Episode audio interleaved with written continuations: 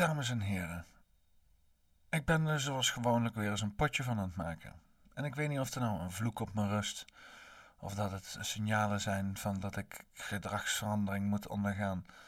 Maar zoals jullie hebben gemerkt bij de vorige Bosperians eh, opnames, mijn audio was nogal kut.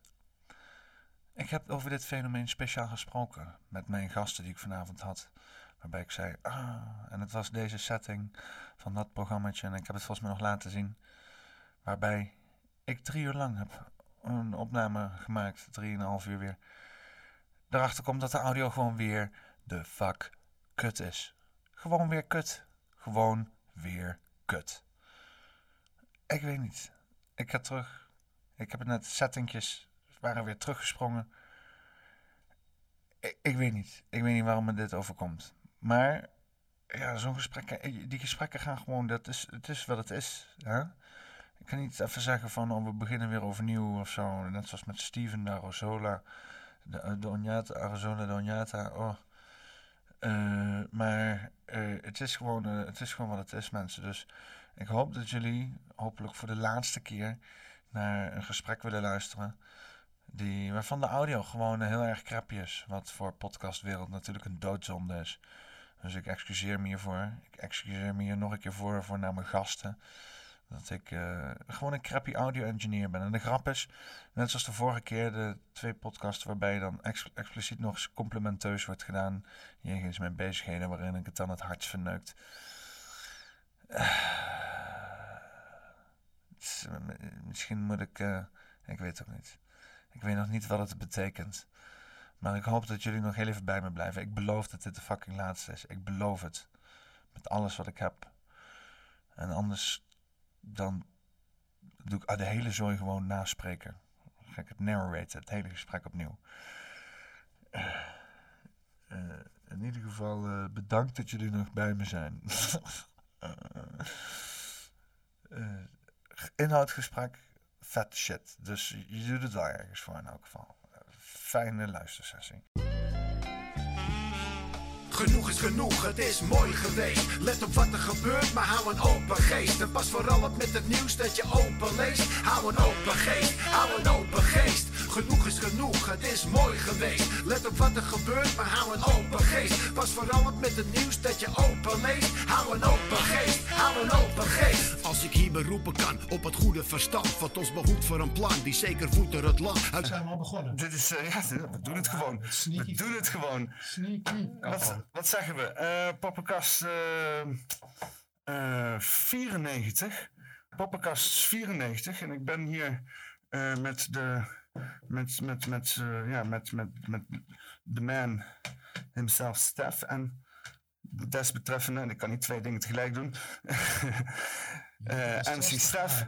En uh, Def P in de house, de enige echt verkeerd verbonden, min, min, min één. Dus, uh, dat is. Ja, dat dus, is er in. Uh, zegt, ik kan niet twee dingen tegelijk doen, maar je zit hier als interviewer, lichtman, editor, cameraman, geluidsman.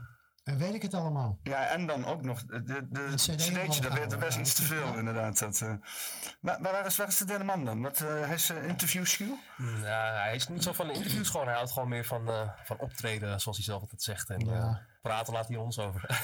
ja, hij had ook gewoon in de hoek vet... Kan hij Jonkos draaien? Sowieso. Ja, nou, hij, in, in de hoek. hij zegt het zelfs op Rebellen met de Reden. Ja. En draait ze groter dan een Fufuzela. Ja, dat bedoel ik. Van als hij nou gewoon in de hoekje rustig was gaan zitten Jonkos draaien, dan is het prima toch? Dat ja. is perfect. Had ook gekund.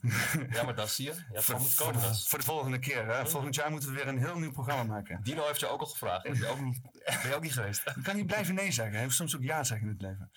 Uh, hoe is het? Hoe is het uh, Lekker. in het leven? Ja, wel uh, stabiel weer, moet ik zeggen. Ja, dus, ja. je hebt ja, toch wel weer een nieuw album en zo eruit Ja, een EP'tje heb ik eruit gegooid. die lag eigenlijk al te wachten sinds 2020 hoor. Maar die was, ja, pre-corona, ja, zo anders. Drie, driehoekstef, toch? Ja, ja driehoekstef, ja. ja. Bij Jeroni Mayfield. mooi schilderijtje trouwens ook. Maar nee, die lag al te wachten sinds 2020 eigenlijk. inspiratie ook wel een beetje van één track, Roze Bril genaamd, opgedaan door een advies van uh, Def om de film Day Live te gaan kijken. Dus daar is een beetje ook wat, uh, ontstaan van... eh, Dus met die net zonnebril inderdaad, Ja, hè? ja, met ja, eh, ja, ja. en zo. Ja. ja, Classic. classic, ja, inderdaad. die heb ik ook echt eh, vorig jaar voor het eerst gezien. eh, Ja. Dat ik echt dacht van, ik moet het eigenlijk eens Ik zien. ken want je hem ook dat helemaal niet zo. Ja, ja, want je kent wel die... die De beelden ken je. Ja, Ja, die, die, vormgeving en eh, ja. Ja, ja, grappig. En, ja, daar, daaruit kwam... eh, Ja, daar, daar Inspiratie. uiteindelijk kwam inspiratie en toen eh, eigenlijk een beetje is rebellen ontstaan en ook verkeerd verbonden. Echt eh, vlak daarna eigenlijk ook eh, best wel snel. I, came here to kick ass and chew bubblegum. Ja, echt. Fresh out of bubblegum. ja, dat is het meest epische stuk uit de, uit de film Ja. inderdaad. Ja, in de supermarkt. Daar, daar, daar- daar zijn ook veel samples van gebruikt volgens mij. Hè? Ja. We hebben trouwens niet eens eentje gebruikt voor verkeerd verbonden van hem, volgens mij. Nee. Ik weet ook niet, eh, ik, ik kan zelf geen voorbeeld bedenken van een groep die dat gesampled heeft, eerlijk gezegd. Ja, ik, ik, ik- niet hip-hop denk ik dan, maar van, waars- waarschijnlijk een of andere dubstep gebeuren of zo. Niet Het is wel een kick-ass film en die zich ervoor leent Oh, in ieder geval. Het is inmiddels echt zo'n klassieker. Misschien nu bij deze eh, dat jij het hebt gezegd, moeten we het gewoon gaan doen. Ja, ja, gewoon gaan samplen. we gaan het kijken. Ik, ik voel weer een nieuw thema al. Oh ja, ja daar komt hij aan. Came here to kick ass and chew bubblegum. Ik, eh, ik ben eh, eigenlijk wel eh, eh, heel erg benieuwd naar, eh, want ik, ik, ik weet niet hoe, hoe vaak jullie het hier al over, over hebben gehad bij de andere en zo, bij, bij, bij de Dutch Matrix en zo. Maar, maar hoe, hoe is eh, ja, eh, verkeerd verbonden zo'n beetje tot stand gekomen? Wat, wat, is, wat is daar. eh, Dat kan Stef heel mooi vertellen. ja? Nou, ik, eh, ik moet zeggen, ik ken Def eigenlijk sinds 2018, 19 heb ik hem gevraagd voor een, eh, voor, voor een track, voor een album waar ik aan het werken mee was toen, Invloed genaamd. Daarbij wilde ik dus de, ja, de invloed laten zien die ik heb ja, gekregen van vroeger, waardoor ik ben gaan doen wat ik deed. eh, in de hip-hop, zeg maar. Hmm. En daar wilde ik dus allemaal, ja, in mijn ogen, legendes op hebben staan. eh, en dat is Def onder andere één van. Ehm, zo zijn we eigenlijk een beetje eh, ja, in contact gekomen. En dat heeft een beetje stand gehouden. Met ik toen ook met Das daarmee in contact ben gekomen eigenlijk. En ik wilde eigenlijk een featuring met hun beiden ook nog gewoon eh, maken. Gewoon los van het project wat al eh, was.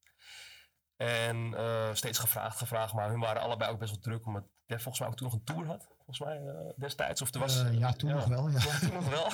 ja, toen deed ik het nog. Ja, en ehm, ja, uiteindelijk toen begon eh, corona een beetje. Toen heb ik het nog een keer gevraagd van, joh, heb je nu misschien tijd? Want ja, er is nu toch eh, alles Nu heb is je vast stil. tijd, Ja. of niet? Ja. Als je nu nee zegt, dan is het een kut excuus. Ja. Nou, het was precies dat, weet je wel. Van, alle muzikanten en zo en, en, en artiesten, het was in één klap allemaal klaar, boem, stil en afgelopen. En eh, je, je viel in een soort gat. Plus er viel wat te klagen.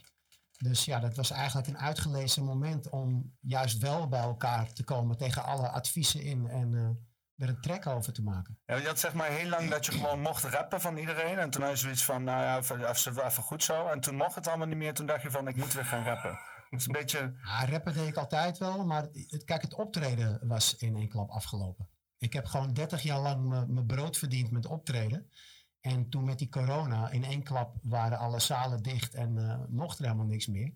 Maar dat betekent dat je, je inkomen ook in één klap stilstaat, weet je wel. Dus ehm, nou was ik al heel lang van plan om eh, de schilderkant op te gaan. En dat deed ik al, al heel lang, maar niet heel, heel serieus fulltime en professioneel. Dus voor mij was dat ook wel een extra setje om te gaan schilderen. Maar tegelijkertijd zat ik nog steeds wel helemaal in die rapmodus.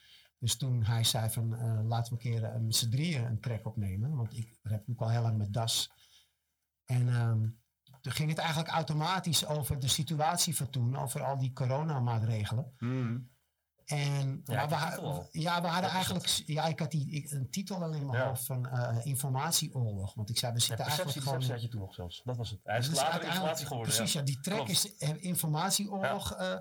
Is die eh, omgedoopt? Want het was eigenlijk een beetje het refrein. Ja, dat De perceptie, deceptie, eh, dat werd dan de albumtitel. Maar het, het was, we waren niet meteen van plan een album op te nemen. Het zou een losse track zijn.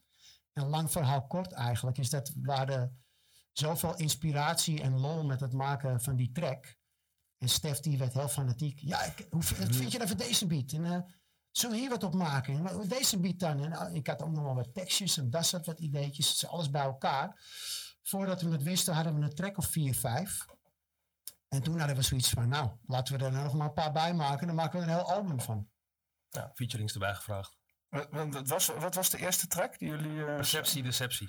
Officieel was dat een titel die Def had liggen. Uiteindelijk informatieoorlog. Uiteindelijk informatieoorlog inderdaad. Daar heb jij nog een heel leuk clipje bij gemaakt wat niemand bijna kent. Ja, omdat daar hij zit Rumble, in eh, op Rumble staat of Ja, zo. ja.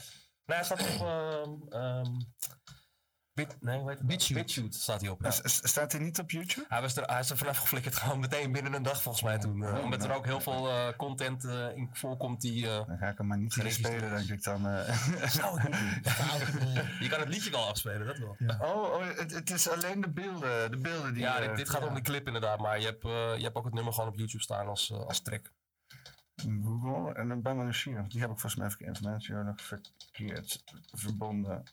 St- Gewoon ook al. Hoe- Wat is verkeerd verbonden? Hoe, eh, hoe zijn jullie daarop gekomen? Wat is daar eh, de- het verhaal achter? Het samenhangende was eigenlijk dat vooral Das begon van ja, het moet iets met, het moet verbinding zijn, we moeten samenkomen, het moet verbinden. En toen zei hij van, maar iedereen is verkeerd verbonden. Ah, Toen dachten we, ja, het is wel, eh, wel een goede eigenlijk. Ja, het slaat een beetje. Kijk, het is een, een naam met me- meerdere betekenissen. Het, het slaat natuurlijk een beetje op die polarisatie die steeds meer op kwam zetten. Dus in plaats van dat mensen ver- verbonden met elkaar zijn, zijn ze verkeerd verbonden.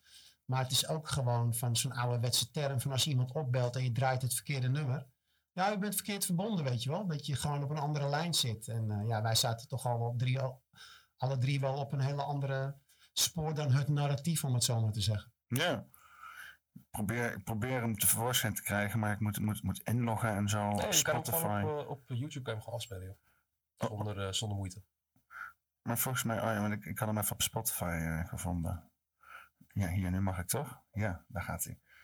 Dat is de rijmaniak. Perceptie, deceptie ding. Dat is inderdaad de eerste track. Maar kijk, normaal gesproken zouden ze een track opnemen onder de naam gewoon eh, Def, Das en Stef. Maar omdat we gegeven steeds meer tracks gingen maken, dachten we, ja, nu zijn we eigenlijk bijna een soort groepje aan het worden. Nu moeten we een groepsnaam hebben, weet je wel. Dus eh, ja, toen, eh, toen zijn we met verkeerd eh, verbonden op de proppen gekomen. Niet eens een reflectie van wat je echt ziet. Nee, ik geloof het echt niet. Perceptie, deceptie, het systeem is defectief. Terwijl je. Perceptie, deceptie is nou een infectie. Kabal en connecties bepalen jouw directie. Je kunt kijken naar het nieuws op tv, maar wanneer zien we nou een keer wat nieuws op tv? De grote massa wordt voorgelogen en de waarheid wordt gebogen om voor te koken. Als hapklare vitamineloze maaltijd, magnetron 5G, minimale gaartijd. En de bewaardheid is laat overlopen, de dag dat je deze verhalen moet kopen. Maar we kopen al die krul niet meer, we moeten er geloven hun gelul niet meer.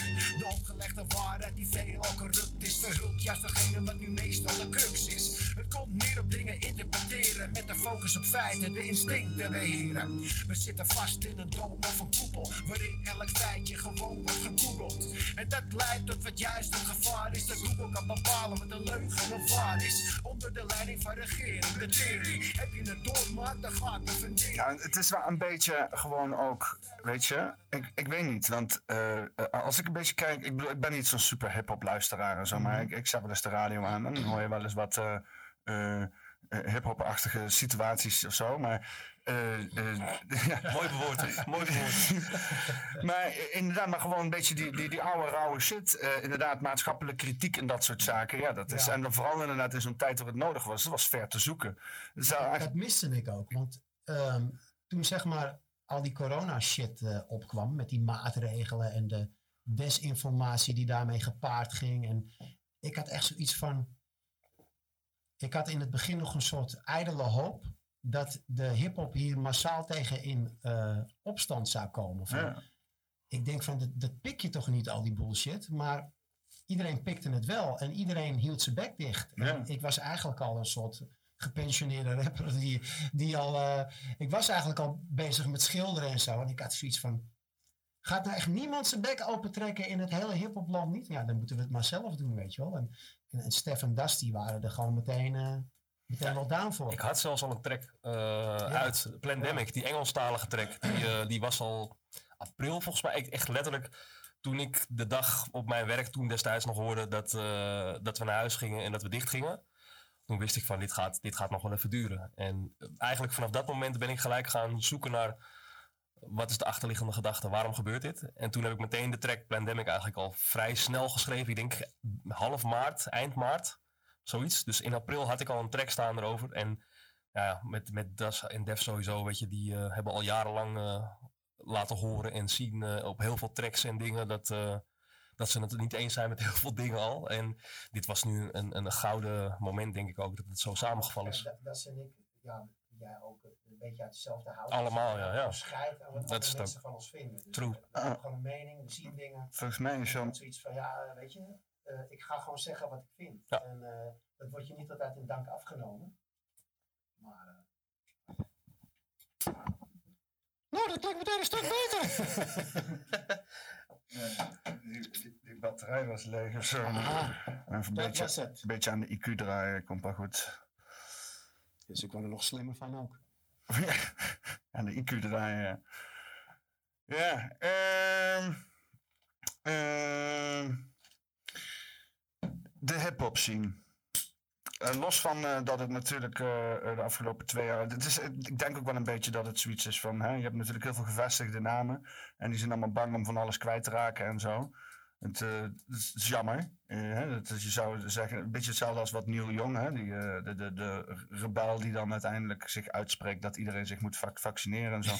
dus eh, dat, het, het, lijkt, lijkt wel als mensen dan eenmaal die welvaart hebben verzameld, dat ook elke vorm van een beetje rebe- rebellie, rebellie gewoon verdwijnt als sneeuw voor de zon. Zelfs voor rappers die zeg maar hè, groot zijn geworden met juist afzet tegen het systeem en dat dat viel me juist ook zo zwaarder aan tegen, weet je wel. Dat al die helden van vroeger waarvan ik dacht van, nou, die gaan hier echt wel op reageren. Het was muisstil. Ja.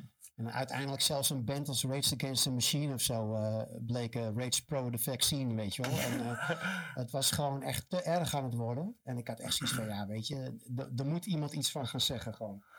Ja, het, is, het, het is sowieso wel, die pandemie heeft laten zien hoe, hoe, hoe, hoe, ehm, ja, hoe, hoe, hoe, hoe afhankelijk iedereen is. Ook zelfs in de muziek en zo en in de kunsten en Maar zo. hoe laf iedereen is en makkelijk te misleiden. Ja, Want het is vaak of dommigheid of laffigheid dat mensen ook hun mond niet opentrekken. nee. Zelfs, zelfs een Wibba niet of zo, weet je wel. Terwijl hij wel gewoon eh, ergens wel heeft gezegd dat hij zich niet laat vaccineren. Maar vervolgens nergens zich kunstzinnig heeft geuit tegen, tegen iets of zo, weet je wel. Dan gaat hij sneaky leuk eh, internetprogrammaatje maken en zo. En praat er verder nergens over. Dan denk ik ook van ja, dan ben je eigenlijk ook, ben je eigenlijk ook niet helemaal de man of zo, Ja. weet je wel. Ik vind het wel... eh, vroeger was kunst natuurlijk ook bij uitstek het medium om mee eh, in opstand te komen tegen de gevestigde orde. Maar nu is eh, kunst gewoon grotendeels een, een onderdeel van het establishment geworden. En een stelletje makke schapen. Ja, maar het is het allemaal niet ook veel te veel gesubsidieerd en zo? Eh, heb je niet, eh, is dat veel in hip-hop land gaande? Subsidies en dergelijke? Of, eh? Ik denk vast wel dat het gebeurt, maar niet echt. eh, ik denk ook dat, dat bepaalde tracks naar voren getrokken worden of een, een budget hebben om eh, naar voren getrokken te worden. ja. Bij wijze van. Ik wil niet meteen zeggen dat het doorgestoken kaart is, maar Nee, maar kijk, als, je, als jij bijvoorbeeld hip-hop maakt vanuit een insteek van ik wil op de radio gedraaid worden, dan maak je natuurlijk al hele andere tracks dan iemand die er scheid aan hebt. De meeste, gasten hebben zeg maar een carrière om aan te denken. En dan kan je gewoon niet te veel scheid hebben aan een, een hele rits met regels, weet je wel. Je, je moet je toch conformeren naar die regels. Maar voor mij is het juist, het scheid hebben was juist mijn carrière. ik heb nooit anders gedaan. Dus eh, dit, dit was wel eh, een- kolfje naar mijn hand, zeg maar. En, en ik vond het mooi dat Das en eh Stef er gewoon eigenlijk net zo in stonden. Dat ze gewoon, we hadden ook gewoon maling. Maar dat, gewoon met z'n drieën echt, eh, dat we op één lijn zaten van... eh, we gaan gewoon zeggen wat we denken op deze plaat. ja, want eh, was jij niet te bang, Stef, om eh, hè, nee. beoordeeld te worden door de maatschappij? Nee, maar ik maak eigenlijk ook, wat hij ook zegt, al jarenlang eigenlijk van die maatschappij kritische teksten. Eh, dus wat dat betreft eh, was het ja, niks nieuws in dit geval. Alleen was het nu iets meer uitgesproken omdat je een, echt een scheidingslijn in kreeg qua mensen en hoe ze erop neerkeken en weet ik Ja. veel wat. Ja.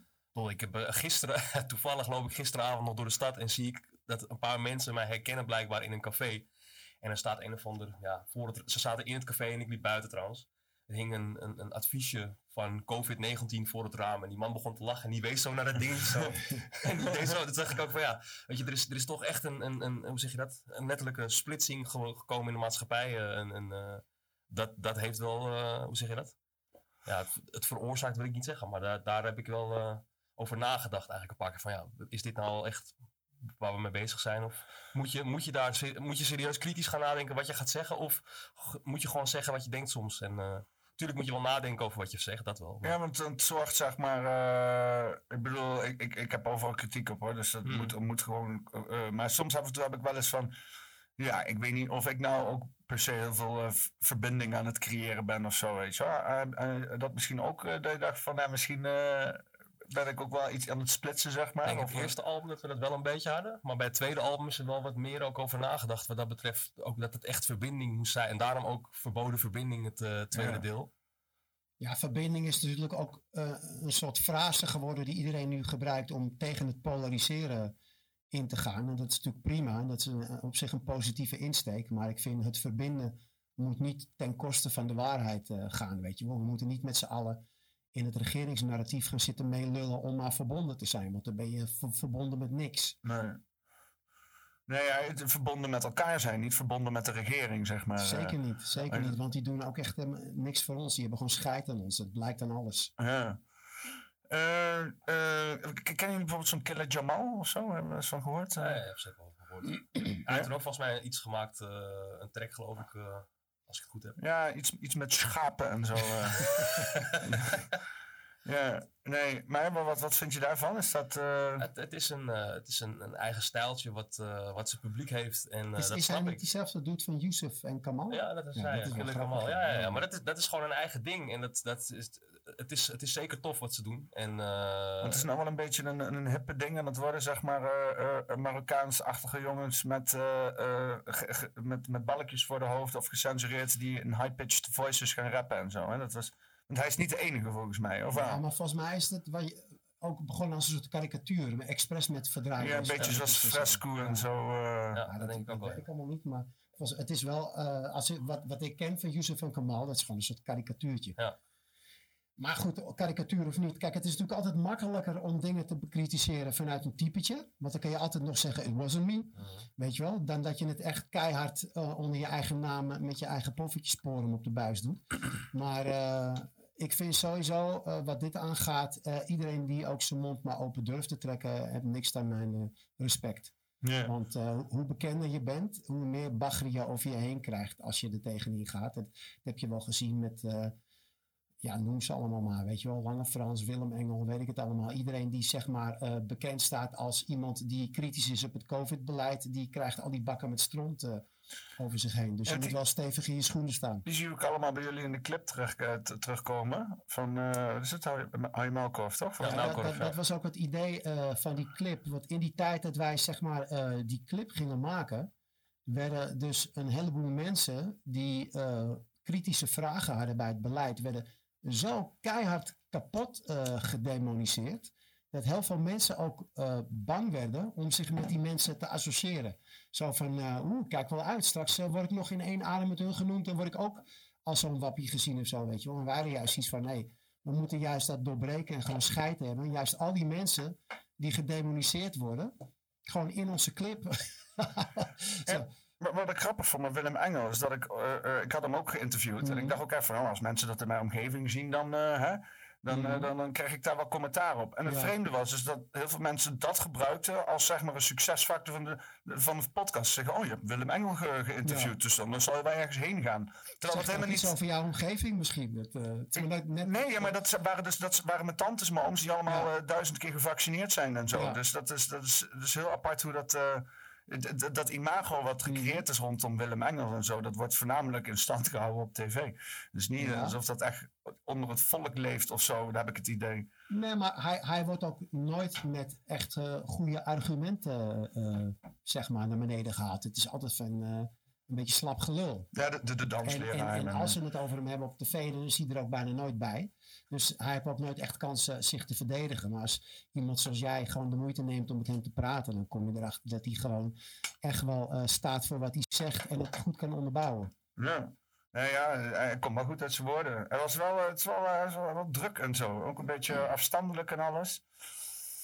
Maar ja, was ik, was ik zag hem een hele korte tijd. Hoe is dat dan tot stand gekomen, zeg maar? Eh, gingen jullie iedereen afbellen en zeggen... hey, willen jullie in onze Melkorf-clip spelen? Of, eh, Nee, het kwam door... ehm, Volgens mij was het de bedoeling dat degene die die clip eh, zou maken, die had dan het idee dat, dat, dat hij zou al die mensen gaan benaderen en die zouden allemaal met hun telefoon een heel kort stukje opnemen van eh, hou je muilkorf. En dat zou die er dan allemaal in verwerken, weet je wel, met knippen.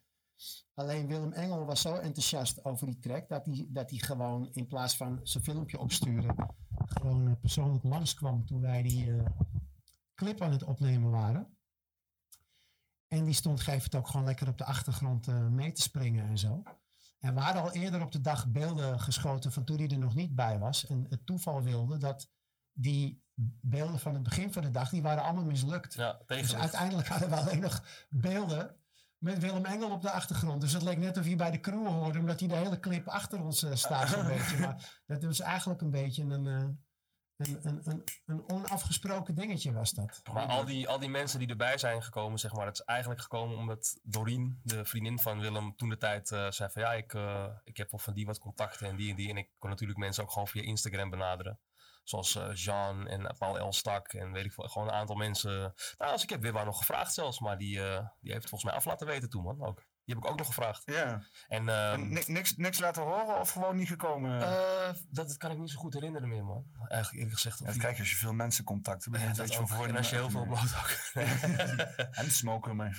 Nee, ik, eh, ik, ik denk dat, eh, dat het voornamelijk kwam dat hij en hun contacten hadden, waardoor het vuurtje eigenlijk meer ging lopen. Eh, al heel gauw was Ja, Jordan want die erbij die die clip maakte, zat ook al een beetje in die hoek geloof Nee, ik, nee, of niet eens. niet? Hij, nee, hij was eh, leraar op een, eh, op een school voor eh, in, uh, Oké. Muziek en eh, videografie en Ja, dergelijke. de meeste mensen hebben uiteindelijk wel gewoon een soort telefoonfrutseltje ingestuurd. En Klopt. wat gewoon gebruikt is. Ja. Het is je boy niet, die, eh, die eh, had eh, geen tijd, zei hij om twee minuten even snel hou je mij ook over te zeggen. Maar ja, helaas, jammer. Gemiste kans, jongen. Gemiste kans. Heb ik hem al op eh, Dat benaderd. zei Flavio toch ook? Ja, dat zei hij ook bij Achteraf Blackbox. dacht Flavio van, had ik maar... eh, Ja, ja, Flavio ook, ja, inderdaad. Die hebben ook. Maar gevraagd. ik Ja. snap het ook wel. Kijk, eh, als jij benaderd wordt door een groep waar je nog nooit van gehoord hebt van... Wil je met je kop in mijn clip? Ja. Dan ik zou Ste- ook uh, terughoudend zijn. Libro van Haga hebben we ook nog uh, weten te vragen. had er die, echt willen staan. En die, uh, die daar staan hiphoppen daar op de zei, ik, kan, ik kan me hier nu niet in mengen. ik kan me niet in mengen, want de, de, de, de stemmen waren toen gaande nog. Op de dag van, volgens mij, het stemmen kwam uh, onze clip ook uit. Sigrid Kaag had ook geen zin. Nee. Die had het te druk met de fakkeltop. Maar hij zei wel, ik, ik uh, vind het wel een, uh, een leuk uh, project. dus hij had wel, ja, hoe zeg je dat? hij had er wel begrip voor. Hij vond het wel leuk dat hij ook benaderd werd. Zo, maar hij kon zich er niet in mengen. Dat is ook ja. wel een grappig Heel puntje. politiek antwoord. Heel politiek, ja, zeker. Ja. Ja. Ja, het is natuurlijk. Uh, nou, ik, ik, ik, denk als je zeg maar gewoon. Uh, je hebt natuurlijk ook nu allerlei issues gaande, weet je wel, misschien weet ik veel. Fascisme of zo, weet ik veel. Het, uh, het modewoord van het jaar. Ja, ja, volgens mij kan dat echt het, jaar, het, woord, het, jaar, het woord van het jaar worden 2022. Het meest misbruikte woord, denk ik. Ja, ja, nee, maar, ja, maar iedereen. De, allebei de kanten van de groepen noemen elkaar fascist. Ja, ja dat kan natuurlijk ja. niet. Dat, nee. dat is, dat is, uh, er is maar één ergens. Een, één, er is maar één echte fascist. Ja, er is er maar één fascist. Dus, dat, ja. dus, dus op een of andere manier moeten we dat dan gaan uitvogelen met z'n allen. Wie nou hier nou een echte fascist is. Maar uh, ja, daarover praten is wel moeilijk, zeg maar. Maar ik denk dat, dat je daar over zo'n onderwerp, weet je wel, uh, dat je daar nog best wel, want dat is ook tijdloos, zeg maar, best wel veel mensen kan. Uh, een inhoudsloos stopwoordje geworden om iemand zogenaamd eruit te lullen en klaar te zijn met de discussie. Jij bent een fascist, klaar. Weet je wel, dan hoeven we niet meer op de inhoud uh, in te gaan. Ja. Dus ja, het is een soort dooddoener geworden. En hebben we wel eens gezien wat uh, uh, voor twee gigantische gouden symbolen in het congres in Amerika hangen?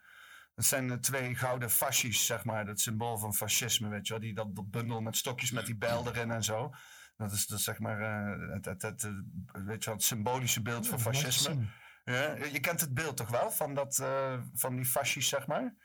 Show us. Ik, okay, ik nou, weet gewoon dat je het gaat googelen. Ja, ja, ja. Dus, uh, ik, ik, ja, ik heb het de laatste tijd heb ik het hier vaker over. Illustratie. Gewoon, gewoon, gewoon, gewoon dus opgezocht van wat, wat is fascisme nou, weet je wel? Ja. dat komt dus allemaal uit, uh, uit Rome. Ja, en het was... Wat het ook lastig maakt, is dat uh, je leest dan verschillende definities.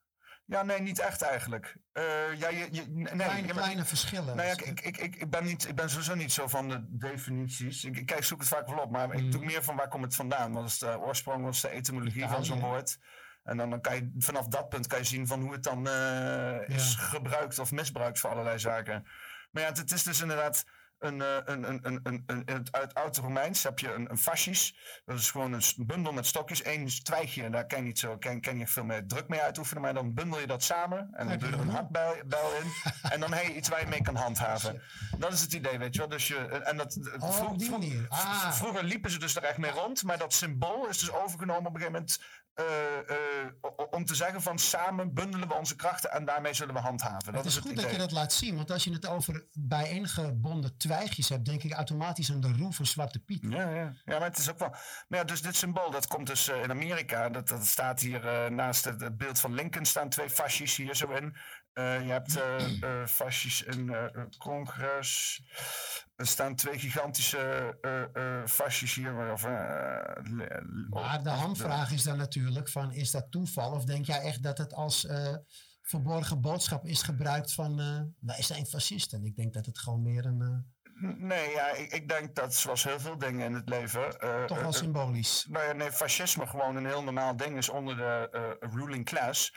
En eh, dat wij inderdaad het gepeupel eh, allemaal daar eh, heel moeilijk over lopen te doen en elkaar daarmee lopen te betichten. Ja, terwijl wij trouwens allemaal vet hard gehandhaafd worden door, door iemand. fascisten. Ja, door de, de echte fascisten, weet je wel. Je ziet dat, het zit gewoon in de gaan we er zelf ook al aan meedoen, hè? Iedereen fascist noemen. Maar het is gewoon, ja, het is, het is een beetje een bullshit woord geworden. Het, is, het, heeft, het heeft zijn kracht verloren, weet je? Ik denk dat het ook zoiets is als als je daar wijst, kijkt niemand wat er hier gebeurt. Precies. En dat is het vooral ook. Wie het eerste ruikt, heeft zijn poepetje gebruikt.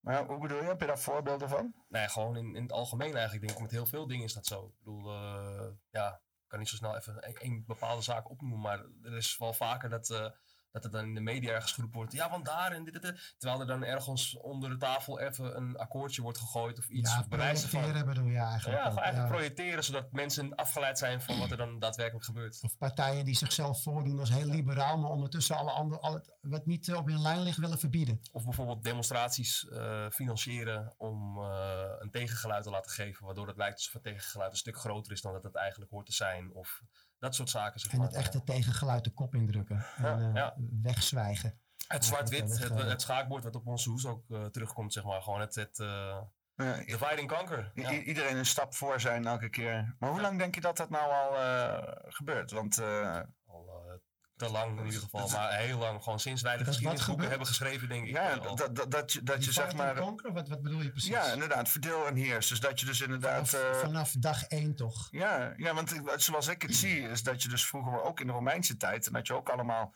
van die sprekers toch... die gingen dan in het midden van het centrum staan... en die gingen heer ye, heer ye... en dan een beetje Romeins lullen en shit. En daar stond natuurlijk ook allemaal informatie in... om het, om het volk op een bepaalde gedachtegoed te brengen en zo. Dat was misschien ook al gewoon desinformatie, zeg maar, in het Romeinse Rijk. En, en overheidsgesponsorde, beetje hetzelfde als eh, overheidsgesponsorde NCTV-bots en zo, dat soort dingen. Alleen dan eh, ancient Roman style. Mhm. Ja, Ik denk dat we vanaf dag één al worden gedivide en conquered, om het maar zo te blijven noemen. En ehm, ook met de nodige desinformatie. Maar dat het verschil tussen nu en al die andere voorgaande tijden is dat nu dankzij internet heel veel dingen duidelijk eh, worden en wel naar de oppervlakte komen. En mensen ineens, als je tenminste de moeite daarvoor doet, erachter kunnen komen nou ja, hoe ze in de maling worden genomen. Ik, ik bedoel, want als je een beetje, dus, dan een beetje geschiedenis hebt geleerd en een beetje weet, eh, weet je wel hoe dat altijd al gebeurt, eh, dan zou je dus ook gewoon vanuit moeten gaan dat het nu ook gebeurt. Ik vraag me af, hoe krijgen ze het steeds voor elkaar om mensen te laten denken dat het niet gebeurt? Snap je? Dat, hoe, hoe krijgen ze het voor elkaar om mensen te laten denken dat ze, dat ze, dat ze is, het vrij zijn vanaf, en vanaf ons kleinste af aan wordt dat ons al een soort van ingeprent, denk ik, via het schoolsysteem, heb ik het idee. Door de manier hoe je, ja, hoe je de les krijgt en hoe je Zel- zel- zelfs nu nog denken, denkt de meerderheid dat de regering eh, er voor jou is. Mm. Eigenlijk word je al geconserveerd in het schoolsysteem voor wat je later dan als het ware ja, in welk slavenbaantje je terecht moet komen, om het maar even kritisch te zeggen. Ik, ik heb altijd het idee gehad dat we hier in Nederland zijn we er dan echt super goed in. Dat je zeg maar een soort van net genoeg krijgt om niet, in, om niet zeg maar te realiseren van... hé, hey, fuck man, er wordt me een worst voorgehouden of zo, weet je. Eh, Geef men brood en spelen. Hè?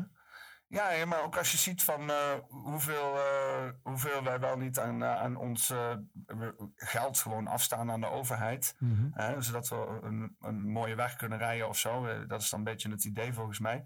Eh, en Dat weg nog over net. Ja. Toevallig, heel toevallig. Ja, ja maar dat, dat, hoe, hoe, hoe, graag je belasting betaalt wordt en hoe iedereen zoiets is van ja, dat is goed, kijk hoe een fantastisch land we leven, zeg maar. Ehm, en, en dat fantastische land is dan dat zeg maar gewoon alles gefaciliteerd is. Dat is een beetje het fantastische, zeg maar. Het gave. Alles is gefaciliteerd. Je hoeft vrij weinig zelf te doen hier. Wat ons dan weer afhankelijk maakt van al die faciliteiten. Want niemand leert hier. Ja, want het is inderdaad meerdere generaties gaande. Dus, dus niemand weet meer hoe ze hun eigen shit moeten doen. Dus het is een soort van. Ja, ze hebben ons schaakmat hier als volk in Nederland. Vandaar ook die uh, hoesen van ons met die schaakborden, weet je. Dat is ook heel symbolisch. Ja. Plus het is natuurlijk ook extreem verdeeld. Zwart, het is zwart of het is wit. Het is eh, polarisatie ten top. ja. Hoe, hoe, hoe komen jullie uit die mindset? Eruit of erin? Ja, eruit. Eruit, nooit. Het is gewoon hoe ik de wereld zie. En dat gaat ook eh, niet veranderen, vrees ik. Oké, hoe, nee, hoe kom je uit die, uit die... Want het is dan zeg maar... je- je- je- jezelf laten regeren door iets of zo... is ook een soort van mindset. maar heel veel mensen zitten erin. Hoe zorg jij dat je eruit blijft of bent? Of bent gekomen, maar vooral blijft, zeg maar. Nou ja, dat, dat is een goede vraag. Maar er is natuurlijk niet heel makkelijk uit te komen. Want of je het leuk vindt of niet, je maakt onderdeel uit van een systeem en van de maatschappij. En we moeten allemaal belasting betalen. En we hebben allemaal een eh SOFI-nummer. En eh, weet je wel. Dus ja, het is heel moeilijk om eh daaruit te komen. Dan heb je wel allerlei vage theorieën over soeverein worden en zo. Maar dat, dat eh, ja, daar geloof ik allemaal niet zo in. Nou, het is allemaal te complex en te vaag. Maar ik denk dat als je er echt een beetje althans uit wil komen, dat je gewoon het beste kan gaan voor een eigen boerderij op afbetaalde grond. Met je eigen tomaatjes en slaapplantjes en weet ik het allemaal. En dan, dan, dan kan je wel een soort situatie creëren dat je in ieder geval zo onafhankelijk mogelijk bent van het systeem. Maar je zal er altijd onderdeel van blijven. Hoe is het met jouw boerderijplannen? Ja, dat staat nog op een, eh, een laag pitje. ik woon nog altijd in Amsterdam. Heb jij boerderijplannen? Nee, geen boerderijplannen, maar wel eh, verhuisplannen in de toekomst eh, ver van hier vandaan in een bunker of zo? Of- Nou, Bunker. nee. ik, zie, ik zie eerder een, een natuuromgeving met een, eh, met een heel mooi uitzicht eh, waar een studiootje zit of zo. Zoiets. Want is nou nog City Life voor jou? Of? Nee, ik eh, ben al een tijdje weg uit Amsterdam eigenlijk. Ah, Ik ben er wel heel vaak, want ik werk er ook nog. Eh, maar nee, ik zit eh, net iets erbuiten, Zaanstad. En je komt wel van origine uit Amsterdam? Kom uit Amsterdam inderdaad. Mijn vader komt vanuit Amsterdam-Oost, moeder uit Zuid. Dus ik ben een beetje tussen beide opgegroeid daar, eh, tussen de wijken in, als het ware. Tussen Oost en Zuid. Zuidoost. Zuidoost, ja. Ja, net even anders weer. Toch net even anders. Net niet Zuidoost. Maar ben ik ook veel geweest, dat wel. Ja. Ja. Amsterdam. Wat vinden jullie van Amsterdam zo vandaag de dag? Wat zijn eh? Ja, ik, was er gisteravond nog. Het is, het is echt eh, zoals mooi. Ik zei het vorige keer ook bij eh, Dino. eh, het schilderij van Def komt er elke keer bij naar voren. Het is het Amsterdam Amusementspark. Het is echt letterlijk een amusementspark geworden voor alle toeristen. En ik mag er niet klagen, want ik verdien er ook mijn geld ergens in met de toeristenbusiness waar ik in werk. Al een aantal jaren, frequente businesses. Maar dan nog, het is, het is niet meer leuk om te lopen ook soms gewoon. Het is zo druk en ja, je moet gewoon eh, bijna dansen door de mensen heen. Wil je je weg naar Centraal terugvinden soms. eh. Ja, want ik was dus laatst bij die protesten met, eh, waar David Icke zou komen. En eh ja, toch aardig wat mensen op de Dam. En dan ga je lopen met z'n allen door de steegjes heen, in midden in de regen. Ik voelde mij ge, eh, ge, ge- hoe noem je dat nou? Als een, een horde schaap, eh, schapen, weet je wel. Gehoed. Kudde. Ja, een kudde, ja. Ik voelde me echt... eh, In een hoekje gedrukt. wat doe je met een kudde? Opeten. Nee, maar voordat je opeet. Je moet een hele zooi met kudde ergens naar, naar het opeten krijgen. En wat, Zo'n hond? Heb je een herdershond? Een herdershond, ja. Opjagen. Hoe, hoe- opjagen? Opjagen. Dat is het, eh, misschien het, het meest... eh, Nou ja, afijn. Ik voelde me een kudde. In je eentje. In mijn eentje. en eh, door die steekjes was het, denk ik, oh, dat ziet er nog best wel leuk uit zo, weet je wel. Zo'n hele roedel met mensen en zo. Het was, ik vond het een beetje benauwde aanvallen ervan eigenlijk. Dus eh, op een gegeven moment gingen we uit die steegjes. En eh, toen eh, eh, eh, kwamen we bij het Centraal. En toen kwamen we dus ook in die massa van mensen die dus echt constant Amsterdam in en uit loopt daar, zeg maar, op die hoofdstraat. Ja, verdwijnt helemaal. Dat is niet meer terug. Ik stond daar, ik nam even afstand van. Ik denk, ja, het zijn meer toeristen en mensen die gewoon, weet ik veel, hier Amsterdam dingen kunnen doen als protesters, weet je. Als je, als je ook, ook al verzamel je 5000 of 10.000 protesters bij elkaar, je verdwijnt daar helemaal in de nietsheid, zeg maar. Het heeft helemaal geen zin om in Amsterdam te komen. Nee, het, met- het protesteren is ook wel bijna letterlijk en figuurlijk de kop ingedrukt natuurlijk in Amsterdam. Hè? Dat is eh, ook niet meer wat het geweest is. Eh, heb, je, heb je wel eens geprotesteerd of zo? Ja, zo- ja, regelmatig. Maar ook voor corona of zo? Net meer tegen de maatregelen. Mm, mm, Hup corona! Nee. Maar wel tegen, Ja, wij, wij hebben wel een keer samen meegelopen. ook met de Een coronaprotesten. paar en keer volgens mij zelfs. Eén keer in de zomer, één keer in de regen, weet ik ook nog een keertje. Ja, twee, we hebben twee keer, Twee keer eh, sowieso, een protest meegelopen. En, dat was politie- een- wij waren het gewoon ook echt niet met die maatregelen eens. Politiegeweld Derde keer nog. Ja, toen niet eigenlijk. Heel toevallig niet. Maar wel een beetje, eh, beetje, ja, hoe zeg je dat? Laten zien dat ze aanwezig waren. En waren ook wel een paar aardige hoor. Die liepen gewoon mee en die zeiden ook gewoon van ja, we- we houden het gemoedelijk. En Politieagenten. politieagenten, ja. Ja, ja, ja. Maar dat waren voornamelijk denk ik ook wijkagenten van de buurten daar zelf een beetje. Als ik mijn, Ja, eh, er er zitten ook gewoon goede mensen ja, bij, weet je wel. Zijn Maar er genoeg. ze hebben gewoon ook wel een heel blik van die kloothommels opengetrokken. Bijna letterlijk dat er zo'n politiebus open gaat. En er allemaal van die Romeo's ziet uitkomen ook om de in de boel te verstieren, Je weet ziet je in de wel. clip van Ja, Melkor ja, ja. geloof ik ook. Zie een Ja. stukje daarvan voorbij komen nog. Maar ze hebben ook een hoop buitenlanders ingehuurd, hè? Die met van die Ja. badges lopen de Nederlandse politie uit te hangen. Mhm. En ook, eh, dat meerdere, betreft is uh, Hemke Valsema uh, lekker koud bezig. ook meerdere beelden waar je ook ziet dat ze daadwerkelijk aan het druk zijn en eh, doorgestoven in de Ja, busjes ja. zitten. En, ja, eh, Het is ze echt zijn eh, nog te laf om het nuchter uh, Ja. aan te gaan. En wa- wa- wat zijn dat voor gasten in godsnaam? Mensen die ook door het systeem geworden zijn wat ze zijn geworden. Gewoon eigenlijk. Gewoon wat ik zei. Het, het, het, ja. Je die gaat, je worden gaat dan- het, het leersysteem door en je ziet dat is misschien je vader, je oom, je tante, weet ik veel, iemand heeft het gedaan. Dus dan doe jij het ook maar gewoon. Dus Maar, maar die, die worden dan geconditioneerd daar op de werkplek. Van, eh, ja, deze mensen die zijn niet menswaardig. Moet ze gewoon kapot maken. Snuiven. Nou, er zijn, er zijn volgens mij wel uh, aanwijzingen dat er daadwerkelijke orders zijn gegeven om die zogenaamde wappies dan extra hard aan te pakken. Ja, er zijn ook geweldsinstructies, toch? Noemen ze dat dat? bedoel ik. Ja. En, uh, da- en dat hebben we ook gezien en gemerkt natuurlijk, uh, in, in hoe hard dat uh, de kop is ingedrukt. Ik vraag me af of het ooit nog eens een keer een staartje krijgt of zo, eh, internationaal. Het verdwijnt ook allemaal waarschijnlijk. eh, Ja, er, zijn, er zijn zat mensen mee bezig om daar uh, rechtszaken van te maken. Maar zodra al, zolang al die rechters bij de D66 zitten, gaat er weinig mee gebeuren natuurlijk. hm. Want die, die zijn gewoon het beleid. het rechtssysteem zit ook in de zak. Precies. Want eh, ja, Ja, ik, ik, ik, eh, hoe meer ik me over, eh, over eh, recht heen buig, Hoe krommer het wordt. ja, hoe meer ik realiseer van, van, van hoe meer wetten je aanneemt, hoe minder vrijheid je gewoon krijgt. Weet je. Het, is alleen, het is elke keer meer vrijheidsbeperking op meer vrijheidsbeperking.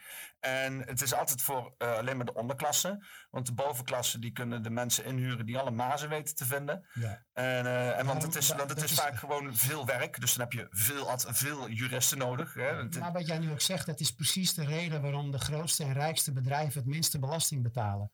En gewoon de kleine MKB'ers en de, de kleine kutbedrijfjes betalen zich helemaal scheel. Dat is precies, precies dat. Ja, ja het recht zou heel simpel kunnen wezen, zeg maar. Als je, het, gewoon, het zou gereduceerd kunnen worden naar niet stelen. Het is begonnen met eh, tien geboden in een paar eh, stenen. Hè? Ja, maar ook, ook, ook de tien geboden kun je reduceren naar niet stelen. Weet je wel, je steelt Ja, niet dat tien. al vrij beklopt natuurlijk. Ja, maar dat bedoel ik. maar daar hebben ze uiteindelijk een hele rij boeken van gemaakt. Nee, maar daar, daar gaat het dus al fout. Ja, Ze maken het ja. weer fucking complex, weet je wel? Want het is niet stelen. Je steelt niet iemand spullen, je steelt niet iemand gezondheid, je steelt niet iemand leven, je steelt niet iemand waardigheid, je steelt niet iemands eh, goede naam. Hè? En dan, dan je er Je kan ook zeggen niet stelen. Ja, niet stelen. Zwieber niet... Dan Ja. is het zwieber niet stelen, toch? Ja. Dora? Geen, eh, geen Dora gekeken? Het is bij mij verkeerde generatie. Zwieber. Zwieber niet stelen. ja, maar eh, Amsterdam dus. En eh, jij zit in de zaad. Dus, eh, in de zaad. Hij zit op zwart zaad. Verkoopzaad. ja. Ehm, maar eh, wat ik zei dus van, eh, van ik maakte gebruik van het toerisme en zo. Dus eh, Ja, ik werk, ik werk eh, veel in detailhandel, eh, jarenlang ook gedaan. Ehm, twee amusementsachtige dingen in Amsterdam voor gewerkt. En nu dus bij een, eh, een seedbank. ja. Eh, waar dus de hele dag door eigenlijk ook wel Nederlanders af en toe komen. Maar vrij wel alleen toeristen eigenlijk. Dus ja, ergens indirect eh, verdien ik er ook mijn brood mee. Tuurlijk, het is wel retail, maar het is te danken aan de toeristen die ook in Nederland zijn. hoe zit het met de regels?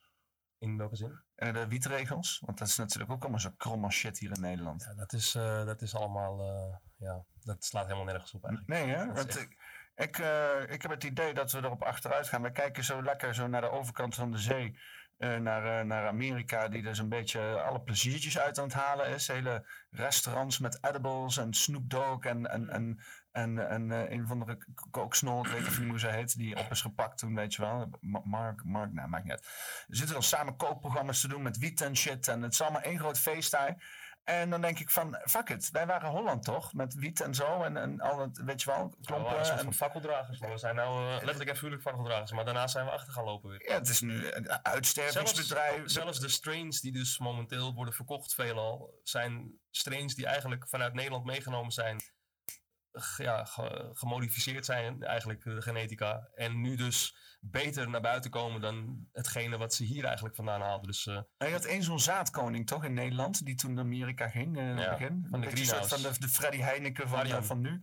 Ja, ja, die heb ik ook wel veel gezien vroeger in de Tolstraat. ja. Ja? Dus, ja, het, het- hij heeft ook wel denk ik heel veel dingetjes gewonnen, omdat hij gewoon een soort, ja, hij was ook een soort fakkeldrager in, in die zin. Maar ik heb ook wel van andere mensen met andere verhalen gehoord. Ik weet niet wat ik dan moet geloven erin, maar hij is wel heel bekend geworden ermee in ieder geval. Ja. wat voor een andere verhaal heb jij gehoord? Ja, gewoon verhalen dat, eh, dat, dat het doorgestoken kaart was of omgekocht of geld ingelegd of weet ik veel. Maar ja, dat, dat kan je altijd met heel veel dingen zeggen. Met we- weddenschappen of met, met eh, hij, had toch, wedstrijden. hij had toch ook gewoon een monopolie op zaad toen? Dat durf ik niet met zekerheid te zeggen, maar hij was wel een van de grotere in de business op dat moment met heel veel aparte strains en heel veel... eh, Dat was van de greenhouse en zo, toch? Die, Ja, eh, ja, ja, ja. ja, ja, ja. Maar, het is, maar kijk je dus niet met jaloezie naar Amerika? Nee, nooit met jaloezie eigenlijk wel. Altijd, eh, vanaf jong wilde ik heel graag erheen. En ik krijg eigenlijk niet meer, steeds meer de afgunst ervan. Maar eh, ja, ik weet niet, eh, het, is, het is een beetje... alsof krijg, je, heel- krijg je afgunst van Amerika? Nou, niet afgunst is misschien het verkeerde woord. Maar het is heel erg... het wordt heel erg gepusht naar dat iedereen maar moet denken dat Amerika zo fantastisch is en de beste. En God bless America. En ik snap het allemaal ergens ook wel weer. Maar het is, het is heel erg... De hele wereld zie je het ook in films Ja, terug en in series. Ze proberen er 350 miljard mensen in toom te houden. Die voor het zeggen komen uit mensen die dachten, fuck deze shit. Dus het is ook wel best, best, best een klus volgens mij wat ze daar aan het doen zijn. Dat is fascistisch, wat ze daar aan het doen zijn. Dat is, die, die, die dingen daar, dit hier, zo, dat hangt daar niet voor niks. Dat is, dat is die mensen denken van wij gaan met z'n allen bij elkaar en dan gaan we lopen handhaven. Of dat nou naar binnen is of naar buiten. En, en, en toch, is Amerika niet Ja, fascistisch? ik, ehm, in zekere zin zou je dat wel kunnen zeggen. Ja, maar ik, Biden is niet eh, mijn vriend, laat ik het zo Maar zeggen. hoeveel Pentagon-basissen zijn er wel niet ook in, in, Europa of zo? 50 eh, Pentagon-basissen en shit. En eh, allemaal biolabs, ook allemaal door de Pentagon beheerst. En ja, die mensen zitten gewoon zware militaire shizzle te doen. Ja, hier in Europa ook, ook hier in Nederland Ja, en zo. in Oekraïne had je er ook een zootje van die eh, biolabs. Ja, ja. ja, dat was nog een dingetje toen, hè? Heel Dat is nog steeds een dingetje. ja, er- zijn alweer eh, nieuwe corona's eh, in de maak. Nieuwe varianten. En die nog dodelijker zijn. En daar doen ze niet eens geheimzinnig over. Want je hoort de ene complottheorie dan de andere. Maar dit is gewoon algemeen aanvaard als feit. En het is natuurlijk weer een kwestie van tijd voordat er weer eentje al dan niet per ongeluk uit een lab ontsnapt. En denk je dat het weer een coronavirus zou zijn? Ik heb geen idee, maar eh, ja. Ik denk wel dat ze het echt een lijpe naam gaan geven. Hoe, zou- hoe zou jij als jij een arts was geweest en jij moest eh, een, een nieuwe virusnaam bedenken voor dat nieuwe pandemievirus? Ze komen naar jou toe en zeggen van, Stef, En dan moet je wel in acht nemen dat apenpokken nogal mislukt ja, maar daarom. Dus ze komen naar je het toe en zeggen, enger klinken dan apenpokken. "S- Stef, we hebben je creatieve brein nodig. We moeten de eh, mensheid moeten we de shit uit, uit hun broek laten schrikken. Eh, en we hebben een of andere lijpe naam nodig voor dit virus. Wat zou jij dan... eh, eh, zit- Zika-virus. een of andere gekke lange Latijnse naam waar niemand wat van begrijpt. Zoiets. Scooby-Doo. Het Scoob- hippopotomonstrose quipedalio-virus. Ja, Kijk, zie je? Ja, De aanvoerder, dat is de aanvoerder. Dat gaat dan het hypovirus heten, dat weet Ja, je ook wel. Ja, dat wordt gelijk eh, afgekort. Ja, ja. Maar, eh, maar eh, eh, niet, geen jaloezie. Ik, want ik, heb, ik wil dat ook, wat ze daar hebben in Amerika hier in Nederland. Ja.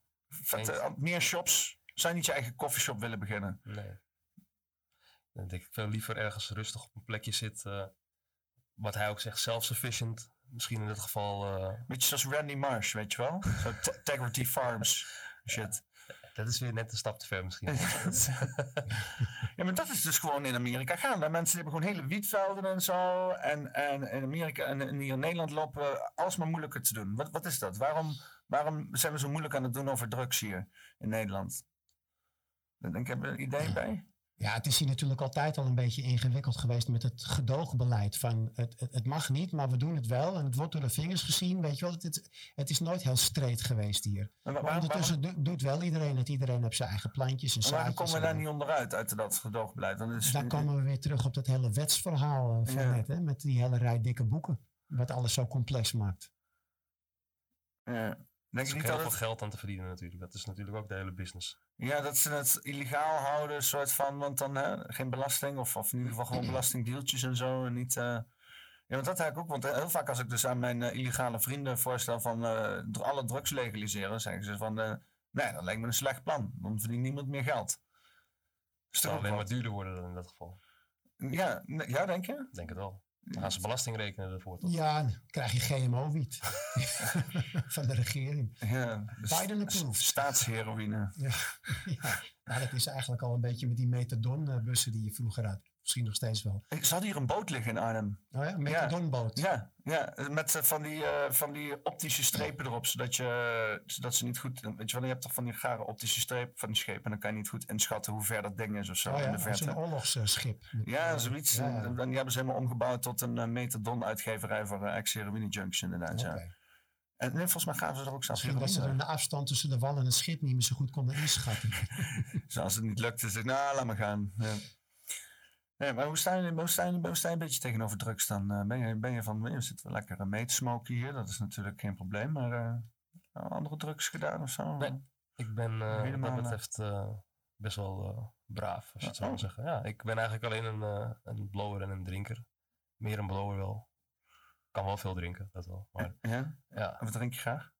eigenlijk de laatste paar jaren toch wel eh, bier. Ja? Wel, ja, pils. Ja. Want eh, sterke drank ben ik helemaal op uitgekeken. Dat is eh, ja, te veel geweest, zeg maar, wil ik zeggen. En gewoon, ik, vind, ik vond het ook niet leuk of zo. De, de, gewoon vooral de, misschien ook de mensen waarmee, waarmee je ook drinkt soms, kunnen ook tot dat soort zaken komen. Maar nee, buiten dat om, nee, gewoon een biertje kan gewoon. En eh, sterke drank wordt bij mij echt te, te, te veel weer. En buiten de andere drugs om helemaal dus niet in dit geval. eh. wel heel, heel veel gezien om me heen natuurlijk. Maar. Wat is je favoriete bier? Mijn favoriete bier? Eh, ik heb niet specifiek favoriet eigenlijk. Ja, dat is jouw favoriet. nee, ik heb toevallig wel voor, voor een biermaatschappij gewerkt nog heel lang. Dus heel veel mensen denken dan gelijk dan, oh, dat is, het, dat, is dat je favoriet? Ja, ja. Als ik, het, ben, ik ben erg gecharmeerd van Elvis Juice. Ken je dat? Elvis Juice. Elvis Juice. Ja, dat is eh, zo'n IPA'tje is dat. Oh, ik heb zo'n hekel aan IPA. Ja, nee, lekker man. Ik vind dat, ik vind dat iets te... Wat is dat? eh, super hopperig Heel toch? hoppig, Eh, ja. ja. Heb je die hap? weet je wat mijn echte favoriet is? Nou? Camaro, dat is de, de, de fake eh, corona van de Lidl. Van de Lidl, sorry. ken, je, ken je Johnny Camaro nog? Johnny Camaro? Nee? Nee, wie is dat? Oh ja, die had zo'n hitje in de jaren zeventig over schetelwater. Oké, die naam die had ik niet, had ik niet verwacht bij die naam. Johnny Camaro, ik kan iets Dat heel... zou- denk dat is een beetje van Johnny Cash-achtige Dat zou nu ook echt niet meer kunnen. Dat was een blanke die zich als neger had gesminkt. En die ging dan een, met zo'n Surinaams accent ging hij zingen. Als ik, ik, het is heel lang geleden, maar er staat niets van bij dan... eh, dat hij op de bushalte staat met andere mensen. En dan staat hij de hele tijd zijn scheet in te houden of zo. En dan uiteindelijk... Heel vaag liedje. Johnny Camaro. Dat is, eh, dat is goede, Google goede oude humor. Johnny Camaro. Ik, ik wil dat eigenlijk wel googlen, ja. Dit is, wel, dit is te goed om te laten liggen. Maar wa- was dat dan gewoon op tv of zo? Of, Dat was gewoon ja, een beetje, een beetje zo'n gimmick-achtig dingetje was dat in de jaren 70 of 80. eh, Echt way back gewoon. eh. maar dat, dat zou nu echt niet meer kunnen in deze tijd. Ik ben de weg kwijt. Johnny Camaro. Polonaise, Hollandaise. En dat is wel die Johnny Camaro. Boos optreden. Johnny Camaro. Dat is niet eh, datgene, denk ik, wat jij... eh, wat is dit dan nou weer? Bart Boos.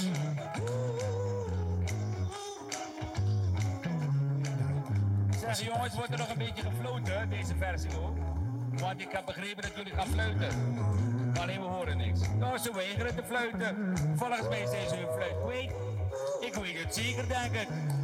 Nou ja, dat kan niet hoor. Gaat jullie gewoon weer zingen? Nou, het, het is een cover. Dit is. eh, Maar hij zit daar dus inderdaad met... Don't eh, Worry Be Happy was een grote hit toen. want hij heeft zichzelf dus inderdaad donker geschminkt hier. Ja, en dan zingt hij met zingt zo'n hij met een Surinaams Surinaamse stem. Ik ken dit nummer. Ik, ik ken dit nummer. Dit stond vroeger op een cd. Misschien wel mijn eerste cd die ik heb gekocht. Eh, of die kreeg. En, en daar stond dit nummer ook op. Maar dat, dat laat ook wel zien. Ik bedoel, ja, we komen hier nu toevallig op. Maar dat laat ook wel zien hoe de, de tv en de mentaliteit enorm eh, veranderd is. Bijna haak staat op eh, wat vroeger wel, wel en niet kon, zeg maar. Het lijkt wel alsof we zeg maar een tijd hebben gehad waar we hebben uitgeprobeerd wat allemaal kon. Alles hebben geprobeerd. En nu allemaal dingen gewoon aan het schrappen zijn, zeg maar, of zoiets. Zeker, ja, er mag nu bijna niks meer. Denk je dat het weer op een gegeven moment teruggaat zo? Ik weet het niet, maar het, het is natuurlijk wel hoe minder er mag, hoe enger het wordt allemaal. Want dan, dan kom je weer op dat hele fascisme terug. De- ze, gaan- ze schieten nu wel een beetje door in het alles verbieden, denk ik. Ja. Het is een beetje een tijdsgeest ook, lijkt het wel. Ook met Ja. de grote epidemie, als je kijkt in de afgelopen 100 jaar terug, weer 100 jaar terug, weer 100 jaar terug. Toeval, er is geen toeval meer in dit geval, denk ik ook. eh. En ook met dit soort zaken. Het lijkt wel alsof het expres inderdaad wordt gedaan, zodat er weer nogmaals de divide en kanker komt. Want Precies, ja, dat verdelen en heerst. dat verdeel is en heers, dat blijft eh, gewoon terugkomen. Net wordt, als, wordt eh, op alle manieren wordt orde uit chaos uitgebuit. ook. Met zwart en met wit en met gay en met straight en met mannen, Ja, met vrouwen, alles. met jongen, met oud. En ga zo maar door. Hey, eh, je, je hebt zo'n eh, zo, zo'n theorie-ding, dingetje, dat heet de Hegelian dialectic. En dan heb je zeg maar. eh zo, zo, zo bouwen ze, zeg maar- Hegelian? He- Hegelian. Zijn het homoseksuele aliens? hey, Galian. Of begrijp ik het helemaal verkeerd nu? Nee, het is eh, iets. eh, het is, het is, He- He- Hegelian is, is eh, een eh, Griekse filo- filosoof of zo. Nee, nee, nee. Het, het was een Duitse. En het was Hege. Of Hegen. Hegen. Een Duits-Griekse filosoof? Nee, het was niet Grieks. Ik, eh, Buitenaards? Eh, oh ja, Hegel. George Wil, Wilhelm Fri- Friedrich Hegel. En dat was Dat uit. wel eh, Duits, ja. dat is behoorlijk Duits. Het was niet Grieks. Eh, ik, zat te denken, het was een filosoof, dus ik denk, het zal hij wel Grieks zijn, maar nee. Uit 1700. En hij heeft het over de Hegelian dialectic, of dat is iets wat, wat daar voort is gekomen uit, uit van zijn denken en zo. En hij zegt altijd van, van oké, je hebt dan zeg maar, zo bouwen ze ook een verhaal op, is een, een thesis, hè, dus een, een, een, iets, weet je wel, bijvoorbeeld eh, banaan. Hè, en dan heb je een, een antithesis, eh, dus nou... Anti-banaan? Anti-banaan, weet je wel. Van, Ja. Wij willen absoluut geen banaan. Nou, dan is dus hier een bananenstrijd gaan. En dat is dan je synthesis. Dat is je gesyntheseerde eh, ja, eh, eh, ge- verhaal. Ja. Eh, en het idee heb ik dat ze dat ook zo inderdaad op de maatschappij constant aan het doen zijn. Met Voordat je het weet heb je een bananenrepubliek. ja, nou ja, we, eh, we zijn al een bananenrepubliek. Alleen dan eh, hebben ze de ba- bananen gewoon met, met sos, eh, met kook eh, verwisseld volgens mij. En met, en met mensen. Veel mensenhandel in Nederland schijnt, hè? Heb je er wel eens van gehoord? Zeker, ja, ja. Ik, ik ken alle theorieën, Ja. die vaak ook eh, praktijk blijken te zijn. Maar daar hoor je niet zoveel over dan. Dus eh, ja, daar hebben we al die mooie doofpotten voor in Nederland. Hoor, hoor jij ook eens veel theorieën? Ja, niet eh, alleen theorieën, maar ook feiten gewoon. Ja? Ik wil het geen theorieën meer noemen inderdaad. Wat, wat- wat zijn dan bijvoorbeeld feiten? Ja. er zijn zoveel dingen die je niet altijd kan lastig te. Ja, het is zeggen, lastig om iets te noemen, kijk, er zijn natuurlijk zoveel haken en ogen aan, maar trek, trek een willekeurig blik als eh, Joris Demming open en eh, de stront eh, riekt je tegemoet, weet je wel. Dus wat dat betreft, Nederland is eh, alles behalve een braaf land op dat gebied. Ja. Het is grappig ook de Bananenrepubliek, hoe dat, ja, je hebt dus zeg maar in, in Zuid-Amerika, weet weet ik veel, Guatemala of zo, of Panama, of weet ik veel, een van die landen. Ja, zoiets. Ja. En eh, had je dus inderdaad een, eh, een, een, eh, ja, een, een, een, een, heel, ja, mensen die bananenhandel deden. Bananen waren een ding, zeg maar, daar kon je heel veel geld mee verdienen. Dus dat was zo succesvol dat je dus inderdaad twee soort van facties kreeg van mensen die bananenhandel treden. En die waren in oorlog met elkaar. En een daarvan die heeft gewoon de overheid overgenomen. En ja, dat was dus de winnaar van die bananenrepubliek. Letterlijk een republiek overgenomen door criminele organisaties om dan maar handel vrij te plegen. Ja, daar komt die term ook vandaan, al die corruptie rond bananen. Ja, nou ja, Dat is een letterlijk. beetje raar, want de eerste keer dat ik een podcast met jou deed, hadden we het ook al over bananen, weet je nog? Ja, je hebt ook blauwe bananen, wist je dat? Dat is volgens mij wat daarover ook. Ik ben inmiddels eh, veel over bananen wijzer geworden. Ja, maar ik, ik blijf dat bananenrepubliek, want eh, Chiquita-banaan, dat is letterlijk gewoon rebranded bananenrepubliek. Dus je hebt de bananenrepubliek, dus dat was toen de, weet ik veel, DBR, weet ik veel, eh, weet je wel, eh, nou, whatever. Een of andere organisatie, en dat was dus een terroristische organisatie, die staat het overgenomen. En toen hebben ze dus, nou, gewoon het hele land gebombardeerd, of eh, omgebombardeerd tot, nou ja, wij zijn nu gewoon dit land, en wij noemen het nu zo. En die bananenbusiness, dat wordt Chiquita. Dus die Chiquita-bananen die we eten, dat is gewoon voortgekomen uit gewoon een criminele organisatie die land heeft overgegooid en gewoon vette bananen is gaan handelen. Maar eh, ik heb het idee dat, eh, dat Nederland eh, exact hetzelfde is. Alleen dan ja, met mensenhandel en drugs. Hè, als je terugkijkt naar, naar de VOC-tijdperk. nou ja, dat er door het Koningshuis en, en, en, en, en consorten behoorlijk veel slavenhandel is gepleegd. Dat mag, mag, mag duidelijk zijn. Waar wij trouwens allemaal de schuld van krijgen. Dat is ook nog eens een zoiets. En dan worden, we, worden we beleerd door Sander Schimmelpenning. Die, die letterlijk gewoon een, een, een slaaf komt uit de slavendrijversfamilie. Het is achterlijk voor woorden. Maar ja, eh, eh, en drugs. Hè? Als je kijkt naar bijvoorbeeld die opiumoorlog van, die, de- van China, toch? Waar, waar China helemaal overspoeld met opium en zo en dat soort dingen. waren de Engelsen. Maar donderop was daar Nederland ook vet bij betrokken. Want de Engelsen en De Nederland was... Chinezen hadden toch juist de opium? Eh, volgens mij zijn, is die opium gebracht door de Engelsen. En die hebben dat hele land dat zo? overspoeld met... met, Ik met dacht juist andersom, dat die Chinezen de, de opium hadden en eh, dat het eh, vanuit hun naar Europa kwam. Ja, ik kan er compleet naast Nee, zitten. het- het- maar, eh, volgens mij was het hele idee was dat China dus op een gegeven moment ook echt eh, in de oorlog was met, met, met Engeland, omdat ze die opium uit het land wouden hebben. ik En, heb er eh, niet zo verstand van, maar komt, komt opium niet van de papaver plant? Of, Ja, ja. En dat, dat is juist een beetje Afghanistan, die hele streek, Ja, ja, eh, ja, waar het allemaal vandaan komt. Ja, ja, gewoon India en zo. Dat is, maar ja, dat, eh, Nederland zat daar ook. eh, daarom, daarom zeg ik van Nederland, die zat waarschijnlijk overal gewoon vette drugs en mensen te handelen. En, eh, en de Engelsen die hebben dat gewoon. Overal in. Ja, en de Engelsen die hebben dat ingezet voor, eh, om dus, om dus een, een, een, een drugsoorlog te voeren. Hetzelfde wat China nu trouwens doet, China nu doet met, met Amerika, met die fentanyl. Je dat meegekregen? Het fent, fentanyl en zo? Deels, maar ik, dat zijn niet dingen waar ik heel diep in duik of zo. Er zijn zoveel eh, dingen going on. Maar Ja, drugsoorlog, Enlighten drug- us. drugsoorlog is real. Hè? Dat doet de CIA, heeft het ook gedaan met crack en zo. Maar die hele war on drugs is toch één grote criminele klerenbende gewoon. Van, de- het- het- Ah, het is een façade. Want Tuurlijk, het is tuurlijk, vaak maar- de overheid die de drugs introduceert. precies, ze- ze, ze willen het gewoon allemaal naar hun eigen hand zetten. En, eh, Ja, ja het, is, Zelf, het, zijn constant kleine false flags operations, zoals met zo'n drugsoorlog Ja. de hele tijd. We hebben de hele tijd hun eigen narratief te bevestigen en zeggen: hier, kijk nou, want drugs is een probleem. En dan er verval niks aan doen, maar wel de hele tijd een probleem erover maken. mhm. Ja. Ja, nee, ja, maar ik, ik denk ook echt dat, ja, als, ik bedoel, als we zo doorgaan hier in Nederland en iedereen loopt, ik, zie, ik hoor in de Tweede Kamer ook, ook allemaal dingen, geluiden van, oh man, met die coke en het is allemaal, gaan ze nu kookgebruikers de schuld geven om, omdat, om, omdat, eh, omdat wij een drugshotspot zijn hier, weet je wel, gefinancierd door, gefinancierd door de overheid.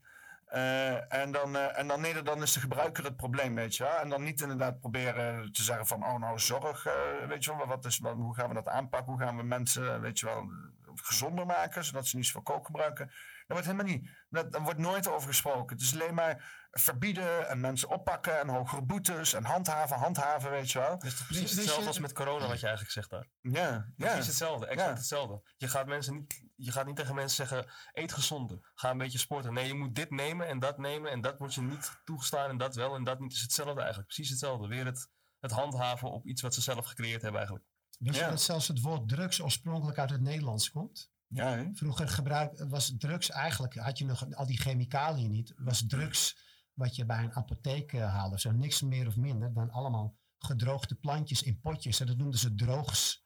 En dat is dan verbasterd tot drugs. Ah, dat meen je niet. Ja, Ah, grappig. Ja, maar dat bedoel ik dus. Snap je? ge- gedroogde plantjes. Nederlands, VOC. Nederland. Boom, kom je weer terug. Specerijen. eh, wat- Specerijen. Kijk, Wat, wat we nu de hele tijd roken, hè? gedroogde plantjes. Ja, specerijen. inderdaad. dit Ja, zijn die herbs. specerijen. Dit zijn die herbs. Rick, ja. speciaal voor jou, specerijen. Wat gaan we weten? SPAC. Ja, man. Lekker wietje Ja, trouwens. thanks man. Is het ook... Het, eh, eh, het, het heeft een hele grappige naam. Het heet LSD, maar het is gewoon een wietje. Ja. Maar eh, ja, wat, eh, want je zei van, eh, van wil je nog iets of zo? Ik zei van nee, niet per se.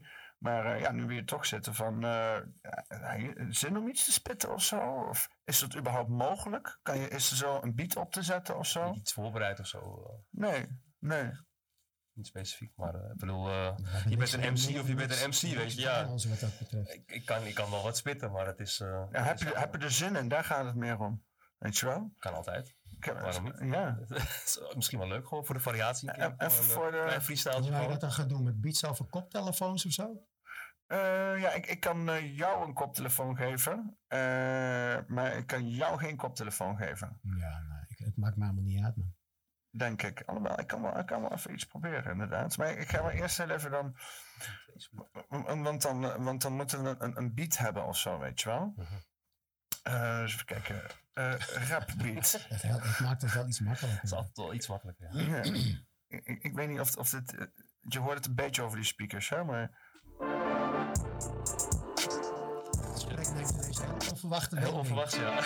Moet, wel- moet je wel een klein beetje echt, Nee, nee, echt, oldschool hip-hop beats eh, doen, denk ik. Dat- oldschool? ja, Maar dan wil ik lekker. wel dat jij straks eh, een pirouetje gaat draaien in een balletjurk. school. Kan dat?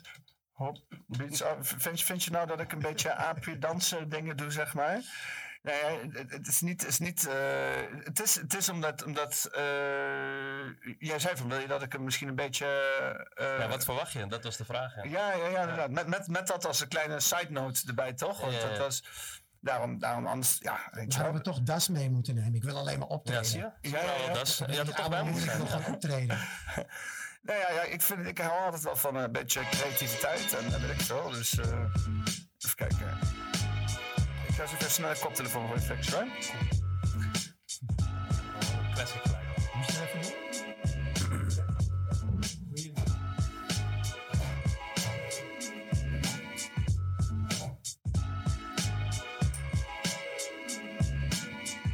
Nee, oh, hier, kan je wel wat mee, denk je? Of, uh, Sowieso. kijken, hier de Dat is wel een van de klassieke... koptelefoontjes dit, Zo ja, dus eh, ik, heb, ik moet nieuwe koptelefoons eh, moet ik, eh, hebben. Hoor je, het, hoor je het allemaal goed zo? Oké dan. Ja, ik gooi een freestyle bij de poppenkast met de homie Def naast me. Ja, we doen het sowieso, grap. Altijd easy, altijd relaxed. Ja, je weet wel even sowieso zonder klok, dus geen stress. Easy, net als easy jet. We vliegen hoog, ja, higher dan ik ever ben. Ik ben op 13 hoog, het is hetgene wat ik nog heb remembered van net. Want ik kwam met een lift naar boven en het was ontzettend gek. Want eh, ik ben nog nooit zo hoog geweest in deze omgeving. En dat maakt me niet uit, het is voor mij altijd een beleving. Sowieso met iets bezig en altijd aan het spacen. Meer kan ik er niet over zeggen, ik hoef niet te claimen. Altijd in het ding en sowieso aanwezig. Ik zei het eerder, dingen worden stevig en hevig als een storm, een orkaan. OSSP team, we zijn motherfucking aan. Ja, lekker man. Ja, dat was wel even een verse spet hier inderdaad. Zijn. Doen we gewoon even zo uit de mouw. eh. Verse kan wel even. Ja. ja. Wil jij ook of vind je het, jij vindt het wel best? Ik, eh, dan, moet, dan moet ik even... Neem lekker... eh, ja, toch wil je hier zitten anders bij deze man. Eh, even- voor plek rijden. Ja, dus, wel de echt. Oh, oh. Daar gaat het studio. Nodig nooit een olifant uit in een porseleinskast. Ja, eh, laat me leggen hoor. Dat, eh, dat, dat, dat, dat zit zo raar in elkaar, dat ga je nooit uitfigureren. Was dat je plant die achter me viel? Of? Nee, nee, dat is de helft van het decor, zeg maar. Maar dat, dat gaat wel. het- Kan de camera zo een klein beetje zo, dan zie je er helemaal niks meer van. Eh, gewoon eenzelfde beat? Laat maar lopen. Ik, heb, ik weet niet wat er allemaal eh, voor verrassingen in petto staan. Een stukje verder of zo. Ah, kijk. Beetje erbij, kerstbelletjes. Bijna de tijd van het jaar. Heel lekker. Ja. Ik ben abstracter dan God, zeg niet een trapje voorop. Want ik heb woorden genoeg en jij gedachten tekort. Als jij het volgen kan, kom op en volg me dan. Op naar het volgende plan. Wees niet verbolgen, man. Want als je niks te vertellen hebt, dan moet je meer luisteren. Niet altijd weer die juiste rap. Ik heb die juiste praatjes. Die hoge daadjes hier op 13 hoog komen wij met de praatjes. Ja, want we komen hier fokken gast. Samen met de mannen in de poppenkast. En de beat is weg. Nieuw beat, nieuw beat. Nieuw beat. Zwoele beatjes allemaal. En de beat valt erin. Laat maar komen, want we hebben hier veel zin in. Ah, en het joint wordt gedraaid. Bij de poppenkast wordt niemand genaaid. Want inderdaad, meid, dat was waarheid. Ja, we komen keihard zonder gaarheid. Dover P, freestyle op de microfoon. Ja, check die koptelefoon, hoor die beat gewoon. Want we ruisen, we rollen, we rollen, we rocken. Allemaal naar de pokken, yo, we gaan niet nokken. Dit zijn die lange sessies. Drie en half uur, zonder lessies, zonder stressies. We komen keihard, nooit verward, yo. En wie mij tast, mij betast, wordt op tijd verrast. Vrijstijl, ja, je wordt door mijn schaart verrast. Bij de poppenkast, hier met Peter en Stef. Je luistert zonder das, maar wel met de def, yo. En we komen even rampies plaatsen, want we zijn niet meer laatste. Nooit te helaas, maar ja, We komen hier in Arnhem. We gingen via Nijmegen en toen zaten we klem. We waren de brug op, maar de brug was open. Weet ik veel, toen moesten we teringen het omlopen of omrijden. Want we waren met de auto. Een half uur omrijden, nou dat ging een beetje fout zo. Dus eh, uiteindelijk kwamen we hier een uur te laat. Maar je weet wie er praat op de maat, maat. Yo. Lekker. Lekker. Lekker. Zal er bijna van gaan blowen. Woe. Ja, dat is, eh, daar maak je mensen blij mee, denk ik. Ik Eh, weet het niet. ik denk het wel, ja. Dat is wel, eh, dat is wel even verse shit. En ik vind het altijd wel mooi met, met, eh, ehm, ja, met dit soort dingen. Dit wordt gewoon even gecreëerd en daarna Nou niet ja, meer, ik, weet je ik wel. ben al een tijdje gepensioneerde rapper inmiddels. Maar af dan worden mijn, mijn, mijn ouderwetse reflexen weer eens aangesproken. Ja, hij was weer goed. Hij was weer lekker. Ja, mooi man. Ehm, ja, nou, nu zit jij hier. Ja, dat is een andere perspectief. Is het, eh, is het dan eh, tijd om eens even, even helemaal eh, Full mul- out te gaan. multidimensionaal te gaan hier? Of zo, Multidimensionaal. eh, En of, met eh, mij kan je qua theorieën en gekkigheid alle kanten op. Ja. Weet je, dat, eh, Ja. Niks is te gek. Ik, ik heb de laatste tijd eh, toch wel echt, eh, want we hebben daar ook wel eens eerder even over gepraat, maar echt, eh, want, eh, er is nu een raket eh, zijn- ben je daarvan op de hoogte? Zijn jullie daarvan op de hoogte? Die, je bedoelt Dus, die eh, twee die in Polen zijn geland? Nee, nee, nee, nee, nee, de Artemis, Artemis-raket. Niet, eh, Nee, vertel. nee, oh, nou, is, eh, Is dat een theorie of een feit? Nee, nee, dit is, dit is, eh, dit is een feit. Dit is Er gewoon... is een eh, raket afgevuurd. ja, ja, dat is een... Door eh, wie? Door Elon Musk? eh, nee, door, door NASA weer eens een keertje. NASA. Zo, eh, Over nazi's gesproken. Eh, ja, ja, die hebben dus, ehm even kijken, eh, Artemis eh, eh, de lucht in geschoten. Even kijken of ik gewoon even snel de, de launch kan zien hier zo. Hutsakee. Je kunt zien. Eh, eh, hier, daar gaat hij. Oh, grote raket. Ja, Artemis. En eh, ja, wat nou bijzonder is aan deze raket, is dat hij naar de maan gaat. Nou ja, dat zou je niet verwachten van een raket. Nee, nee. Nou ja, nou ja het- hoe lang hebben we dat dan niet gedaan? Naar de maan vliegen? Ja. Nou ja, dan kom je natuurlijk eh, op het punt van... ga je geloven dat we er ooit geweest zijn? Maar is het dan nu wel echt? Ja, nee, maar die ik, eh, technologie zijn ze kwijt, toch? Die technologie hebben ze niet meer. Ja. Dat is wat ze zeggen. Nou ja, Ze zijn het wel weer van plan om mensen naar de maan te sturen, heb ik eh, gehoord. Nou, dat, zeg wa- maar. dat was dit dus. Ja. Eh, en twee maanden geleden begonnen ze. Gingen ze dus inderdaad eh, dit helemaal klaarmaken. Ze hadden dus die raket helemaal naar voren geschoven en zo. Mensen erin gedouwd en alles. Er gebeurde niks. Ja. Dus eh, weer terug, weer een dag later nog een keer geprobeerd. gebeurde niks. Nou, helemaal niks. Nu, twee maanden later, gaan ze die raket dus wel afsturen. eh, hebben, ze, hebben ze hem in de lucht gekregen zonder mensen erin. Hebben ze er in een popping gezet. ja. En eh, ja, ze gaan ze dus cirkeltjes rondom de maan maken. Ze willen materiaal terug meenemen met een, met een robot. En dan, eh, ja, dat, dat, is, dat is nu het verhaal. Dat is wat, eh, maar wat, wat mij dus ook stoort is inderdaad, hè, je hebt dus in de jaren 60 gewoon, dit is het officiële verhaal. Hè. Ik, ga even ervan uit dat alles wat me verteld wordt gewoon waar is. ja, En eh, nou ja, dan heb je dus daar in de jaren 60, eh, gaan ze allemaal naar de maan toe. 69. Ja, ja 69 Ja, ko- komen ze Kennedy had ook beloofd dat het net voor de jaren 70 eh, gebeurd zou zijn. Ja, ja. En ze komen terug met allemaal wilde verhalen en zo. En eh, het is hol en het is raar. En eh, het is een rare constructie. Ja, ze mochten er niet al te veel over vertellen, juist. Want als je die interviews ook ziet met die mannen die dan al dan niet op de maan zijn geweest, het is altijd een beetje shady, eh, vind ik. En later, nu ze eigenlijk gewoon best wel oude knarren zijn inmiddels, hebben ze min of meer ook toegegeven dat het allemaal een beetje bullshit was. Er zijn zelfs beelden van een van die drie eerste mannen op de maan, ik geloof Armstrong, dat een kindje eh, recht op de maan vraagt van eh, hoe was het op de maan? En dat hij gewoon zegt, we zijn er nooit geweest. Kijk of ik dat kan vinden. Even Buzz Elsewhere. Maar ik vind het, ik vind het altijd eh, interessant hoor, om daarover na te denken. En, Ja, want het, het hele idee is dus, ze, ze, hebben dat dus dan gedaan daar, eh, Mhm. 50 jaar geleden. Eh, eh, allemaal shady shit, ze zeggen er niks over. Mhm. En dan 50 jaar helemaal niks, gaan er niet heen, gaan er niet zo van, oh ja, dat was niks, weet je wel. Ja, en- dan nu gaan ze, hebben ze in één keer dus een raket om dan, nu, al die, want er zijn heel veel mensen die allemaal maansceptisch zijn nou. En, eh, Ja, en dan gaan ja. ze dus nu die raketten heen sturen. Ik heb het idee dat dit gewoon, eh, dat, dat die raket terugkomt met een hoop propaganda. Ik heb, ik, ik heb het idee dat... Maza ja- bolletjes. Ja, nou ja, ja, ja.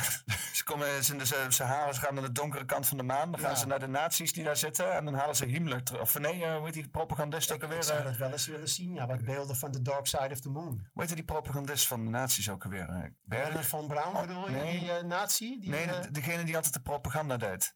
van de NASA? Van de nazi's. Van de nazi's? Ja. Goebbels? Goebbels, ja, Goebbels inderdaad. Die zit nog aan de donkere kant van de maan. Die Nog zit, eh, steeds? ja, ja, die zit... Nou, eh, ook naar inmiddels dan. ja, die, ja, die had eh, maandrugs en zo. Precies, ja. Je wordt dan waarschijnlijk ook minder snel oud op de maan. Ja, waarschijnlijk wel, ja. Maar, maar het, is toch vreemd? Het is toch vreemd? En dat er nu casual zo'n raket heen wordt gestuurd maar, zonder grote Alles, en zo. alles wat met de maan te maken heeft qua verhalen is gewoon shady. Ja. En dat maakt het ook juist zo interessant, vind ik. Dus ik heb daar aardig wat boeken over gelezen en zo. En er is bijna een gegeven geen conclusie eh, meer op te trekken van eh, wat wel en niet echt is. Maar dat, dat ja, zijn mensen die denken dan, fuck off met al die zooi. Ik hou me er helemaal niet mee bezig. Maar ik vind het juist te gek. Met, eh, ja, ben, ben je wel eens een beetje bezig met de maan? Of eh, zo? eh, Niet heel erg, maar eh, ik, heb, ik heb wel ja, wat dingen gezien erover en wat theorieën erover gehoord. Ja. ook eh, Ja, met al- hem erover alleen al- gesproken. al. Alleen op de maan kan je gewoon uren Ja. en uren over praten. Dat is echt zo interessant. en geloof je in de maanlanding en zo? Nee, eigenlijk niet. Nee? Als, ik, als ik het moet eh, afhouden van de beelden die ik heb gezien eh, en de verhalen die ik erover hoor en andere dingen, nee. Ik denk dat, dat het niet plaatsgevonden heeft. Ik denk namelijk dat ze wel naar de maan zijn gegaan. En dat eh, Stanley Kubrick inderdaad backup materiaal had. En dat ze daar zijn gekomen, shit zijn tegengekomen waar ze niet over mochten praten. En dat ze vervolgens het materiaal van Stanley Kubrick hebben gebruikt. Want toen hun dan kwamen, dat er gewoon een hele stad met basis was en zo. En, eh, ik ik heb eh, verschillende fases doorlopen in mijn eh, maangeloof, om het zo maar te noemen. Ja? Ja, Kan, kan je me alsjeblieft door alle fases heen nemen? Ik, Nou, ben, ja. ik vind dat interessant, de informatiefases. Ik ben, ik ben geboren in 69. dus dat is het jaar van de maanlanding. Ja. Dus ik, ik, het is mij echt met de paplepel ingegoten, zeg maar. Toen ik een klein kind was, was het zeg maar nog het gesprek van de dag. Iedereen had het over de, de maanlanding en dat was, dat was echt een ding. En ik heb altijd geloofd eh, dat het echt was. Toen ben ik later als eh, vrij jong kind ben ik heel erg eh, geïnteresseerd geraakt in UFO's en aliens en alles wat daarmee te maken had. En je had natuurlijk helemaal nog geen internet, niks. Dus ik ben gewoon heel veel boeken erover gelezen. En zo kwam ik dus ook op allerlei eh, maantheorieën terecht. En op een gegeven moment, ja, dan ga je ook lezen over inderdaad Stanley Kubrick. En dat ze ehm, al die beelden gefaked hadden en zo. En dat er allemaal theorieën over waren. Maar toen was ik nog niet klaar om te accepteren dat het allemaal nep was. En toen heb ik een tijd geloofd van, nou, het was natuurlijk koude oorlog en Amerika had iets te bewijzen, want de Russen liepen de hele tijd voor met alles wat eh, met de maan te maken had. Ze hadden die, hond al naar de maan afgeschoten en ze waren de eerste eh, mensen in de ruimte en zo, weet je wel. Dus die Amerikanen moesten en zouden die Russen overtreffen. Toen dacht ik van, toen hebben ze Stanley Kubrick gewoon de opdracht gegeven om een soort backup film te schieten. Dat als het zou mislukken, eh, de, de live uitzending van de maanlanding, dat ze gewoon met de fake, eh, met plan B zeg maar kwamen om het alsnog te laten lijken alsof het echt was. En toen heb ik nog heel lang gedacht van oké, dus het is wel gelukt, de maanlanding. Maar ze hadden een fake maanlanding al gemaakt voor het geval dat. Ja. Dat was fase 2 voor mij. Fase 3 dacht ik van, volgens mij is die maanlanding gewoon wel mislukt. En zijn ze meteen naar plan B gegaan. We hebben hoe dan ook naar een eh, fake maanlanding zitten kijken. Dat geeft dus ook toe. Sowieso raar inderdaad, dat hele bakje van zilverfolie en eh, al die beelden en Ja. zo. Is- Maar ze geven, er, er zijn ook geen beelden van, Ja. hè, echte beelden. Dus ze geven ook toe dat je naar een, eh, een fake maanlanding hebt zitten kijken. eh, En, eh, maar, dat, maar dat was dan van ja, de, de, de, er staat natuurlijk niet een camerateam op de maan klaar om een landing te filmen of Nee. zo. Weet je? Dus dat soort dingen eh, hebben ze allemaal gedaan met behulp van fakebeelden. Maar ja, later als je dan in Stanley Kubrick eh, gaat verdiepen, wat hij allemaal gedaan heeft, is ook een hele interessante man. Ja, dan kom je er wel steeds meer achter, of in ieder geval je raakt er wel steeds meer van overtuigd dat de maanlanding ook wel helemaal nep zou kunnen zijn. En als je dan ook nog die beelden ziet van interviews van die gasten als eh, Niels Armstrong, die dan daar geweest zijn en zo. Of dat ze ook bijna letterlijk toegeven van eh, we zijn er nooit geweest, dan, ja, dan neemt het wel voor een hoop mensen de laatste beetjes twijfel weg. Dus ehm, uiteindelijk eh, weet je allemaal niet meer wat je moet geloven. Dan heb ik een tijdje terug een heel interessant boek. Een van de laatste boeken die ik heb gelezen over de maanlanding was. eh, hoe heet die ook alweer? Mm, Thompson, volgens mij, die, die daar heel nauw bij betrokken was. En dan ga je denken van, oeh, heel veel interessante details. Zou het dan wel weer echt zijn? Dus het is zo'n mistige wereld waar je in duikt. Het is zo moeilijk te... Ja, er worden meteen allerlei contra, worden meteen allerlei contra-verhalen gemaakt om de, de, de, de, de, pool natuurlijk modderiger te maken, zeg maar. eh. Ja. Maar ja, ik, ik, ik, ik denk, als je, als je, zijn we een beetje van de aliens? Zeker, zeker. Maar dat is net als met Area 51. Hè? Ik bedoel, daar gaan ook de meest wilde eh, verhalen eh, over de ronde. En toen las ik een keer in een van die boeken, en dat, dat, dat is me altijd bij blijven staan, dat zo'n eh, hoge legerofficial die zei van ja, kijk, alles wat we doen op Area 51 is geheim. Dus hoe meer bizarre verhalen de, de ronde gaan over wat er allemaal gebeurt, hoe makkelijker wij geheim kunnen houden wat we er echt doen. En toen dacht ik van ja, dus eh, waarschijnlijk zijn negen van de tien bizarre verhalen misschien wel door het leger zelf de wereld in eh, geholpen. Maar ja, ja, maar aliens. Ik bedoel, Ja, geloof ik wel in, Ja, aliens. want dat is al gek genoeg. Maakt niet uit Ja. dat ze dan zouden ze daar eh, een- een, een, een, potje schaken met de aliens. Dat is al bizar. Dat is al, eh, toch? Dat, is, dat hoeft niet... eh, Ja, kijk, ik- waarom ik altijd zo gefascineerd was door aliens op hele jonge leeftijd al. was- Ik, ik had al vrij snel voor mezelf het, het, het logische verhaaltje klaar in mijn hoofd. En als de ruimte echt oneindig groot is, dan is de kans dat wij de enige planeet met leven zijn ook wel oneindig klein, weet je wel. Er moet gewoon eh, meerdere eh, stelsels zijn met planeten met leven. En ehm, ja, de vraag is, kunnen ze dan ook wel hier komen en, of zijn ze er al? En ehm, dan kom je natuurlijk weer op al die, eh, die oude aanwijzingen vooral. Want eigenlijk eh, breek je bijna je nek over de aanwijzingen hier dat ze hier al geweest zijn. Wil je ook een biertje trouwens, of niet? Ehm, nee, dank je. Ik ga zo nog even een, een, een, een- iets anders voor je zetten. Thee of zo. Doen Dat we zo wel als een, een, een, Ja, een alien... even lassen wel even een kleine een- een pauze. alien pauze inlassen. Ja. Maar ik wil eerst even mijn gekke theorie nog heel even de wereld in slingeren. Heb jij ook een theorie over Nou ja, ik- meer, meer zo van, want ik denk dan van hoe gaat het dan, weet je? Want er Mhm. zijn dan aliens en die hebben dan waarschijnlijk contact met overheden en zo. Anders doen die overheden niet zo raar, want die doen echt raar. Ja. En ehm, eh, eh, eh, ja, dus dan heb je dan eh, jaren 60. Eh, aliens die zijn er dan al waarschijnlijk al sinds de Tweede Wereldoorlog. Als de Duitsers dan niet die dingen hebben opgeroepen, dan wel weet ik veel daarvoor misschien al wel. Eh, Nou ja, als je al die- het, het zou ook al zijn dat het Vaticaan al in contact zou zijn met aliens en shit. denk, dat, dus- ik denk dat de Egyptenaren er al mee in contact stonden. Da- daarom, eh, Anunnaki. Dat was nog eerder daarvoor. Dat waren die Sumeriërs. De Sumeriërs, ja, ja. Nee, maar dus, dat is dan, dus ja, in ieder geval aliens. En dat er dus dan zo'n eh, John F. Kennedy komt, nog niet wetend van aliens, weet je wel. En die zeggen, ja, we gaan naar de maan toe. En dat dan al die aliens die hebben van, ja, hey, wacht eens even. Maar dat kan niet. Dat ze toen zeg maar eh, een of andere alien in een Stanley Kubrick vestje hebben gedouwd zo, weet je wel, naar voren hebben geschoven. Om de boel een beetje Jij op te lossen. dat. Stanley Kubrick een alien is. Ja, waarom? Dat is logisch toch? Dat zou een hele hoop verklaren, want anders, weet je wel. En Hij was toch een vage gozer. Eh, of die vaag is. Ja, ja, dus zo kan je het zien. Hij schijnt een heel hoog IQ eh, te hebben gehad. En ehm, uiteindelijk is hij volgens mij gewoon om het eh, leven gebracht omdat hij te veel wou laten zien in die film Eyes Wide Shut. Hij is gewoon teruggegaan naar zijn alienschip. Het zou ook kunnen, ja. ja. Ah, het was shit, dat was ook vage shit, hè? Dat is inderdaad. Ik, Ja. had die- ik heb alleen maar stukjes gezien uit die film, vooral met die eh, hele. eh, eh, Ze laten al heel veel zien in die film van hoe zeg maar zo'n eh, geheim eh, eh, ritueel eraan toe gaat. Met allemaal van die Illuminati-mafklappers. En, ehm, maar er was een soort gevraagde stuk uit die film van 20 minuten. En die moest hij eruit halen. En ehm, ik, weet, ik weet niet elk detail ervan, maar eh, volgens mij had hij van tevoren eh, een contract opgesteld. Want hij voelde waarschijnlijk eh erbij al hangen als slimme man. Had hij een, gezegd van ik wil die film bepalen. En niemand gaat vertellen wat er wel en niet in mag. En toen hebben die geldschieters of uitgevers gezegd van ja, die, die 20 minuten, moet er echt uit.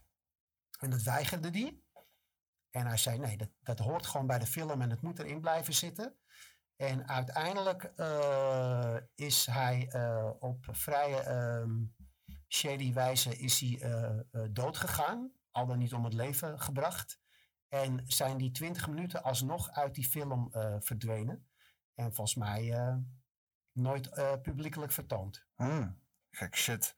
Ja, en, en datgene wat ze vertonen, dat is al, eh, dat is al vrij... eh, Dat laat eigenlijk al een beetje zien hoe zo'n eh, geheime bijeenkomst dan gaat, weet je wel. Dus dan kan je je afvragen, waarom moesten per se die 20 minuten eruit? ja. Nou, hier een klein stukje uit Ice White Shut. Hopelijk hoef ik dit niet eruit te knippen.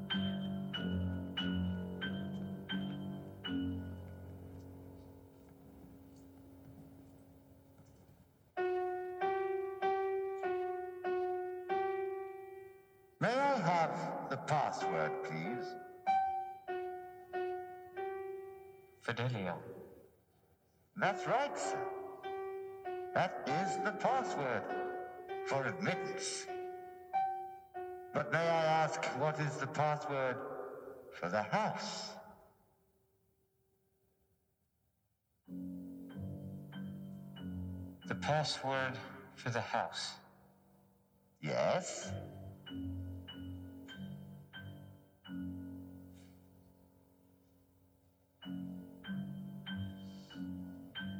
I'm sorry, I.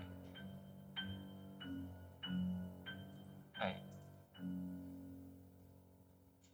I seem to have forgotten it. That's unfortunate. Because here, it doesn't matter whether you have forgotten it or if you never knew it. You will kindly remove your mask.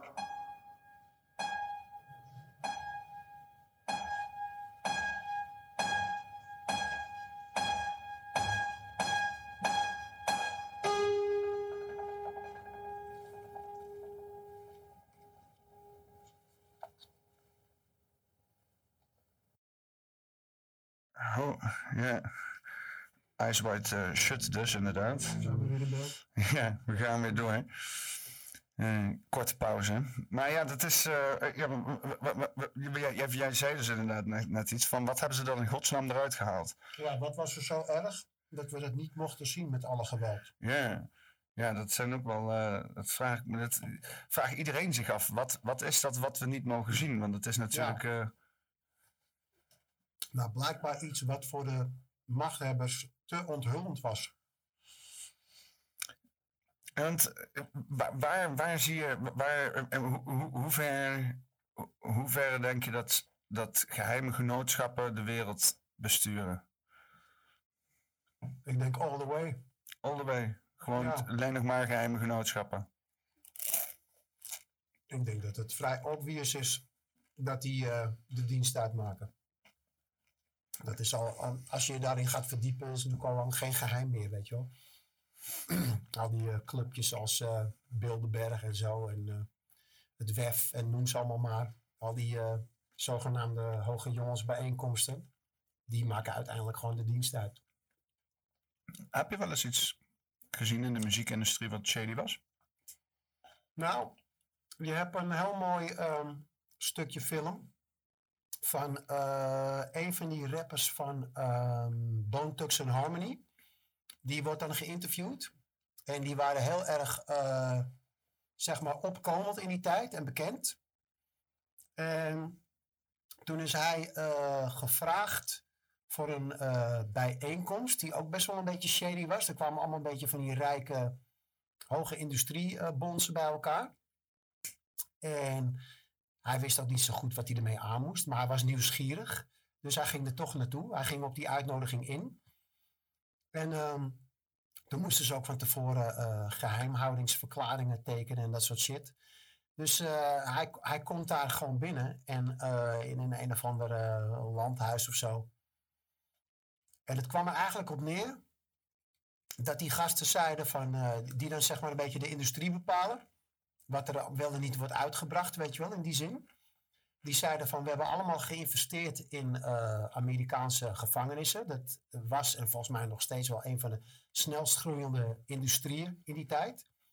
En ehm, Big, big eh, prison. eh, ja, en in die tijd, je, je kreeg steeds meer van die black conscious hip-hop. Big business free labor, toch? Ja. Maar je krijgt steeds meer van die conscious hip-hop, weet je wel. Van, eh, zeg maar, met positieve inhoud. En die gasten hadden zoiets van. Als we nou gewoon dat gangster hip-hop eh, heel erg gaan promoten, weet je wel. Van eh, alles met eh, bitch dit, nigger dat en veel violence en drugs. En, en dan, dan dat verkoopt lekker. En dan snijdt het mes aan meerdere kanten. Want die gangster shit kunnen we heel veel aan verdienen. Plus, eh, we zetten een verkeerd voorbeeld neer voor de jeugd, met name de zwarte jeugd. Dus de gevangenissen eh, komen sneller vol. En daar verdienen we dan ook nog eens een keertje heel veel geld aan. En toen had hij echt zoiets van, nou, dit is zo'n eh, foute bijeenkomst. Toen is hij dus opgestapt en weggelopen. En uiteindelijk heeft hij, ondanks die geheimhoudingsverklaringen, heeft hij dat gewoon wel openbaar gemaakt in een, in een, een of ander radio-interview. Ja, want dat, dat hele, dat hele eh, ehm, eh, gevangeniscomplex is gewoon privaat daar. Hè? Dat zijn Mhm, gewoon bedrijven. Precies. Precies, en die bazen die komen dus bij elkaar om de tactieken te bespreken. En dat zijn vaak dezelfde pipo's die ook gewoon ook platenmaatschappijen runnen en zo. Want uiteindelijk is natuurlijk elk bedrijf weer van een groter bedrijf. En als je zo doorstapelt, kom je uiteindelijk eh, bij de jongens in de top van de piramide terecht. Dan zouden die twee dan gewoon in een rokerig kamertje hebben gezeten en gedacht... Hé, hey, je hebt toch een platenmaatschappij? Ja. Jij runt toch een, eh, een gevangenis? Hm, misschien kunnen we iets van elkaar Precies. hebben. Dat- Ja, ja, maar dat, dat, dat legt Het wel, vergt wel creatieve connecties leggen op een of andere Volgens mij manier. heet die gast Crazy Bone, voor mocht je het allemaal eh, willen googlen. Maar volgens, dat is ongeveer eh, Crazy Bone, als ik me niet vergis. Volgens, maar dat is letterlijk een beetje wat hij uitlegt in dat uh, Bone als een bot? Ja. Bone, ja. ja, volgens mij staat het ook gewoon nog steeds op, eh, op YouTube hoor. Ik hoop dat je het vindt, dan kan ik ook zo'n lekker uh, lumpiaatje nemen. Crazy. Ja, ik, ik, ik neem gewoon... Nu wat zeggen? Nee, je, je moet sowieso zo'n lumpia te nemen. Oké dan. Want ik, ik vind het, eh, het is ook, ik doe het ook... Kijk, je hoort het ook goed op de microfoon, hè? Welkom man. Dus eh, A- ASMR heet dat volgens mij. Mensen eten op YouTube, dat is echt een ding. Hele Ja? kanalen van mensen Ja. die gewoon aan het eten zijn en shit. Is dat een nieuw soort fetish? Ach, ik weet niet, mensen, mensen, ja, ze- mensen komen er gaande waarachter we allemaal leuk Mensen vinden. vinden alles leuk om andere mensen te zien doen. Maar ook eten schijnbaar, dat is echt een ding. Maar ook die kids tegenwoordig met gamen. Gewoon dat ze alleen maar filmpjes kijken hoe anderen aan het gamen zijn. Ja. Gewoon. Ja, inderdaad. ja, het is toch wel een beetje triest eigenlijk. Ga buiten spelen of zo. Ja. Iets doen met je leven. Hm. Nou, ik heb laatst heb ik een, eh, een Bosperience georganiseerd. En een beetje alle kijkers en zo. En mensen die eh, uit hun huis durven te komen. ehm, gesleept in het bos. Die gaan met z'n allen massive jonko's roken. En zo, oh, ik heb zoveel jonko's gerookt. Ik heb zoveel wietchocola gegeten. En wietsuiker. En ik weet niet op hoeveel manieren ik THC in mijn lichaam in heb gedouwd gekregen. Maar ja, het was, het was wel goede shit. Maar gewoon lekker in de natuur, vuurtje. Dus enige... Ja, we doen dan ook podcast daar, dus dan ben ik wel even met wat schermpjes bezig, ik in elk geval. Maar het is in principe gewoon een gesprek en daarna gewoon chillen. Weet je wel, vuurtje, Ja. beetje, beetje barbecuen. Ja, meer je niet nodig met z'n allen. Weet je, drie dagen bij elkaar en dan, dan ben we helemaal... Helemaal als je dan elkaar weer op het internet spreekt, dan ben je veel meer eh, toch geconnect of zo. Hè? Als je op Ja. internet ben je toch maar een, een naampje en een stukje tekst Ja. en zo. Dat schiet allemaal voor gemeente Dat op. geeft een beetje de personal touch aan het eh, verhaal. Maar het zijn natuurlijk allemaal mensen die je uitnodigt die je al een keer hebt geïnterviewd, toch? Nee, niet, ja, nou ja, dat sowieso. Om daar te komen podcasten. Maar ook gewoon, eh, mensen kunnen gewoon kaartjes kopen dan en dan eh, langskomen. Dus ook gewoon echt random mensen. Ja, wel echt, eh, het was echt weer een, een zeer onwaarschijnlijke groep met mensen. Ik heb echt het idee dat mensen daar komen. En dan een beetje van zichzelf zoiets hebben van... Oh, ik ben misschien wel een beetje vreemd of raar. eh. maar ja, ik kan maar kijken, weet je wel. En dan gaan ze daar weg met het idee van... Oh, ik ben helemaal niet zo vreemd en raar als ik dacht. Of er zijn nog veel meer van die mafkezen. Ja, ja, het zijn eigenlijk een stelletje maf. Hart van Humor kwam bij ons. En die konden er geen vinger op leggen. En we waren natuurlijk ook zwaar stoned Ja. en, eh, en helemaal eh, na maar drie dagen doorgehaald. Maar die, die probeerden ons eh, belachelijk te maken. En het konden niet helemaal... Weet je, wij zaten met z'n allen daar zo van... dat was een beetje, was ook wel een beetje stom. Eén goos die was wel echt spot on, Wouter Meis. Die ging eh ouwe hoeren met iemand eh, in het publiek, heet ook Wouter. Alleen, eh, we hadden allemaal, weet ik veel, eh, eh, eh, wiet gerookt en eh paddo's gegeten en weet je, dat soort dingen. En eh, ik had nog LSD op en zelfs, dus zat ik nog die avond ervoor. Dus ik zat ook nog een beetje half trippy daar. En hij zegt zo tegen Wouter zo van, eh, van en wat heb jij gebruikt dan? Ja, pep. en ik kijk zo van, huh? Wat? Werd er pep gebruikt? En en ze van, wat, oké, nou ga je, ik, ik dacht al helemaal in de scheur vooraan. Hij zei van, wat ga je later doen dan zo? Ja, een beetje roken en zo. helemaal doorgehaald. En toen vroeg hij later nog aan hem zo eh, van, oh, maar wat, eh, eh, waar woon je dan? Ja, iets met een deur, zei hij. Ik lag echt helemaal in de scheur gewoon. En ik denk ook van, ja, het enige wat je hoeft te doen is hier wat vragen te stellen aan mensen die helemaal doorgehaald zijn van drie dagen in het bos en shit. Dan, dan kom je op de meest humoristische shit uit. Dan hoef je niet kaag voor belachelijk te maken. Dat was, dat was niet, ach ja. En ken je dat van Hart van Humor? Van eh, dat Jonathan die, Crispijn eh, en zo. Ja, ja, ja. Die heeft bij een of andere club in Amsterdam of zo nu, waar hij zijn ding doet, geloof ik, toch? Ja, hij doet volgens mij nou in het, in het Weltschmertsgebouw. volgens mij. Dat is bij Schiphol, toch? Ja, ja. Mm. Dus Lijpe Toko is dat, van de, van de pootjes, hè? Dus Peter Poot en zo. En, Ik weet het niet, ik ben er nooit geweest. dus die gasten hebben ook nog op eh Demming gejaagd en zo. Gejaagd nog wel. Ja. Ja, want, eh, ja, want die hebben nog achter, eh, die hebben nog die, die, die, die rechtszaak of zo, eh, weet ik veel, liep, liep, nou ja, die hebben er nog op gejaagd. Ja. En, en toen probeerden ze Schiphol van hun af te pakken. Of Schiphol of zo, voor dat hele ding, de staat, zeg maar. Dat is ook een heel ding. eh heb je er niet van gehoord? Eh, jawel, maar ik, ik denk ook dat het pas zin heeft om al dat soort gasten voor de rechter te slepen. Als, als je ervoor hebt gezorgd dat het hele rechtssysteem eh, op een eerlijke manier eh, te werk gaat, weet je wel. Dat laat eh, tegenwoordig ook wel eh, te wensen over. Nee, maar je ziet dan dat bijvoorbeeld zelfs van die magnaten van zoals hun die miljoenen hebben, die, die kennen helemaal niks. Die leggen het gewoon af. Ja, ze mochten hun eigen trein houden die ze al Ja. hadden. Nou, gefeliciteerd, weet je wel. Maar die, zelfs die konden niks. Ben toch machteloos, of niet dan? Ja, nou ja. Maar goed, als, de, als we erop willen jagen en zo, eh, mijn zegen hebben ze. Ja, ja. Is, is het niet, moeten zeg maar ehm, het plebs en de miljonairs niet samenkomen om de biljonairs te bestrijden, zeg maar? ik, denk, ik denk zelfs dat die biljonairs de miljonairs ook gewoon als plebs zien. Maar eh, dat samenkomen, dat zou wel mooi zijn. Ja, kijk, je, uiteindelijk, eh, als je het zeg maar even heel eh, erg versimpelt, dan, dan heb je zeg maar 1% van de mensen, of nog minder, die gewoon eh, compleet heerst over de andere 99%. En dat neemt steeds oneerlijkere vormen aan. dus het is natuurlijk een kwestie van tijd voordat die 99% dat een keertje gaat doorkrijgen. En gewoon gaat zeggen van, hé, hey, fuck die 1%. Ja, maar de hele tijd worden, worden skere mensen en mensen die een beetje geld hebben, worden tegen elkaar uitgespeeld. Ja. Zo van check hun geld hebben, weet je wel? Precies. Terwijl daarboven gewoon een hele lagen met mensen zitten. Daarom, dat is die verdeel en heers eh, shit. En eh, ja, de rijke mensen worden dan zogenaamd overzichtelijk in een quote 500 lijstje neergezet. geïndexeerd gewoon. De, de echte rijke mensen komen in die hele lijst niet voor, weet je wel. Die staan daar gewoon weer eh, 32 levels boven. Wat is rijkdom, zei Bob Marley ook wel eens toch? Ja. Rijk in het leven of eh, eh, toch dingen hebben. Nee, want li- lijkt het jou chill om echt moeilijk veel geld te hebben? Nee man, ik denk dat als je gewoon, eh, gewoon normaal rond kan komen, je dingen kan doen elke maand eh, die je wil doen, zeg maar. Maar zo te zeggen, dat, eh, dat misschien dat al oké is. Ja. Ja, ze, zeggen, ze hadden toen, ik weet niet of dat met inflatie nog steeds zo geldt, maar 60.000 euro per jaar heb je nodig en dan ben je in principe zorgeloos. En dan eh, meer dan dat is alleen maar eh, extra. Het extra hangt er ook ja. vanaf in welk land je woont natuurlijk. Ja, ja, ze hadden toen, eh, was Engeland, was, dat was dat toen. ja, eh, kijk, als, je, als jij in Cuba 60.000 euro per jaar krijgt, dan eh, kan je leven als God in Frankrijk of Ja. zoals Peter in Cuba. Maar in, in Thailand krijg je goedkoop leven, zeggen ze vrij altijd. karig.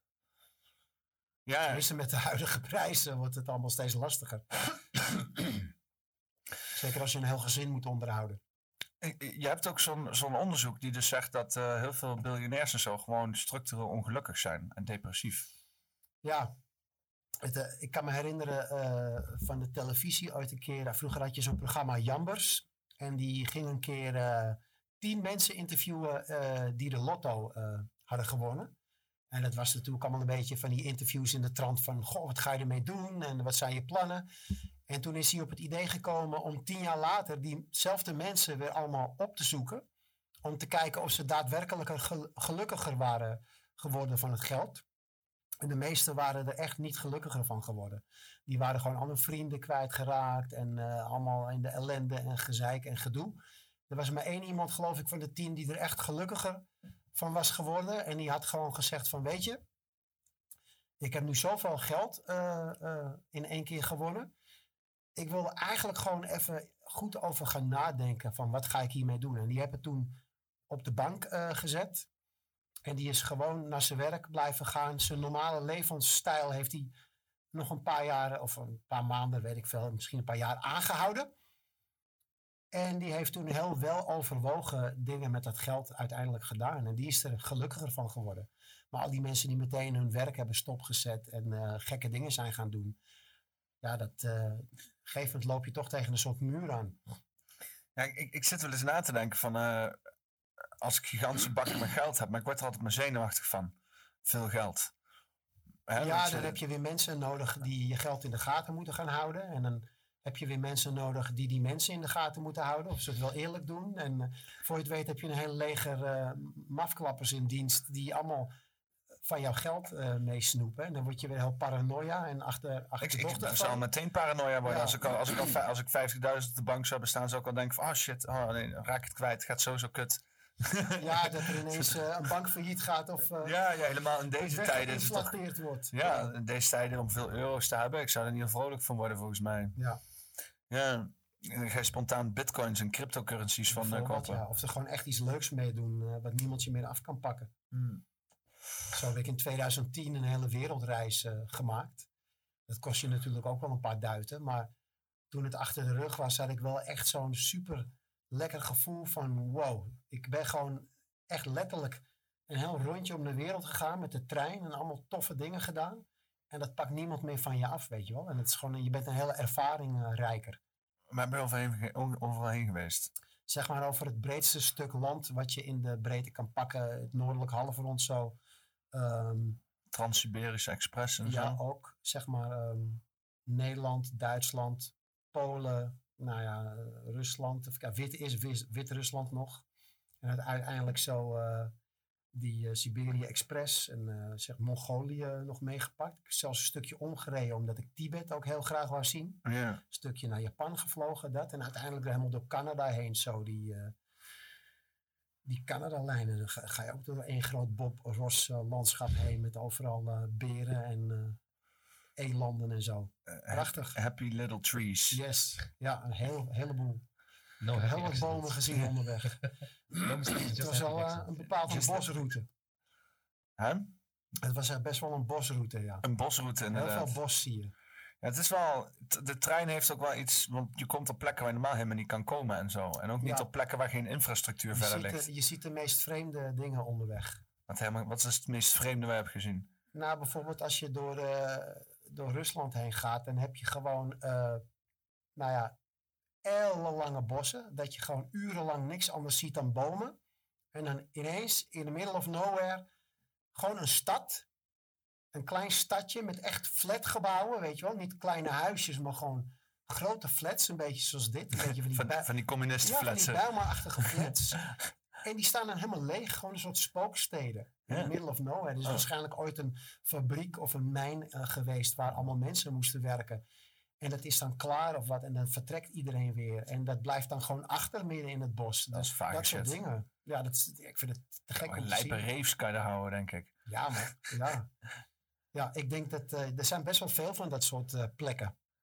In China ook hè, heb je hele grote spooksteden waar niemand woont. Ze zijn daar in China zelfs begonnen met gebouwen slopen, omdat ze het allemaal eh, gewoon hele flatsgebouwen die je gewoon naar de grond gaan. Omdat Dan ook die hele zooi gecrashed daar, die eh, Evergreen of, of Ever, eh, Evergrande? Evergreen. Ever, Evergreen. Evergreen, Ja, toch? Ja. die boot. Nee, nee, nee, die, die- de bank. Oh, de bank. De bank. Ever, nou, maakt niet uit. De een of andere Chinese vastgoedbank die is gecrashed. En eh, omdat ze dus zoveel gebouwd hadden, dat het, ja, dat was, ze waren allemaal voor in de toekomst aan het bouwen, maar dan ze hebben iets te ver doorgeschoten. Zijn ze maar gewoon de hele, hele, hele flatgebouw helemaal gaan slopen. Gewoon helemaal, helemaal gewoon weg. Ja, meestal laten ze het gewoon staan. Je hebt er in China een aantal steden die ze gewoon zijn gaan bouwen en ineens zijn ze dan gestopt om een of andere reden. En die staan gewoon allemaal leeg. Gewoon hapklare steden met eh, alles erop en eraan. Ja, je hebt wel, eh, je hebt wel inderdaad eh, je hebt van die ghost cities inderdaad. ja, het zijn trouwens wel, als je die moeite ervoor neemt, hele coole locaties voor videoclips en zo. Ja, je hebt een hele vette videoclip van eh, Jamie eh, XX en die hebben ze opgenomen inderdaad in zo'n ghost city. Is dit gewoon eh, water? is gewoon Of is water. dat je LSD-fles? Nee, dat, dat, eh, dat, zit, eh, dat, is- is gewoon water. Nog rijden. Ja, hier, hier zie je dus inderdaad eh, allemaal gebouwen die nog moesten afgebouwd worden en die gaan gewoon allemaal naar de grond. Dus gewoon allemaal hou je. Huts. Gewoon eh, later. Alsof er een vliegtuig tegenaan is gevlogen. Ja, nou, dit- die gingen rechter naar beneden. Zelfs, eh, zelfs deze gebouwen kunnen ze niet strak naar beneden. Ja, ja, dat moet allemaal gewoon weer weg. Zo van, nou, leuk. Ja, en dan gaat Building 7. Hoppakee. Kijk, dat zijn wel mooie beelden. Nou, kan je zeggen dat ze de, de Twin Towers gewoon netter hebben neergedaan. Dit is allemaal een beetje een puinhoop. volgens mij. ja, en Eentje dit, stond dit gewoon... is nog- dan echt controlled eh, demolition, hè? Kijk, dit- dit- deze die blijft gewoon staan. Die is, die is niet eens weg. Die, is- die staat gewoon nog. Dat moet ze gewoon nog omduwen later. Die hard. Eh, huts, daar gaan ze allemaal. Later hebben we iets te veel gebouwd. Dit wordt een park. Ja, Ja, ongelooflijk. Ik weet ook al, ik kwam in Beijing aan met de trein. En ehm daar rij je met de trein vlak langs dat soort eh, hoge flats. En ehm, ik, ik kan me nog herinneren dat ik zag die gebouwen en ik dacht, wow, wat zijn die hoog? En ik wou zien tot hoe ver het doorging, tot waar de top was. En ik moest echt helemaal met mijn hoofd tegen het raam van die trein aan, om zo schuin mogelijk te kijken om het, om het dak van die flats te zien. ging er wel dicht langs dan, denk ik, of niet? Ja, maar dat is niet normaal, man. Het is wel imposant hoe hoog die gebouwen daar zijn. Ja. ja, dat is heel on-Nederlands is dat natuurlijk. Hè? Daar is dit niks bij vergeleken, 13 hoog. Dan zit je nog eh, in de basement, zeg maar. Ja, ja het is... Het is ja. Die slaan Chinezen trouwens over, hè, 13 hoog. Ja? Ja, die gaan van 12 naar 14. Dat meen je niet. Ja, maar een ongeluksgetal. Zal ik vervloekt zijn hier, denk je? Wie weet. Ik wil... Dan Ik, proberen ze een paar Chinese gasten te krijgen. eh, ik heb hier volgens mij wel Chinese buren verderop. Oké, nou dat zijn wel eh, daredevils. Ze dragen nog steeds mondkapjes. Nou, nou toch, eh, toch weer niet. Ja. Je weet ook maar nooit op 13 hoog. Op 13. Al die bacillen die rond waren. Het, eh, er gaat, er gaat, ja, er gaat, er aerosolen. ik, ik, ik heb wel eigenlijk in het begin van de pandemie wel een beetje mijn adem inlopen houden in de flat. Dat weet ik nog wel. Dat ik echt, eh, ja, toen dacht ik van, ja, het is natuurlijk niet gunstig als we met eh, acht man in een, flat, in, een, eh, in een lift staan terwijl de pandemie is uitgeroepen. Ja. Ja. En, en, dat, en dat mondkapje moesten ze toch beschermen. Dat is wel echt, ik heb wel heel vaak in die lift naar beneden gestaan. En dat, ik echt, dat, dat kwartje, dat viel echt laat, man. Dat was echt, dat is echt bizar. Ik weet nog wel, in het begin van die pandemie eh, zag ik zo'n straatinterview. Er liep een oud vrouwtje zonder mondkap op straat. En toen vroeg zo'n lulhannes van een interview. Mevrouw, moet u geen eh, mondkapje op? En zei ze, nee hoor, als iemand voorbij loopt, hou ik gewoon mijn adem in. Vond ik wel grappig. ze, ke- ze keken er ook een beetje ondeugend bij. Zo van, eh, fuck you. Ja, ja, ja ik, ik vraag me af of ze dat weer. Denk je dat, dat, dat, het weer terug, dat ze dat weer terug kunnen komen? Dat, hoeveel. eh, dat, Die mondkapjes, mensen zijn er gek en dom genoeg voor. Om dat weer massaal te gaan doen, ja. maar weer, ja, weer massaal, ja. Ja, ik geloof wel heilig in de domheid eh, van de mensen na de afgelopen twee jaar. Is het iemand opgevallen dat op het station van NS, bijna alle stations, nog steeds overal de stickers op de grond zitten van anderhalve meter en mondkapjes? Dat is ook niet zomaar, want als iets weg is, dan is het toch weg. Dan moet toch alles weggehaald worden ook. Dus er zit nog wel iets aan te komen. En al die detectiepoortjes met QR-code dingen, weet ik veel, die zijn allemaal al aangemaakt en die zijn al getest ook. Die gaan ze echt niet zomaar weggooien of niks meer mee doen. Dat is echt wel een voorbedachte raden geweest. En ik denk echt wel dat we ja, ik heb, ik heb voorspeld dat na het WK, begin januari, gaan we rustig aan langzaamaan weer terug naar een nieuwe variant of weet ik veel wat ze dan weer verzinnen. En dan eh, gaan Ja, ze na het WK, want dan gaat dat WK natuurlijk het Dat super WK spreader e- event zijn. Dat eh. ook, maar het WK gaat ervoor zorgen dat ze twee jaar lang weer kunnen overbruggen om heel veel ongeheim weer uit te halen. Want daar verdienen ze zo ontiegelijk veel geld mee dat ze heel veel geintjes weer uit kunnen halen. Dat is mijn theorie hè, in dit geval. Het is Ja. gewoon eh, een ding wat, nou, ik wil niet zeggen vaststaat, maar het zit er wel aan te komen. Wanneer is het WK eigenlijk? Volgens mij begint dat. Wat, hoeveel is het vandaag? Ik heb geen idee. 19, 20? Wat is het? Het is vandaag de 19e. Volgens mij begint het morgen als het goed is. Dat meen je niet. Ja. Ja, dat is wel heel. eh, maar ik, ik heb al een aantal momenten gehad met mensen en eh, dat, ze, dat ze zeiden van, nou ja, en dan gaat dit. Ik ook, ik heb zelf ook gezegd van, ja, dan gaat dit gebeuren en dan komt dat wel. Maar ik heb het al drie, vier keer gehad en er gebeurt elke keer niks. Ik denk van, ja, een gegeven moment ook verder gaan met mijn leven en zo. Ja, wij hadden eigenlijk al het vermoeden dat het al eh, afgelopen jaar nog, eh, nog een keer eh, zou gaan gebeuren. Ja. Maar er is niks gebeurd, dus wat dat betreft. Ja, ja. Ja, ik, ik, ik, ik blijf toch wel... het is toch vreemd om huiverig te blijven daarvoor op een of andere manier. Het is een beetje een soort van limbo waar je in zit of zo. Er komen heel veel regeltjes ook weer bij. En heel veel wetjes die er dan ineens nu ineens doorgepoest worden. Die te maken hebben kunnen met. Of nee, toch te kunnen maken hebben met. Als je Ja, eh, je had het al eerder al over wat voor nieuwe variant zullen ze nu weer gaan bedenken. Het zou mij niet verbazen als ze met iets met muggen gaan komen. Dan wordt het helemaal lachen. Dan gaat iedereen in klamboes over straat om, eh, om boodschappen te doen. Ja, Bill Gates is wel ook met muggen bezig, hè? Ja? Ja, die heeft ook wel freaky shit met muggen. Die hebben zelfs een keer een of ander heel uh, Oh, maf ja, spotje over. Weet je dat Ja, ja, spotje ja, met die ja, muggen? klopt, ja, Heel ja, creepy. ja, ja. Dat je echt denkt van wow. Ja, Gemanipuleerde muggen, ja. als dat, uh, ja, hij is, hij is uh, bezig met muggen, of al heel lang hoor. Muggen manipuleren. Genetisch gemanipuleerde muggen? Ja, Mhm. nou weet ik veel. En die, die laat hij dan los.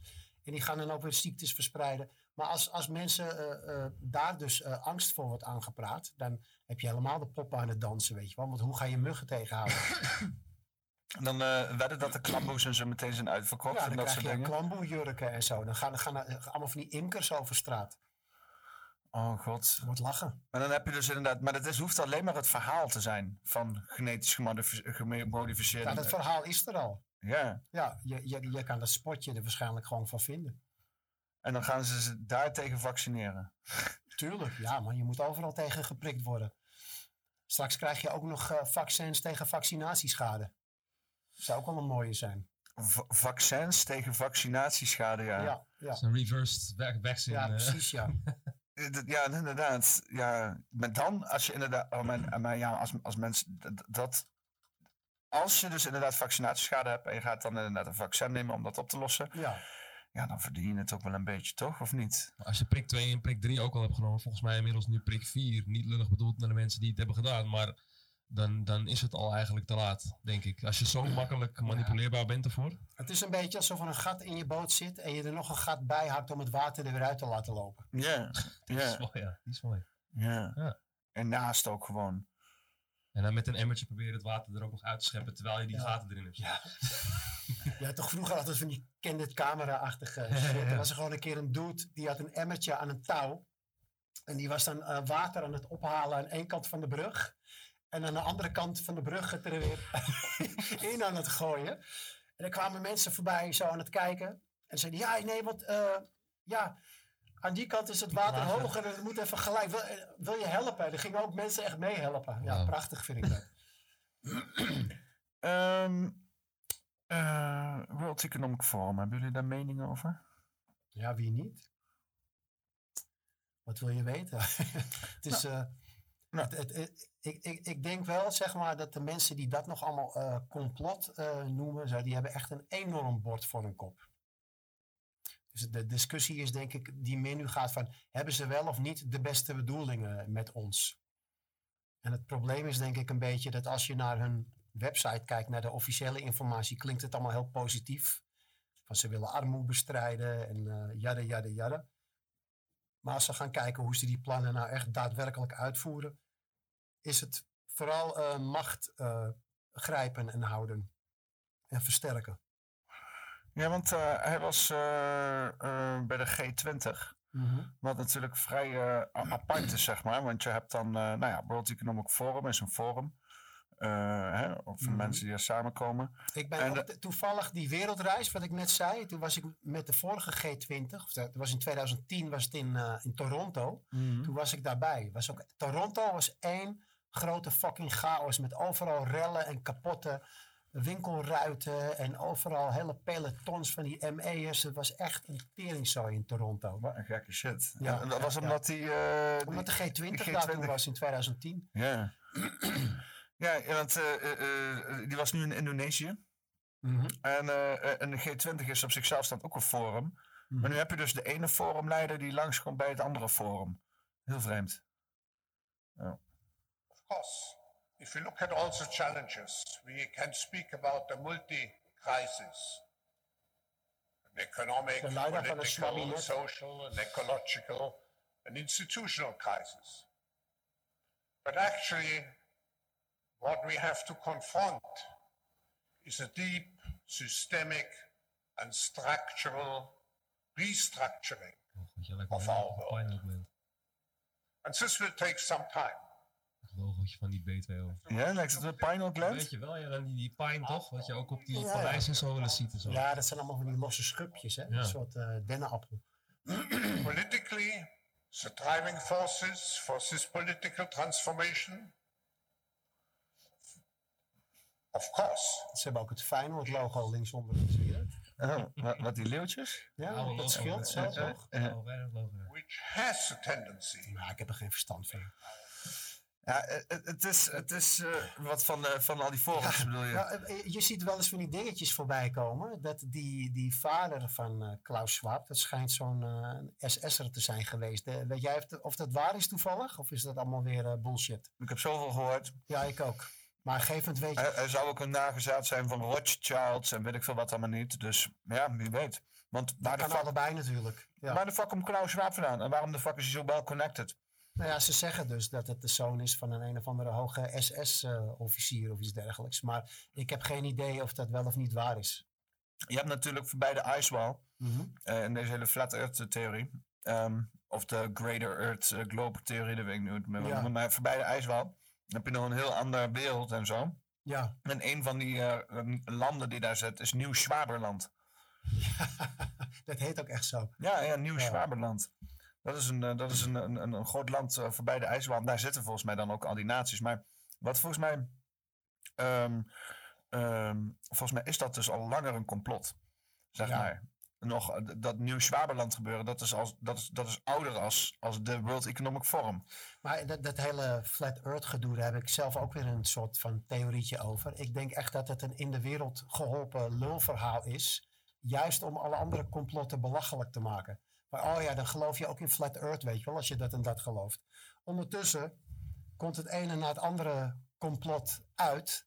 En blijken heel veel dingen gewoon wel waar te zijn. Maar ze blijven maar eh, terugkomen elke keer op die eh, flat earth, weet je wel. Terwijl er eigenlijk gewoon eh, niks logisch aan is. Nee, ik had vandaag nog, een, of gisteren nog inderdaad, ook weer wat mensen in mijn chat zitten in Telegram. Mhm. Club, Club Allehoed. Zo heet mijn Telegram chat. Club Aluhoed. Club Allehoed. Ja. En dan staat dan als, eh, als inleiding van de club staat licht psychotisch, vraagteken, deel je episode. Dus eh, ja, gewoon alles goes. Wordt ook niet geband. Je wordt alleen uitgescholden door iedereen als je met bullshit komt. Maar ja, dat maakt niet. Dat Ja. moet ook kunnen. Maar ja, dus heb je zo af en toe van die platjes erin zitten, noem ik ze dan. Of Mickey noemt ze altijd zo, platjes. Of volgens mij, ik maak niet uit. We noemen ze platjes. Ja. En eh, dan komen ze met zo'n pdf, die heb ik dan eh, gekregen. En dan staat dan 200 eh, keer waarom de aarde niet rond zou zijn. Mhm. Hè? En dat begint dan al meteen met, met dat vliegtuigen moeten dippen naar beneden als Ja. ze vliegen. En, Weet je, ik heb een hele open geest. En ik, ik, wil elke theorie aanhoren en, en induiken om te kijken van hoe waar is het. maar waarom verdwijnt de lucht niet in de ruimte? De gas zou toch moeten opstijgen? Waarom verdwijnt dat niet in de ruimte? Zwaartekracht, atmosfeer. Ah, Water hoort toch helemaal niet plat te zijn? Dat hoort dan bol te zijn. Dat is, als je een laser ziet over een meer, waarom is het dan plat? Ja, ze zeggen dus als je dan eh, met zo'n laserstraal die rechtdoor gaat, over een hele lange afstand gaat meten. Ja, ik zeg dan, dan je, je, je, je, bewijst alleen maar dat water dan plat is. Of dat meer plat is, weet je wel. Ik, ik, ik- de, de, de hele, ze zitten dan dat meer te meten. En dan zeggen ze van, ja, we meten het over 40 kilometer afstand. Ehm, de, de aarde is 40.000 keer zo groot, is, is 40.000 kilometer in omtrek, weet je wel. Dus dat is, dat is, dat is duizendste van, van, van, een, van, van een omtrek. Ja. Dat is, ik, ik- het, het, het, het hele, het hele idee dat, dat je, dat je een, een, buiging kan meten zo, zo minuscuul, weet je wel. Maar ze hebben dan een hele laser gebouwd, hè. Die een laser die heet dan de Salad, Super Accurate Laser, bla bla system. Eenmaal wetenschappers met afstellen en zo. Ja, ik, heb, ik heb heel veel van dat soort dingen eh, gekeken, want ik vind het toch altijd wel geinig en interessant. Maar ehm, ze hebben mij nog nooit ervan kunnen overtuigen in ieder geval. Vaak is het zo, hoe langer ik naar zo'n flat earther luister, hoe meer ik denk van nee. Ja. ja, want ik stond er ook wel voor open inderdaad. Ja. Maar ik heb er meerdere keren erin en eruit, erin en eruit. Want elke keer word ik er gek van. denk van ja. De laatste keer ben ik terecht met open, ben ik echt helemaal erin gegaan. Veel naar Chris de Haan geluisterd en zo. Die zitten helemaal, die, die, die livestreams en er staat er gewoon Space is fake. Wat ik op zich ook nog wel hè, open voor open sta. Hè, want eh, Space eh, het zou ook maar water kunnen zijn. Het feit dat het een vacuüm is, dat is ook maar een aanname Dat bij wijze ze van toch in de, spreken. in de Bijbel, dat, dat, dat er om ons heen dan ook water is of zo. Dat we een soort van koepel Ja, een soort van bubbel inderdaad. Ja. Maar ja, weet je, dan zou er dus oneindig veel water om ons heen moeten zijn. Ja, of, of in, ieder geval dat, in ieder geval dat het geen vacuüm is. Ja, maar iets wat om ons heen zit zou oneindig door eh, moeten gaan dan toch? Volgens eh, de logica. Ja, ja, nee, ja. Dus of dat nou lucht is of water of whatever. Dat, eh, je- Het, universum heeft ook randen, toch? Landen? randen. Randen? Abstract gezien wel, ja. Ja, in, Kijk, in als je, als je gelooft in de Big Bang theorie en je, Ja. je, je gaat het je heel eenvoudig voorstellen in je hoofd, dan heb je zeg maar één kosmisch ei waar alle materie en energie in zit, dat explodeert en dat dijt uit in een soort leegte. Dus je zou kunnen stellen dat eh, de rand, de buitenste rand van die uitdijende explosie, de, de rand van het eh, heelal is. Maar dan nog is het eh, een explosie in een oneindig grote ruimte, weet je wel. Ja. Je hebt er allemaal prachtige theorieën over hoor. Ik, ik vind het altijd wel mooi. Want ehm, wat je natuurlijk gaat krijgen dan is dat ehm, heel veel sterren en zonnen die doven uit na een tijdje. Dat worden zwarte gaten. Die krijgen heel veel aantrekkingskracht. Dat worden er steeds meer. Dus uiteindelijk slurpen die alle andere dingetjes op en worden steeds sterker. Dus als je die theorie eh, aanhoudt, zullen uiteindelijk al die zwarte gaten elkaar aantrekken en opslorpen. En krijg je dus die hele Big Bang in reverse. En uiteindelijk wordt het één groot zwart gat die weer helemaal woep in zichzelf keert. En dan krijg je dus zoveel energie op één plek samengebald. Dat er weer niks anders kan gaan als eh, een explosie. En dan heb je gewoon een soort pulserend geheel. Wat alsmaar over miljoenen jaren dan, of miljarden, whatever. Gewoon eh, explodeert en weer inkrimpt, weet je wel. Ja, dat vind ik prachtige theorieën. Ja, maar ik, ik, ik, ik- het is wel heel erg driedimensionaal, zeg maar. Ja. Vierdimensionaal. Want als het naar meerdere dimensies is. Ik denk inmiddels dat het universum een soort van, van, van in elkaar eh, ge- gekrullende situatie is van, van, van creatie. Die dan eh, uit sterren voortkomt. En dan elke keer weer opnieuw eh, vernietiging die dan in zwarte gaten verdwijnt. En dan elke keer weer in zichzelf keert in een andere dimensie. Dat Ja, het dan de hele tijd zo in zichzelf doorgaat. En dat tijd daar ook in een soort van loop uiteindelijk in zit. Dus Heb je, de uiteindelijk... nieuwe, heb je de nieuwe Doctor Strange film gezien? Nee. Die komt precies op dit eigenlijk neer, de multiverse. Ja. Er zijn multiversen. Ja. Ja, zingt het volgens mij ook in een van de Ja, en het ware aardverhaal. Ja. Heb je die wel eens gehoord? Dat Nee. geef ik wel een keer aan je. Die ware aardverhalen haal ik dat soort theorieën ook allemaal aan. ik vind dat wel mooi.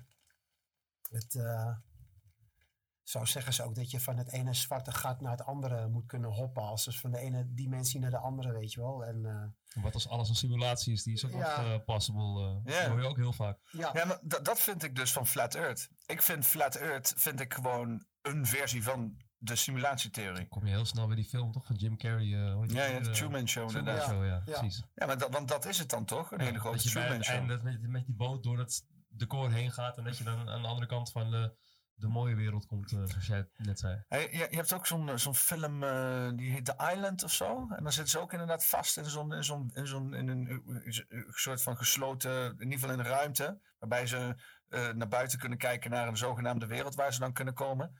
En dan één keer in de zoveel tijd wordt er een, een, een, een uitverkorene wordt er gekozen. En die wordt er met grote weet je, loterij en zo iedereen, oh ben ik het, ben ik het. En dan, dan mogen ze zijn en dan gaan ze naar buiten toe. En dan eh, gaan ze voorbij die scherm waar ze de hele tijd tegenaan zitten kijken wat zogenaamd een mooie buitenwereld is. En dan komen ze in de slachterij. Een beetje Plato's grot eh, idee toch ook? Ja, maar, ja, oké, maar dat, dan, dat, dat het schimmen op de muur zijn inderdaad. eh, die, ja. die, ja, ja. ja, want dan vraag je je af, zeg maar, is het inderdaad deze realiteit die we zien? Dus de sterren, de hemel, de maan, de zon, al die materie om ons heen. Is, zijn dat de schimmen op de muur? Weet Ja, je wel? Of, of, is dat, of is dat de wereld buiten de grot? Wat, eh, wat is er gaande? Ja, ja ik, ik, ik ga nog steeds voor het eh, klassieke beeld van gewoon planeten en sterren om ons heen. Omdat het mij het meest logische lijkt. Maar ik, ik vind het wel altijd heel leuk, am- of- amusant en interessant om open te staan voor al die andere stellingen. En wat je ook de laatste tijd ziet met die kwantumfysica en zo. Dat de ene theorie lijkt de andere te overtreffen in pure mafheid en freaked outheid. Dat je gewoon de- denkt van wow, hoe komen ze erop, weet je wel. Maar ze vinden ook gewoon heel veel bizarre dingen. Zoals eh, lichtfotonen die, die op twee plekken tegelijk zijn. Of zich anders gedragen op het moment dat ze geobserveerd worden. Dat soort dingen. Ja. En daar kan je dan weer allemaal theorieën aan gaan hangen. Ja, ik vind het wel mooi. Het is af en toe super moeilijk te begrijpen. Maar des te interessanter om, eh, ja, om er zo toch wel in te duiken, weet je wel. Ja, je hebt ook eh, eh, die quantum superpositie, zeg maar. Eh, waar- waarbij dus eigenlijk de meeste dingen in het leven zijn heel binair. Alles heeft een, een Noord- en een Zuidpool. Of een, een, een boven- en een onderkant. Whatever. Ja, je, alles gaat eh, naar voor of achter of whatever. Mhm. En dan heb je in de in kwantumwereld heb je spin-up en spin-down. Dat is dan zeg maar de twee dingen. Maar hij kan ook in een superpositie staan. Dus dat hij dan nog niet besloten heeft wat hij gaat worden. En daar komt dan dat stuk in wat je zegt. van- genderneutrale ja, ja een, een, een staat van niet zijn of zo, ja. Ja. En eh, ja, het is wel heel woke inderdaad van die, Ja. eh, van die materie. Ja. Woke materie. Definieer me niet. nou, maar het grappige is, het wordt dus gedefinieerd als je gaat kijken. Dan is het, dan definieert het. wel, dat is... En dat is per definitie fout. Zo, zo, dat, dat, het is wel te lachen over die hele woke gebeuren, weet je wel. Het hoeft ook, niemand is per se man of vrouw. Totdat je ernaar kijkt. Weet je wel. Dat is het. Je hoeft, je hoeft er gewoon niet... eh, hè? Dat is alleen de buitenkant waar je naar kijkt. Dat bedoel je eigenlijk. Maar wat bedoel je daarmee? Ja, nou, weet ik niet. Ja, weet ik niet. In principe Ja, kan, kan Krijg je ik... dat vage gelul over dan wat de definitie van een man of een vrouw eh, is? Ja, ja, dan krijg je dat ding in weer, hè? Ja. Je die documentaire gezien van die gozer? What is a Woman? Nou, dat soort dingen ga ik niet eens kijken. Nee? Voor, voor mij is het zo zonneklaar wat een man en een vrouw is. Dat al die andere bullshit, dat... eh, Maar wat, wat, wat, wat vind jij dan van een, eh, een, transgender vrouw eh, die met een, een baard en een zware stem, maar dan wel met een jurk en hoge hakken, maar ook haar op de arm en zo, en eh, dikke kaak, dikke ademsappel en zo, Ja. flinke kaak, zo van die Arnold Schwarzenegger kaken, en naar je toe komt en zegt van, eh, eh, ik zou graag willen dat je me een vrouw noemt.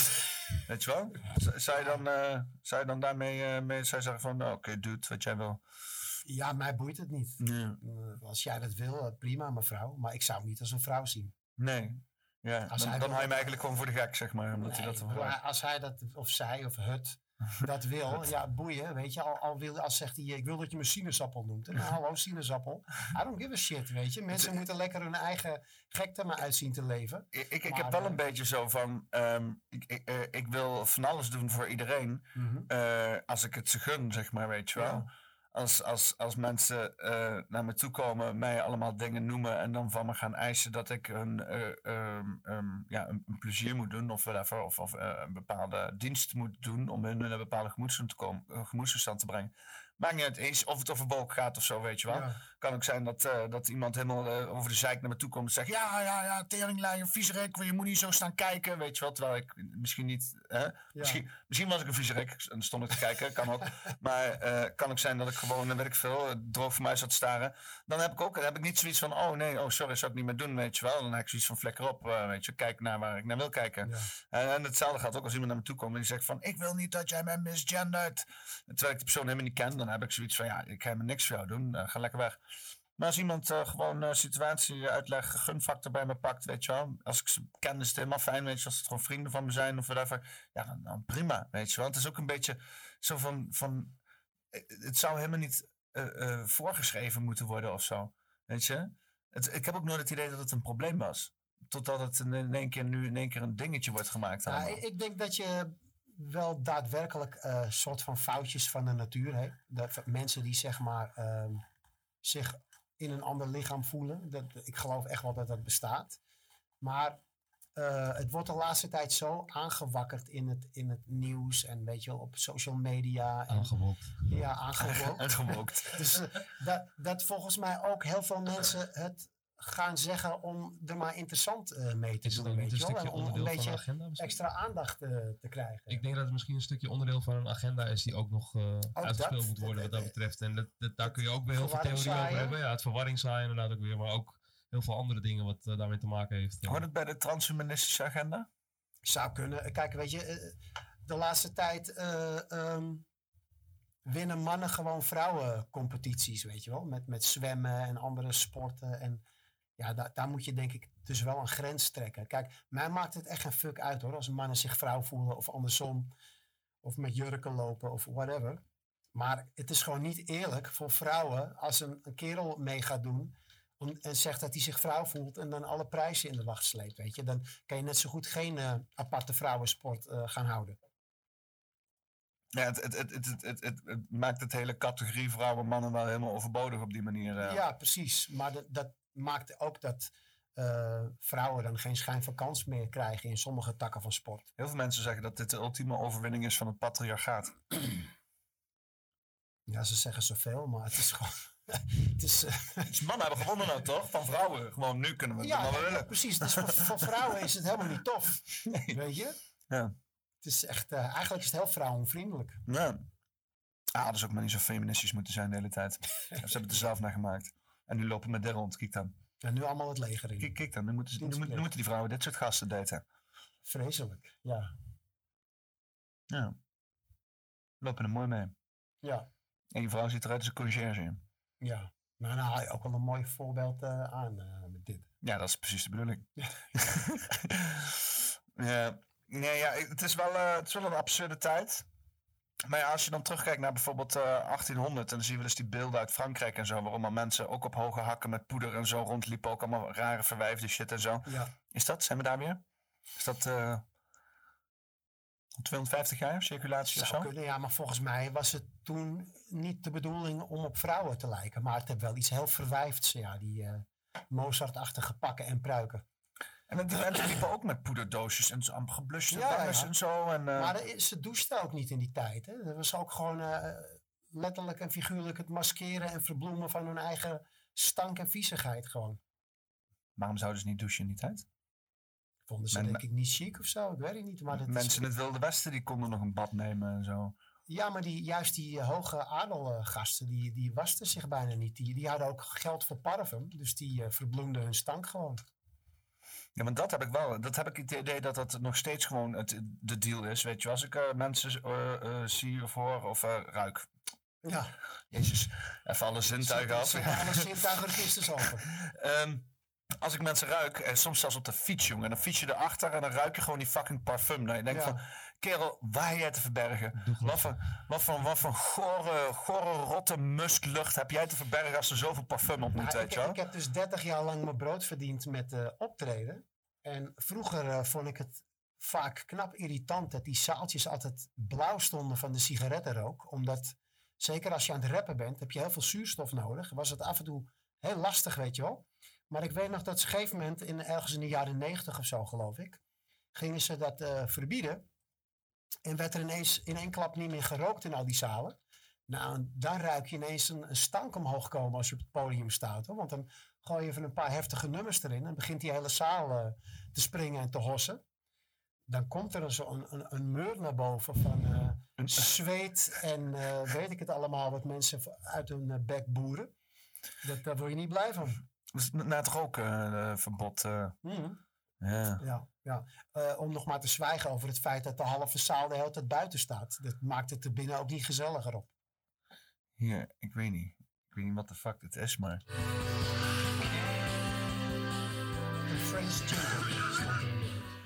Je begint spontaan te hoesten als je het ziet. Is dit, de- was dit de Tim Hofman van die tijd? Daar is hij wel iets te mannelijk voor, denk ik. Ja? Is dit nog mannelijker als wat we tegenwoordig aan het doen zijn? Eh, ja.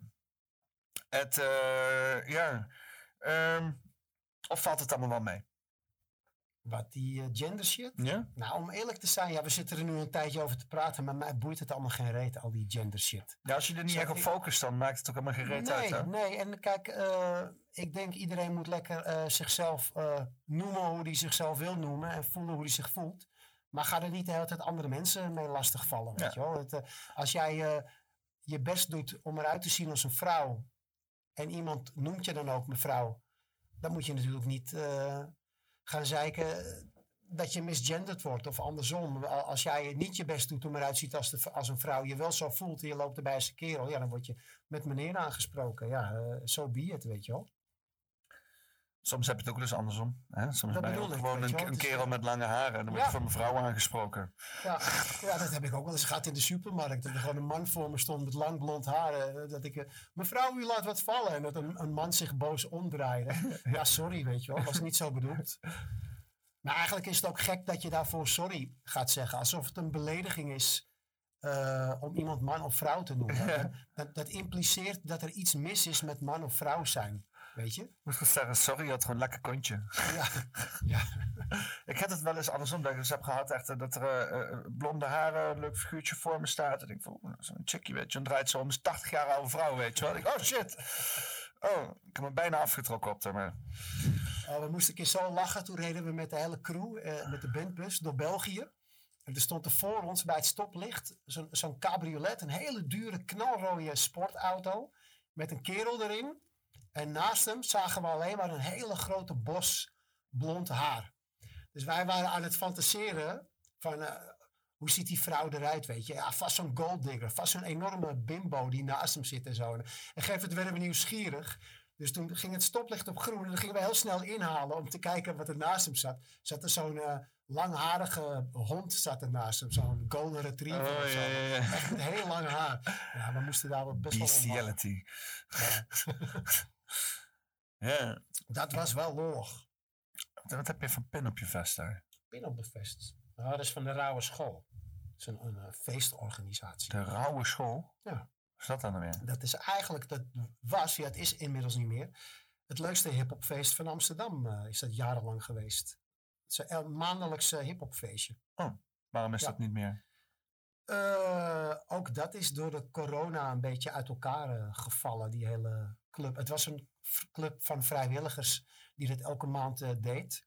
Ja, op een gegeven moment is dat zo lang niet, heeft het zo lang niet door kunnen gaan dat die club een beetje uit elkaar gevallen is. En, eh, Dus even, weer, dus even weer opnieuw. Hey, kom zeg, wat is dat nou? Even weer eh, bij ja, elkaar nou, pakken, het jongens. zou nu theoretisch ook wel weer kunnen. Maar een van de hoofdorganisatoren die eh, zou dan gaan emigreren. Dus ja, dan houdt het al gauw op. Ah, emigreren, waarheen? In dit geval Italië. Oh, nou, dat valt nog wel mee. Geen Italië. Z- z- z- Zouden jullie, zou jij emigreren ergens heen?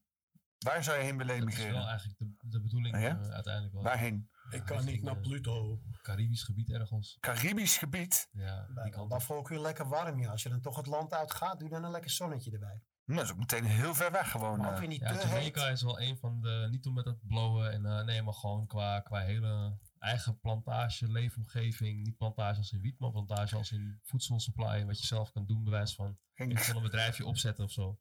Geen kantoenplantages of zo. maar- nee, ja, Jamaica, kerel. Ja. dat klinkt wel eigenlijk heel goed, inderdaad, ja. Niet vanwege het blowen? Ook niet een beetje? Nee, nee, echt niet. Het is daar eigenlijk illegaal, toch, blowen? Weet ik niet. Ehm, die Rastafaris die doen het natuurlijk uit een soort van geloofsovertuiging. Ja. En dan mag het volgens mij weer wel van de wet. ja. Net als dat met ayahuasca en die, eh hoe heet die church? De Bladibla Church met die witte pakjes, die mogen dan ayahuasca gebruiken, weet je wel. Oh. Dus dat zijn altijd natuurlijk mazen in de wet, waardoor je illegale dingen legaal kan maken. Ja, maar Stef. Stef kan toch geen Rastafari worden? Hoezo niet? Wat dreads in zijn baard. Ja, oh ja, maar in de baard, ja. Alleen doe het nooit, dat is het, dat is het gewoon. Oh, je bent kaal bij keuze? Al bij keuze. Ja, Jarenlang al. Ja? Ja. Het is wel... Het eh, is gewoon fijn, gewoon, gewoon lekker makkelijk. ja, dat, het, lijkt- ik kan me voorstellen. Ja, Alleen Nou, winter is het soms wel een beetje, ja, Dan capuchonnetje moet je alsnog daar. je baard kammen. Ja, dat, die moeten we wel. Ja. Ja. Daar gaat ook wel wat werk in zitten hoor. Eh, jongens. Eh, ik, eh, ik, wou er, ik wou er nog iets bij pakken, maar ik weet even niet meer wat. Hebben jullie, hebben jullie iets in te brengen? Hebben jullie iets, eh, iets spannends wat jullie de afkomende tijd gaan doen of zo? Eh, is er ergens een leuk optredentje of zo? Of, eh, Nou, ik, ik heb dus een tijdje lang niet opgetreden. En zowel door het corona-gedoe waar we het steeds over hebben, maar ook als omdat ik, ik heb al zeven jaar lang last van mijn stem. Zoals je misschien ook wel hoort. Dat gaat ook niet over, want ze had het er lang over geweest. Maar ehm, ik ga toch weer eens een keertje proberen. En ehm, er staat nu, volgens mij in, voor april of ergens begin 2023, staat er een show in de Melkweg eh, geboekt al. Er zijn ook al kaarten voor eh, te verkrijgen. En op basis daarvan ga ik een beetje kijken hoe dit gaat. En komen er misschien nog een paar andere dingen achteraan. Maar het kan ook zomaar zo zijn dat het juist heel kut gaat. Want ik ben steeds na één, twee nummers al hartstikke schor. En dan eh, dat ik gewoon helemaal niet meer rap. Want ik ben de laatste tijd gewoon heel fanatiek en fulltime aan het schilderen. En dat bevalt me eigenlijk ook wel prima. En eh, ik heb natuurlijk 30 jaar lang lol gehad van het, eh, het optreden. Dus als het niet meer kan, zo be it. Maar ik ga wel weer eh, een paar pogingen wagen begin volgend jaar. Vergeet vooral 7 januari niet hè. Verkeerd verbonden staat 7 januari ook in Groningen nog. Ook ja, we gaan. eh, Die hebben we ook en nog. dat is ook vrij uniek, want we treden eigenlijk nooit op met verkeerd verbonden. Nee, eerste keer Hilversum. En nu, of ja, Blackbox eigenlijk een soort van. De als, reden dat we zo klagen in onze teksten met verkeerd verbonden is precies ook de reden dat we nooit optreden. Waar in Groningen? E, M, E, E. Jij weet waarschijnlijk die naam wel van die tent. E, Geen E- idee. Nee, geen idee. Nee. Ik weet ook even de naam niet meer zo. Als uit Groningen EM2, komt- EM2 of zo? Als, als je uit Groningen komt, laat het weten in de comments. ja. Eh, hebben jullie nog zin in? Hebben jullie nog zin om wat, eh wat dan ga ik er wat, eh, even, even wat, wat huidige ellende bij pakken en misschien even op tafel gooien? We gaan het nieuws bespreken. Ja, ja even, even wat, want ja, er is, wel, er is wel iets gaande. op- Er is op- heel veel gaande. Ja? Ah, ja, af en toe word je er toch knettergek van. Maar Ja. het is bijna niet bij te houden wat er allemaal gaande is. Nee, ja. Soms, aan de ene kant vind ik het super interessant en bijna verslavend om het allemaal te volgen. En aan de andere kant word ik er ook wel eens gewoon zo gek van dat ik denk, fuck al die shit, weet je wel. En ik, ik, ik vind het ook heel lekker om in mijn eigen bubbel te duiken en gewoon te schilderen en muziek te luisteren en me juist helemaal niks aan te trekken van de wereld. Ah, je moet het weten te doseren, zeg maar. Hè? Dat Ja. is, eh, En dat is eh, lastig. Ik ben, ik ben van nature wel een, eh, een alles of niks figuur. Dus ik, ik duik ergens heel fanatiek in. Daarom heb ik er vaak ook periodes dat ik heel fanatiek met iets bezig ben. En dan switch ik weer naar iets anders of zo. Ja. ja. eh, eh, eh, een beetje het nieuwe relletje gehoord van Matthijs van Nieuwkerken? Heb ik wel van gehoord, maar die man boeit me helemaal niet. Nee. Maar, maar, maar, maar wat vind je van het principe dat zeg maar heel Hilversum nu wordt leeggekamd met allerlei schandalen en zo? Leuk dat het een keertje uitkomt. Het is natuurlijk wel heel veel summers. eh, wordt niet voor niks de Gooise matras eh, genoemd. Al sinds ik me kan herinneren. heel veel summers wat dat betreft net een soort klein eh, Hollywood. Maar dan op zo'n Hollandse kneuterigheid. En eh, Ja. En waarom denk je dat dat nu gebeurt? wat dat er allemaal van die Ja, dingen aan het dit- licht dit komen. jaar begon natuurlijk met die, dit jaar met... eh, met, eh, Met die voice eh, rotzooi, ja. met Ali B en zo. ja. En eh, ja, en Ja. waarom dat allemaal gebeurt. Ik, ik- soms heb ik het idee, kijk, ik vind het eigenlijk helemaal niet interessant om te weten waar Ali B en Marco Borsato hun leuter in douwen, weet je wel. I don't give a shit. Maar eh, soms denk ik van dat al dit soort dingen ook naar buiten komen als één grote afleiding. Want ze weten natuurlijk dat het juicy nieuws oplevert. Dus als iedereen daarover gaat speculeren wat er allemaal gebeurt achter de schermen bij de Voice, dan heb je het niet over eh, bepaalde wetten die er in dezelfde tijd doorheen worden geramd, die hele grote invloed op ons eh, bestaan gaan hebben, waar we eigenlijk allemaal over zouden moeten praten en waar de media bol van zou moeten staan, maar waar ze dus expres niks over zeggen en ons de hele tijd maar voeren met eigenlijk non-nieuws, met bullshit. gewoon om het lekker onder download te laten, wat ze echt in hun schild voeren, weet je. Ze hebben er ook gewoon echt wetenschappelijk onderzoek naar gedaan, dat een mens kan maar een beperkte hoeveelheid informatie tot zich nemen per dag en daarna haakt een mens af. Dan wordt het te veel, dan wordt het te vermoeiend En dan zegt je brein gewoon van nou, ik ben wel even vol voor de rest van de dag. En dan ga je lekker voor de tv hangen of een joint eh, roken of allebei. En dan heb je gewoon je, je tax.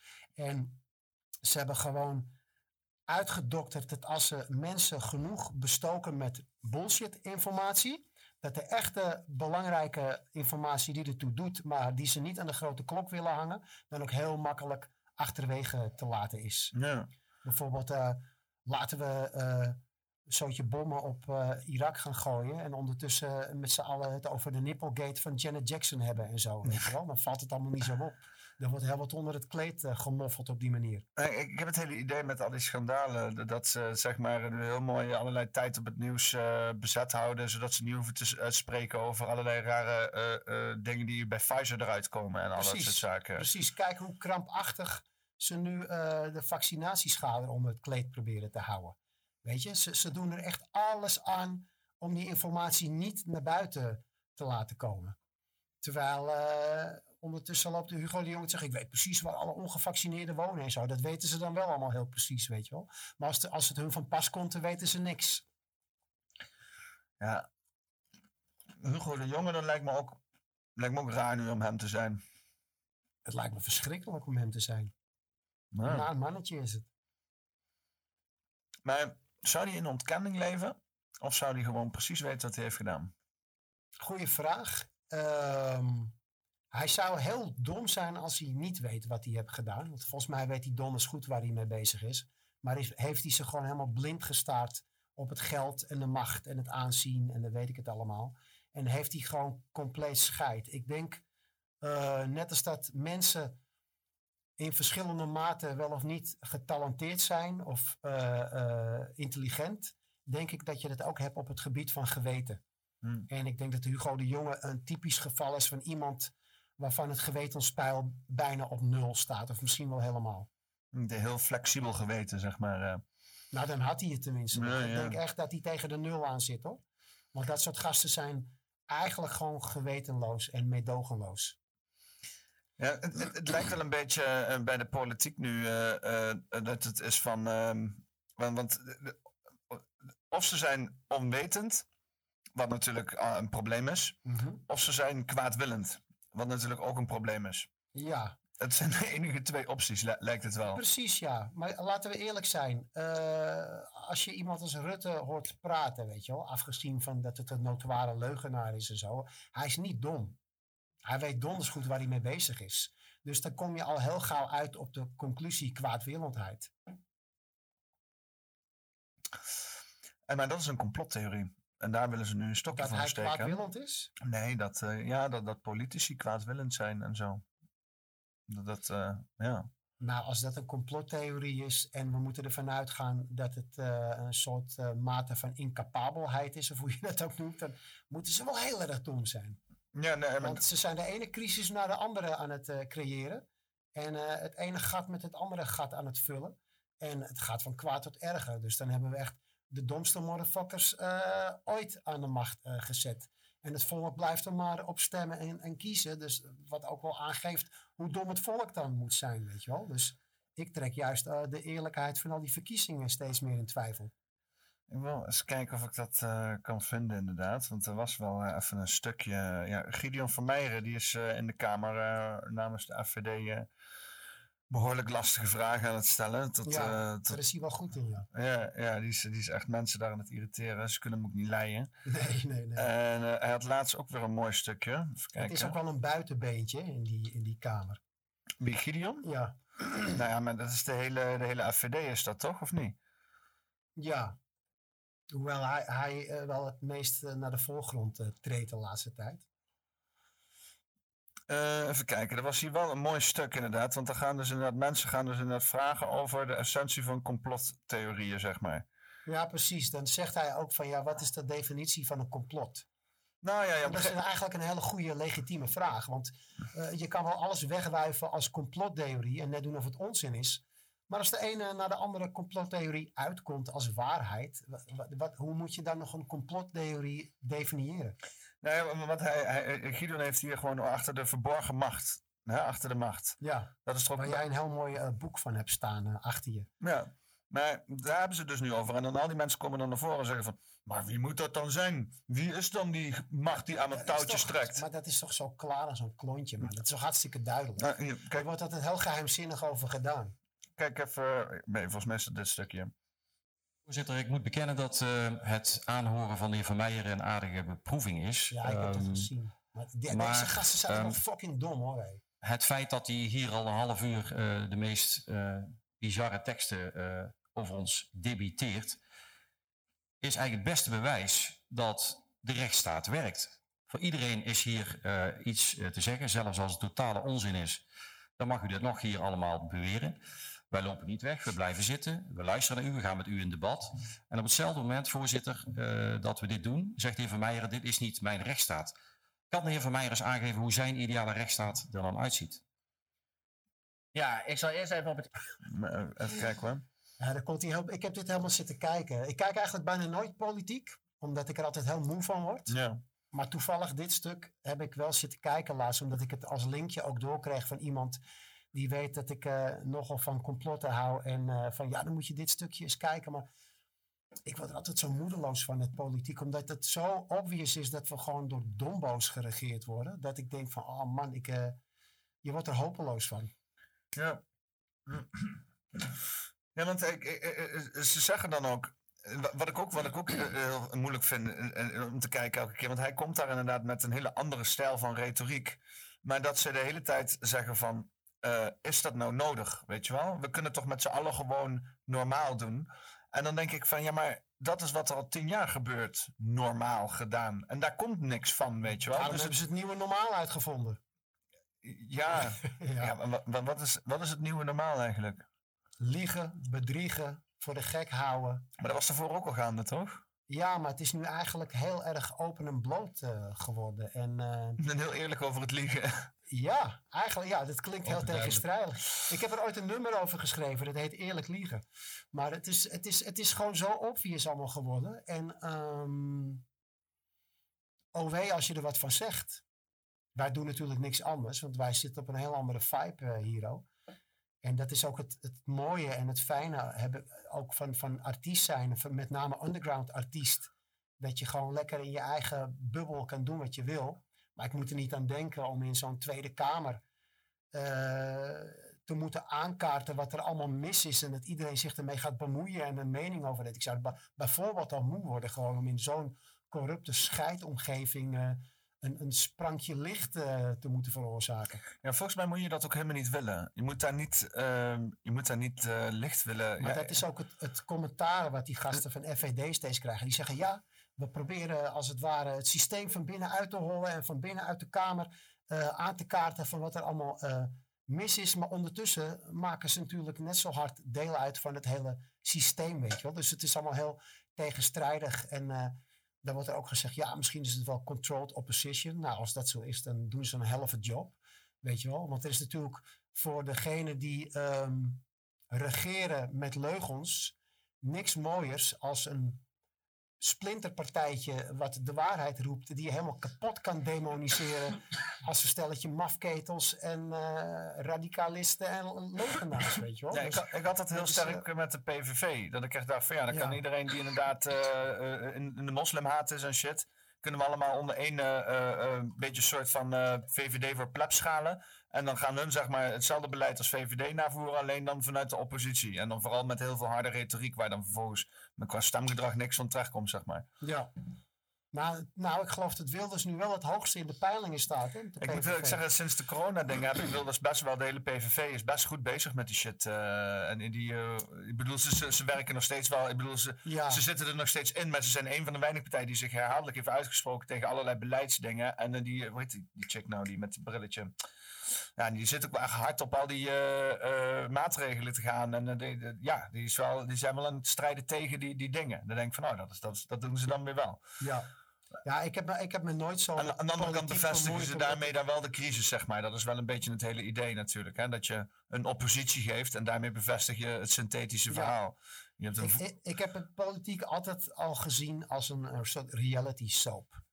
Voor mensen die erin geloven, weet je wel. Mhm. Het, het- geeft mensen het gevoel dat je stem iets uitmaakt. En dat je gewoon kan zeggen... eh, ik kies poppetje A of poppetje B. En dat je dan het gevoel hebt dat jouw stem er ook toe doet. Maar het is allemaal eh, één grote poppenshow natuurlijk. Podcast. Ja. Poppenkast. Poppenkast. Eh, ik, ik laat nog even een klein stukje zien. eh, en dan ga ik ondertussen nog even een biertje pakken. Hoe laat leven we inmiddels eigenlijk? Is dit de bijdrage? De refrein. Ja, voorzitter, dan ben ik toch een beetje nieuwsgierig geworden. Want als al die handen zich ineen slaan tot een vuist om de staat omver te, te gooien, zeg maar. Wat is dan het alternatief? Wat komt er voor in de plaats? Een andere vuist? eh, een andere elite? Ik snap het nog steeds niet precies hoor.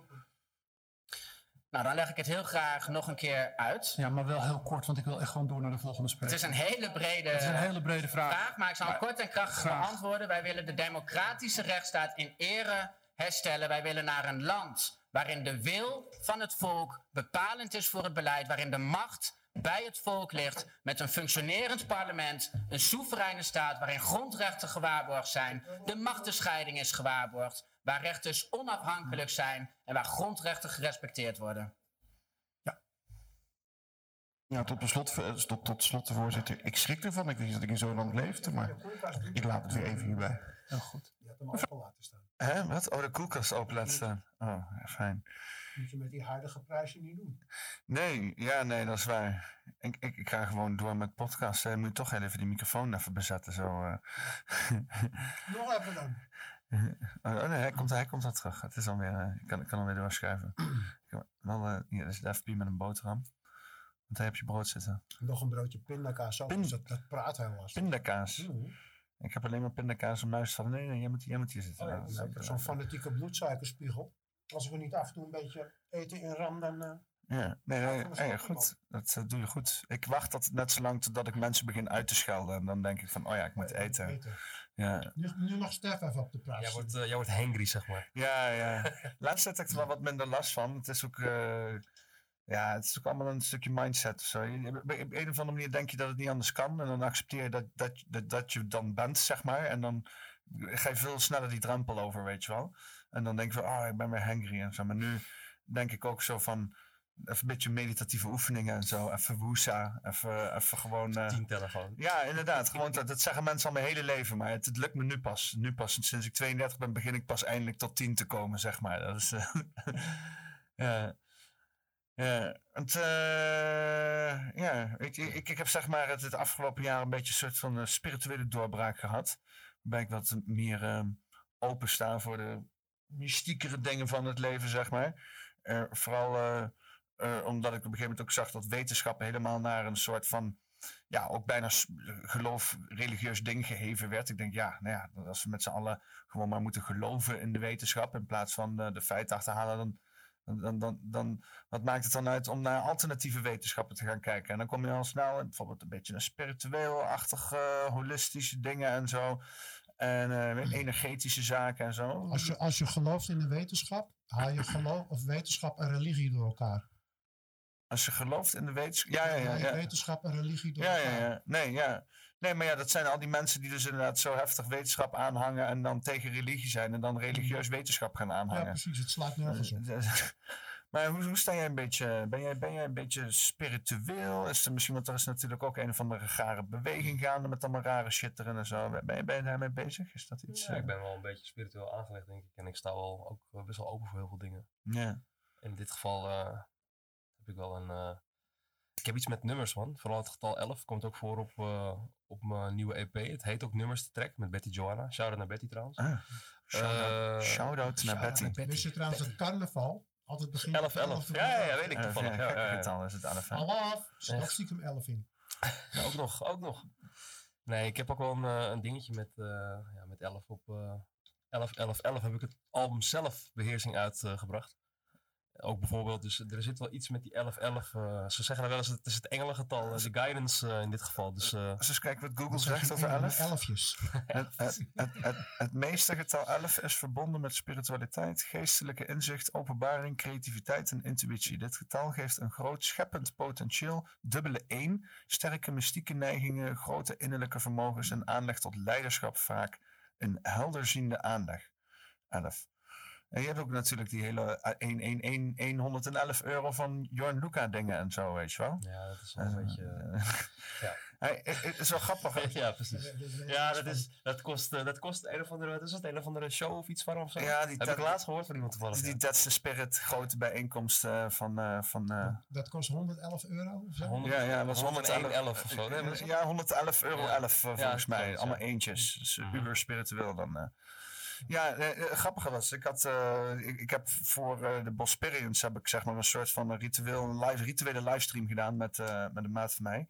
En hij is helemaal into shamanisme en dergelijke. En, had een heel- Rituele livestream. ja, een rituele livestream. Waren Ja. de kinderen bij? Nee, nee, nee. Nee, dat was een kinderloze rituele livestream, inderdaad. Dat is alleen 18 jaar en ouder. Nee, eh, hij, hij had hier de studio geprepareerd met allemaal objecten die betekenisvol waren en die uitgelijnd aan de eh, eh, lijnen. en een beetje ingewijd. En ik ben hier met een masker gaan zitten, een monnikengezang en zo. En, en we hebben gewoon een livestream gedaan daarna. En ik kreeg uit die livestream kreeg ik een heel rare anomaly in mijn analytics. Namelijk in één keer, normaal gaat dat een beetje zo, zo een beetje zo, weet je wel. In één keer een piek van 200 abonnees die ik erbij kreeg. En daarna een piek van 200 die er weer afgingen. Dus dat kan ik zo ook terug laten zien. Het is gewoon heel raar. Een piek, zo. Het staat er heel raar. Dus eh, die piek die kwam precies uit op eh 333,8. 33338. Was die avond was het Lionsgate. Dat staat dan ook in eh, het thema Oh, van, ja. van De acht- opening. 88 volgens mij. En ehm, dus wij zijn ook bezig gegaan met die nummers. Eh, we hebben dat op een of andere manier doorgetrokken naar de Bosperians. Ook inderdaad die thema 3338 in, in leven gehouden. Vooral inderdaad 333. Heb ik inderdaad die eh, eh, livestream gedaan. Daar heb ik helemaal niet op gelet. En, die livestream die eindigt dus op 3337. Dus ik weet niet precies wat daar gaande is. Maar ik vind nummers ook fascinerend. Om er daar in ieder geval door te leiden. En wat het dan betekent. En ook alle podcasts komen op een of andere manier op een bepaald nummer uit. Wat Check sowieso die track, man. Die track is ook voor jou gemaakt, hoor ik al. Echt, het is, Ja? eh, ja, het is een mooie track wat dat betreft. man. Wat, eh, ik kan hem even opzetten. Een lekker Wat- nummer. wat- hoe- Een lekker nummer. Heel goed, scherp, scherp. Ja, ja, ja. Hoe, eh, Nummers heet die. Nummers? Ja. Van MC Stef, toch? Ik. Klopt. Oké, gaan we- ik ben benieuwd. Eh, oh, krijg ik hem niet gewoon... eh, wat Als is... goed eh, is staat eh, Dan schenk ik nog even een glaasje LSD. ja. Eh, even naar video's. En dan uh, kunnen we hier zoeken. zet je Nummers. zo anders erachter. Hè? Als je zo anders erachter zet, de naam van de, Zo anders? van de EP, dan, dan ga je hem sowieso vinden. Dus nummers en dan zo anders. Nummers, zo anders. Dan vind je hem waarschijnlijk meteen bovenin. Oh, is- hier, nummers. Ja, ja, ja, ja.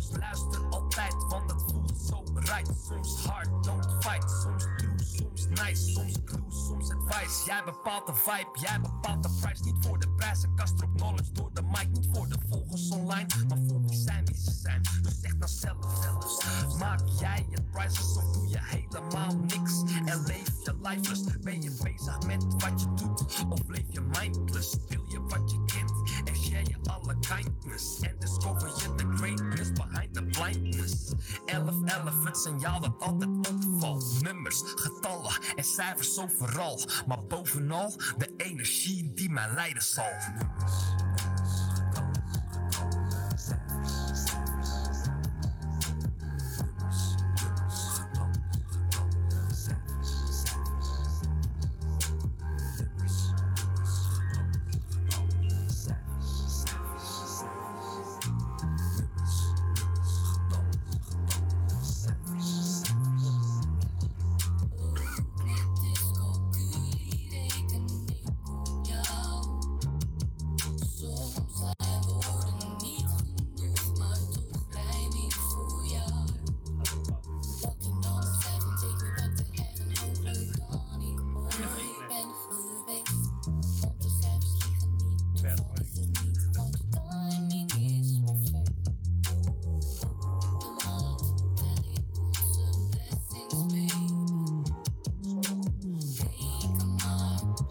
Vrouwenstem dan? Dat is Betty Joanna. Ah. Ja. Ik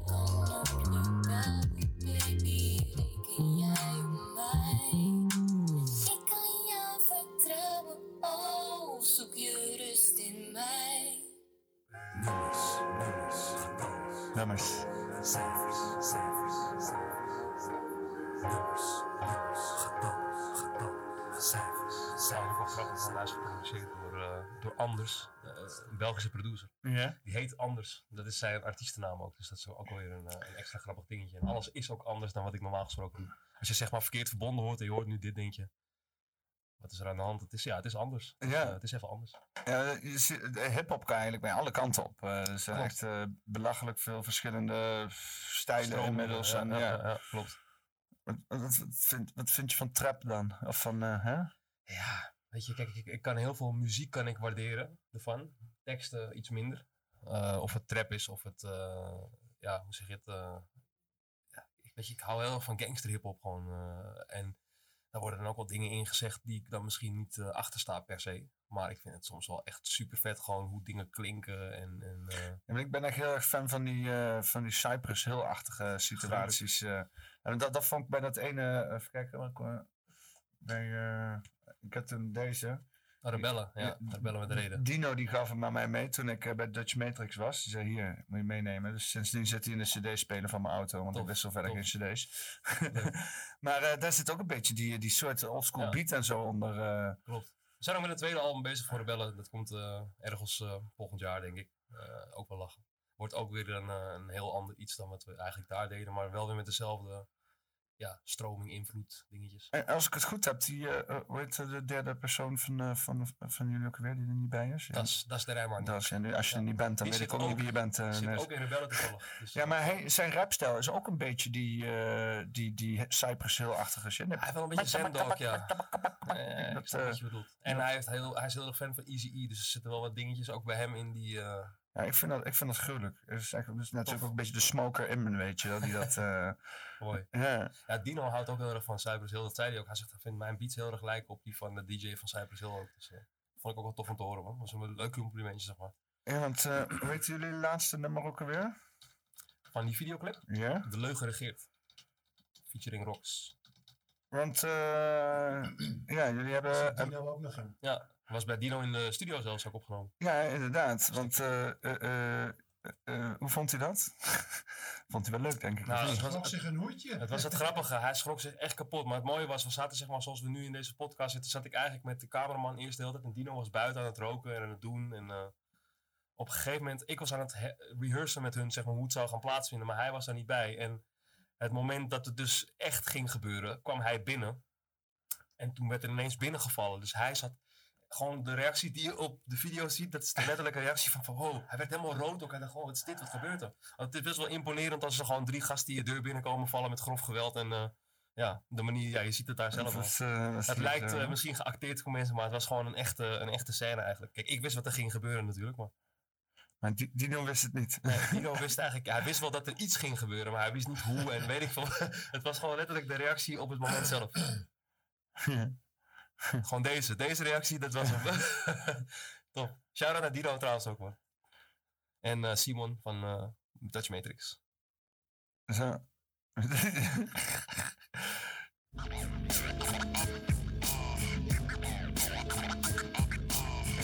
Media trouwens voor de, voor de vette video. hebben ze echt, hebben ze gedaan. heel dope gedaan. Wel, Media, echt. Shout-out. Ja.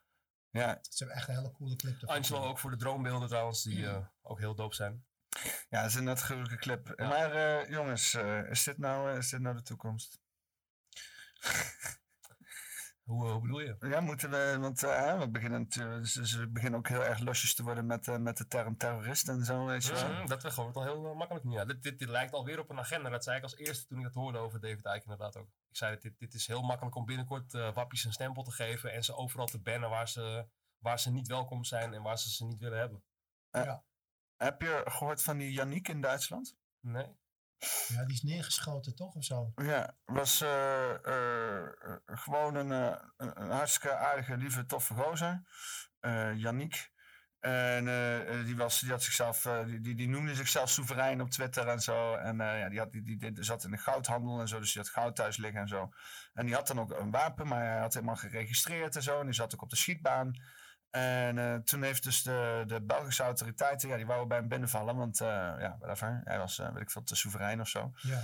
Uh, maar ja, dus de lokale agenten, ja, die wouden dat niet doen. Want die zaten met hem op de schietbaan en die kenden hem. uh, dus die zeiden van, ja, dat gaan we niet doen. Dus hebben ze een of Hij andere... wist hoe goed hij kon schieten natuurlijk.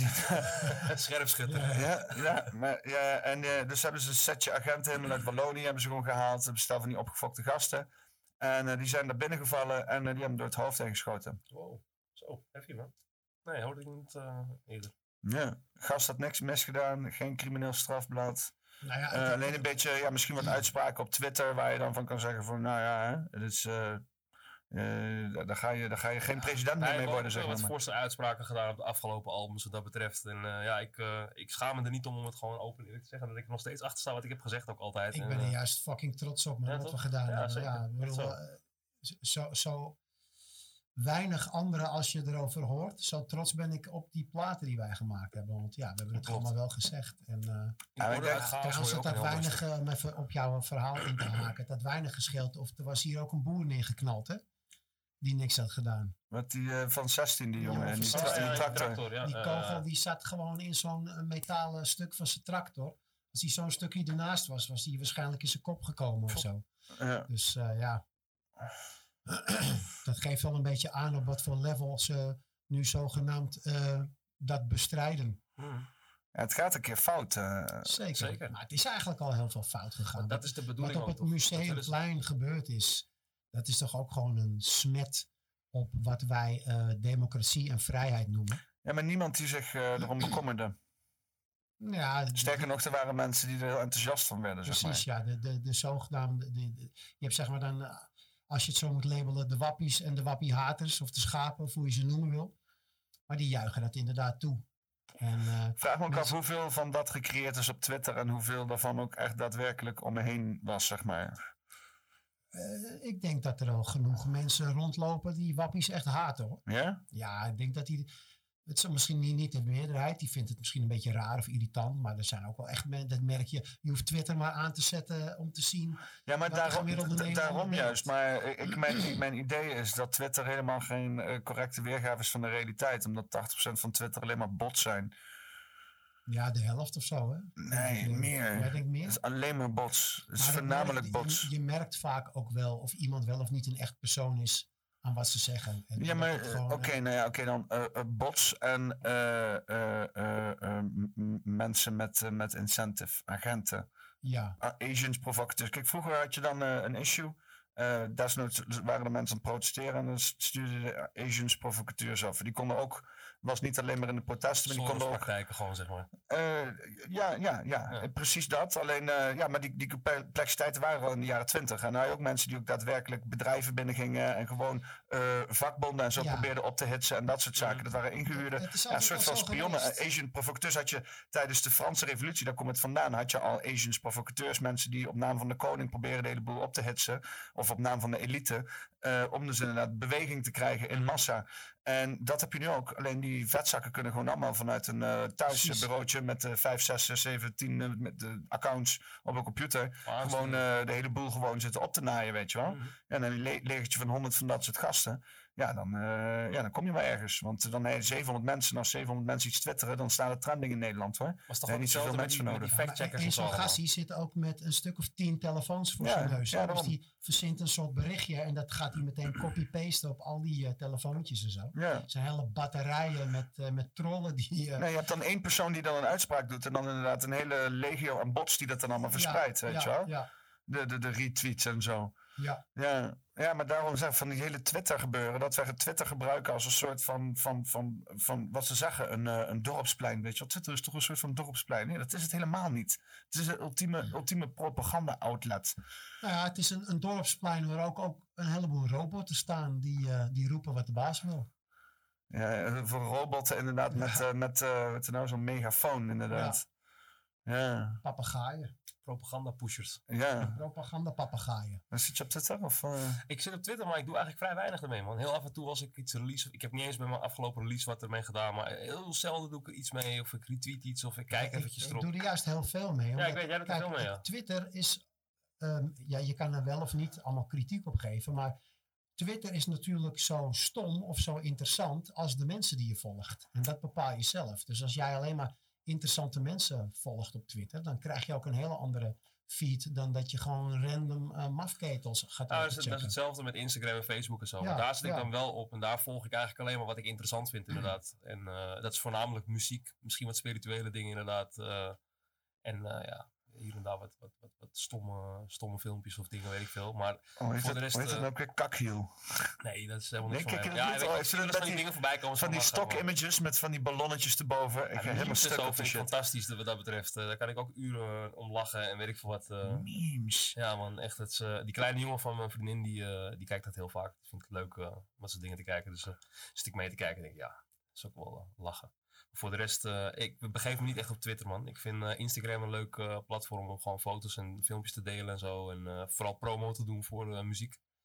Ja, Facebook eigenlijk is de dingen die ik op Instagram post, gaan automatisch door naar Facebook. En Ja. ik doe eigenlijk voor de rest vrij weinig nog met losse posts van, wat denk jij bij Facebook? Nee, dat doe ik niet aan man. Het is gewoon eigenlijk... Geen interactie meer op Facebook. Nee, en ik denk ook eerlijk gezegd, als ik, als ik zeg maar, mijn profiel ook op Facebook en op zowel Instagram zijn gewoon MC Stef. Ik heb geen Stefan, zoals mijn eigenlijke naam is dan in dit geval. Ik, dat heb ik allemaal niet. Ik denk dat ik ook niet zou hebben als ik niet eh, iets met muziek zou doen, zo denk ik. Misschien een profiel waar ik een fake naam had verzonnen, en- maar ik zou niet... eh, ik heb al hebben en houden ooit gewoon bij wijze van gedeeld op, eh, op social media. En, maar ik ben er ook niet zo van meer eigenlijk. Ik heb eh, wel Instagram. gezien. Instagram kan je lekker op eh, Facebooken zonder al het getwitter. Hey, kijk eens, Bars. Bars van de meester. Ja, het is wel. eh, ik, ik, heb eigenlijk altijd al vanaf het begin eh, social media gezien als een outlet voor creativiteit. En nooit echt om zeg maar eh, communicatie of ja, of echt om het persoonlijk of zo te, te vertegenwoordigen. Dat doen mensen echt al. En ook consumeren, weet je wel. Echt shit kijken via social media en dergelijke. Ik, ik, Toch maken we ons er allemaal schuldig aan als je op de wc zit of ergens onderweg aan het wachten bent of weet ik wat. Ja, want ik, ik, ik doe dan 9gag, is een app. En Ja, dat is alleen maar uitsluitend memes. Kan je, is ook een social media, want je kan het dan zelf uploaden en zo. Eh, ik heb daar... eh, Een soort als van dumpert, maar dan eh, anders. Ja, misschien ja. Het is, het is ook een beetje sketchy, want het zit in Hongkong en het is recent overgenomen door de Chinese overheid en zo. Hè. Dus, eh, dus ja, dus, dus af en toe wordt er nog wel eens wat, eh, ja, als je te anti-Chinees bent, iets ge- gecensureerd en zo, weet je wel. Het is wel, wel interessant om daar informatie binnen te zien komen van bijvoorbeeld eh, eh, de oorlog in Oekraïne en eh, via Telegram. Dat is echt eh, een wereld van verschil. Dat is echt bizar. Maar ja, dat- dat, eh, dat is het enige, weet je wel. En dan kijk ik inderdaad, als ik op de wc zit, zit ik te scrollen totdat mijn been slaapt. En dan, en dan, en dan probeer ik de wc te komen en dan lig ik weer met mijn kop tegen het kastje aan hier. Dat soort dingen. Met je wc scroll. Met je wakker in de hoek, weet je niet wat er gebeurd is. Ja, met mijn broek op mijn enkels. Terwijl de buurvrouw staat aan te bellen. Ja, ja. Het was er niet op tafel. nee, die stond hier toevallig. Ja, die was er al. Ja, maar ja, eh, eh, eh, ik, ik probeer niet te consumeren. Ja, YouTube is, ja, is YouTube social media? YouTube is ook wel een, een medium waar echt, eh, wat dat betreft, social media gericht ook wel wat gepromoot het wordt in ieder geval ook wel steeds meer een gecontroleerde omgeving met heel veel censuur. Ja, die fact-checks, bullshit en allemaal dat soort dingen, joh. Ja, je kan een aflevering die al verwijderd is eh, bij mijn kanaal. Waardoor? Ja, ze zeggen COVID misinformatie, maar ik Ja, veel. ja, maar die heb ik zo vaak op Instagram gekregen met dingen die ik ook deelde en zo. Het slaat helemaal nergens meer op, joh. Ja, ja. En dan worden er filmpjes afgeschermd die je dan kijkt dat je denkt... Er is eigenlijk heel weinig censuur aan dit, behalve dat het niet gezien mag worden door het grote publiek. Ja, ja, ja. Ja, want ja, want mensen krijgen toch wat te zien uiteindelijk, weet je. Dat is een stomme... Toch wel voorbij, dat is- Telegram of eh, whatever. ik, ik snap ook helemaal het nut er niet van. eh. maar het stomme was, want eh, YouTube heeft zo'n heel eh, straf eh, protocol, zeg maar. En dat, eh, dan, dat, ik sta nu ook voorwaardelijk en ik mag dan tot en met zoveel februari niks fout doen, want dan eh, heb ik meteen een blok. En ik had laatst dus eh, ging streamen en had ik een nummertje gedraaid met auteursrechtclaim erop. Nou ja, normaal dan gebeurt er niks. Dan eh, zeggen ze gewoon, je mag je geld verdienen erop, maar dat doe ik sowieso niet. Eh, maar nu eh, werd gewoon mijn YouTube-kanaal voor een week op slot gezet. Godverdomme. Dus dan met- YouTube gevangenis voor jou. ja. ja, weet je wat het is? En dan zeggen mensen eronder van, ja, ga dan naar eh, Rumble toe. Maar ja, ik zit al lang op Rumble, maar daar gaan mensen niet heen. Daar kijkt geen hond. Nee. ik heb 200 subscribers nodig, dan kan ik streamen op Rumble. Maar ik heb er 87. Ja, maar dat is zuur, weet je wel. Dan zeggen mensen, die reageren dan op YouTube, op mijn filmpje, dat ik naar Rumble moet gaan. Terwijl ik al een Rumble pagina heb, weet je wel. Dus eh, ze hebben zelf niet eens gezocht, weet je wel. Of, dus eh, ja, het, is, het, het getuigt precies van wat het mensen, als zolang mensen op YouTube blijven hangen, dan zitten wij als creëerders vast in zo'n gevangenis, weet je wel. Want dat is schijnbaar wat mensen willen dan. Censuur. Ga jij je vrije mening maar in een grot roepen. Ja, ja. Gewoon last direct van terug naar jezelf. ja. Gewoon. Alleen maar bij jezelf eh, horen. Ja, maar, maar wat zou de ideale wereld zijn dan? Gewoon, eh, alles mag gezegd worden. Is, is, is, vrije, is vrije spraak, zeg maar, is dat absoluut? Ik weet niet of dat eh, een utopia gaat creëren, maar eh, ik denk dat iedereen sowieso altijd wel een mening over iets heeft. Of die hem uitspreekt is een tweede. Eh, dat, Opinions are like assholes. Everyone has one. Ja, en je kan hem ook stoppen waar de zon niet schijnt, die Ja. mening. Dat ook.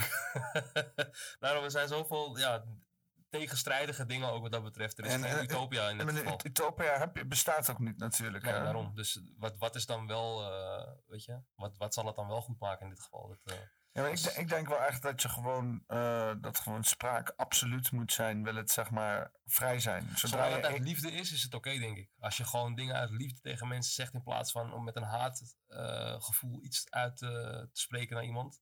Maar zelfs, zelfs beter al zou iemand vanuit haat opereren, dan Mhm. nog heb ik liever dat hij straight op zegt wat hij denkt, dan dat hij aardig tegen je doet en ondertussen jou keihard haat. Ja, dat is dus wat helemaal- dat betreft, ik ben ten alle tijden voor vrije meningsuiting en gewoon zeggen wat je denkt, want dan weet je wel precies wat je aan iemand hebt. Tuurlijk, dat is zeker waar. Maar dan alsnog, als je iets uit liefde tegen iemand wil zeggen, dan komt het beter over dan dat je Tuurlijk. het op een grove manier overbrengt, denk ik ook. En dat, ik denk dat dat heel veel mist ook eh, bij heel veel, gewoon communicatie in het algemeen, ongeacht eh, de aard van de communicatie. De communicatie is key gewoon in dit geval en dat wordt te vaak, ja, hoe zeg je dat, eh, achterwege gelaten ook door mensen, omdat ze geen zin hebben om te communiceren. Want nee, want jij, ik heb gehoord en als je gewoon met elkaar gaat praten en openlijk het erover hebt, misschien kom je tot een hele andere conclusie bijvoorbeeld, weet je. Dat, eh, is het ook misschien angst? Ook zeker wel, denk ik in dit geval. eh. er is ook heel veel angstporn natuurlijk verspreid op dergelijke manieren al jarenlang buiten corona om, zeg maar. Want hoe lang is er nou, hoeveel, hoeveel angstscenario's zijn er al wel niet gaande? Hè? eh, we, worden, we gaan allemaal dood door een virus. We gaan allemaal dood door een gigantische tsunami. We gaan allemaal dood door uh, surfen, millennial. surfende ijsberen Zelfs- op een ijsschots. We gaan allemaal dood door had je toch al dat met eh, angst voor zure regen en dat er een komeet zou invallen. Ja, ozonlaag, ja. Precies, ze verzinnen om de haverklap weer iets nieuws. En er komen ook steeds meer dingen bij. Het is denk ik ook een kwestie van tijd voordat we bang worden gemaakt met aliens en zo. Dat er eh, oorlog met een buitenaars ras komt. Ik denk dat we al die maffe shit nog allemaal wel gaan meemaken. Je had al, had een nieuwsartikel waar het zei van een of andere militair expert in eh intergalactische, weet ik veel wat shit van de Space Force. Die had verteld dat eh, als er inderdaad aliens zijn, dat het waarschijnlijk geen vriendelijke aliens zijn. Dus de Space Force maakt zich al klaar. Het hele idee van dat Amerika een Space Force heeft, dat, is, dat geeft ook al aan dat ze gemilitariseerd is, zeg maar. Wordt ze zo knokken met de aliens.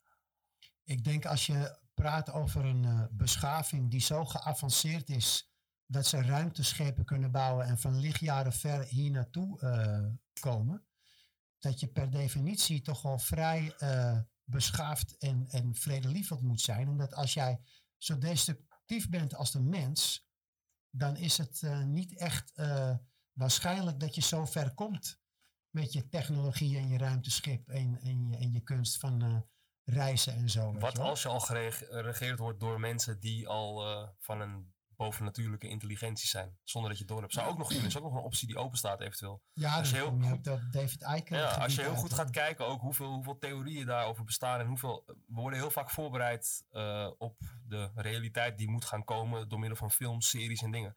Hoeveel dingen zijn er in, in, in weet ik veel, de ruimte te bevinden? Oude series, oude films, oude... Dat komt ook niet zomaar ergens vandaan. Iemand kan wel een idee hebben gehad van iets en het kan getekend zijn. Maar als het zo vaak terugkomt ook, dat er bovennatuurlijke dingen zijn of aliens of andere ja, levensvormen, dan is het toch bijna niet onmogelijk meer, dat, dat waar je het net al straks over hadden, dat, dat moet er wel gewoon zijn dan. Wat als die al misschien een invloed hebben gehad op onze aarde en we al misschien door hun in een ander jasje worden geregeerd. Nou wil ik niet meteen op het reptilians verhaal gelijk inhaken van David Icke. Het Doe is, het wel. Het is, het is, het is, ja, het is leuk, want het is, het is een hele interessante Nou, theorie. je- Je je had een serie vroeger daar ook over. Dat- ik weet niet eens hoe die Ben je serie weer van de heette. reptilians? Nou, ik zal je eerlijk zeggen, ik heb, eh, ik volg David Icke al heel erg lang, omdat ik het altijd een interessante vent heb gevonden. Echt, eh, heb ik het al over meer dan 25 jaar geleden, checkte ik al zijn shit. En toen gegeven moment kwam die dus met die eh reptiele theorie.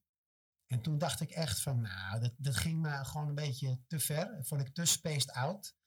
En ik kon het heel moeilijk serieus nemen. En toen heb ik hem een tijdje dus helemaal niet meer gevolgd. Omdat ik gewoon mijn interesse een beetje kwijt was geraakt daardoor. Hoezeer ik ook in aliens geloof. Hoor. Maar ik gewoon die, die theorie was me net iets te bizar. En toen in de, de jaren daarna, toen, eh, want ik, ik las wel zijn boeken en zo. Toen zijn er zoveel dingen uitgekomen en bekend geraakt die hij eigenlijk al voorspelde. Of zei van, dit zit zo en dit gaat gebeuren. Ja. En, dat- en het kwam zo akelig precies uit. Dan denk van, oh, maar hij, hij had het ook over Ja. reptielen. Wat zit het nee, daarmee dan? Ik vind het nog steeds een heel sterk verhaal. staat weer ook. Ja. ook best Maar ik, ik, ben hem, ik ben hem iets meer eh, het voordeel van de twijfel gaan geven. En ik ben eigenlijk juist voor alle dingen die wel uitkomen, ben ik weer eh, zijn boeken gaan lezen en zo. En ik heb ook de meeste boeken van hem al gelezen en de meeste speeches gezien. En dat hele reptiele gedoe neem ik allemaal maar een beetje voor lief. Ik zie dat als een, eh, een interessante hypothese.